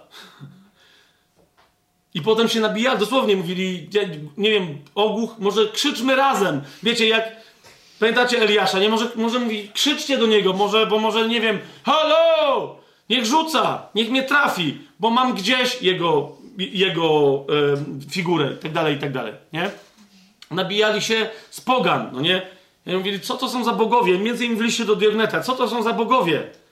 Mówią, jakby ktoś z was, jakby ktoś was potraktował, jak wy traktujecie tych swoich bogów, to byście się, to byście chcieli uciekać, gdzie pieprz rośnie, a wy tym bogom to robicie i oni na to nic.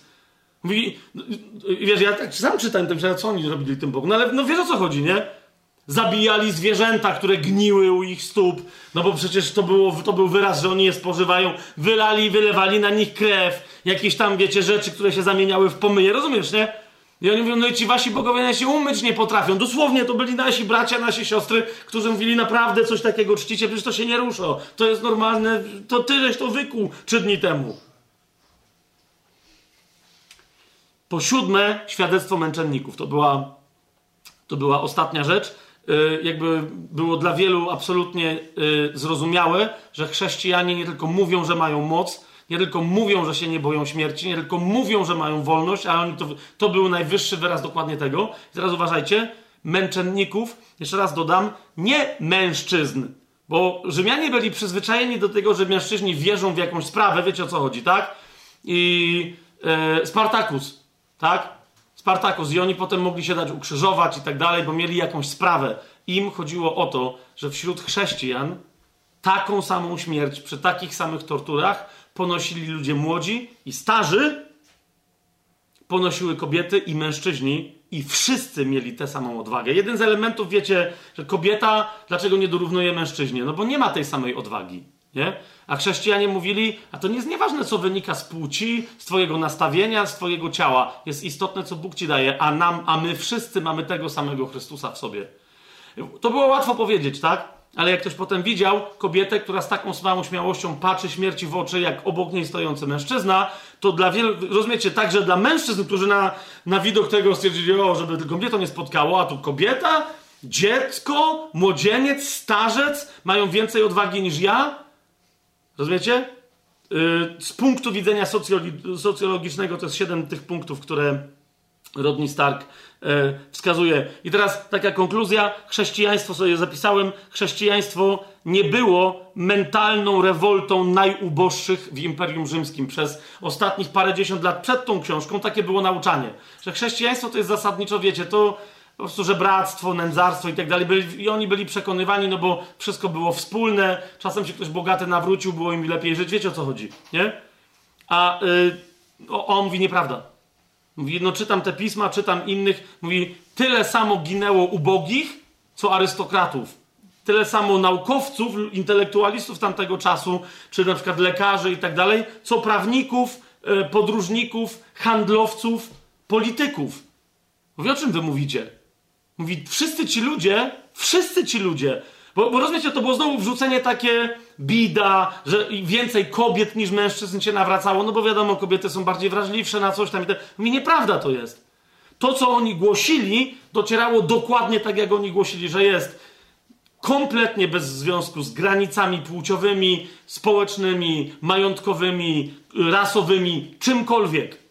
I stąd jeszcze raz przeczytam na koniec ten jego wniosek. Chrześcijaństwo nie było mentalną rewoltą najuboższych w Imperium Rzymskim, ale realną odpowiedzią na głód Boga w sercach wszystkich ludzi, niezależnie od rasy, kultury, majątku, płci, wieku itd. Tak Jeszcze raz się pytam, czy my dzisiaj mamy taki kościół, który to odzwierciedla? Bo taki był Jezus, taki był Kościół pierwszych wieków i on wtedy miał cały sukces, o którym dzisiaj niektórzy mówią, żeby go chcieli, ale tylko w paru wymiarach. I czy my wewnątrz w Kościele e, mamy moc powrócić do tego standardu? Mamy. Pod warunkiem i znowu go mieć z powrotem. Pod warunkiem, że takie nauczania, zafałszowane nauczania oparte na, na, na sprzecznych zresztą Słowa Bożego tezach, w kościele wciąż funkcjonują. Dlatego następnym razem już się powoli bezpośrednio tym 11 rozdziałem pierwszego listu do Koryntian, 14 rozdziałem, listem do Tymoteusza, e, dlatego później się zajmiemy. Amen? A na koniec przeczytajmy sobie siódmy rozdział.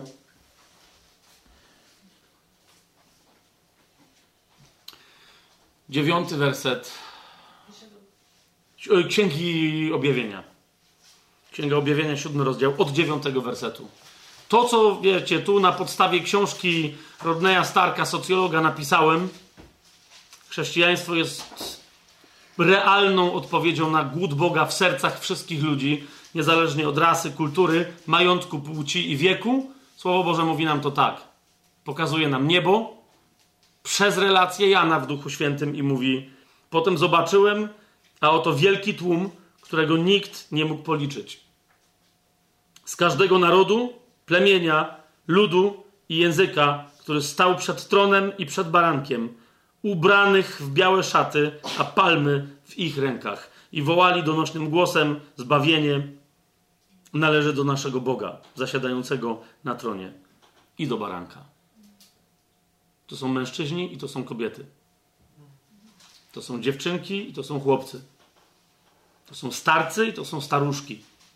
To są sługi i to są służebnice. To są córki i to są synowie. Hmm? Z każdej kultury, z każdej cywilizacji nam znanej, z każdej rasy, każdego języka, każdego plemienia, każdego obyczaju. Mężczyźni i kobiety. Amen.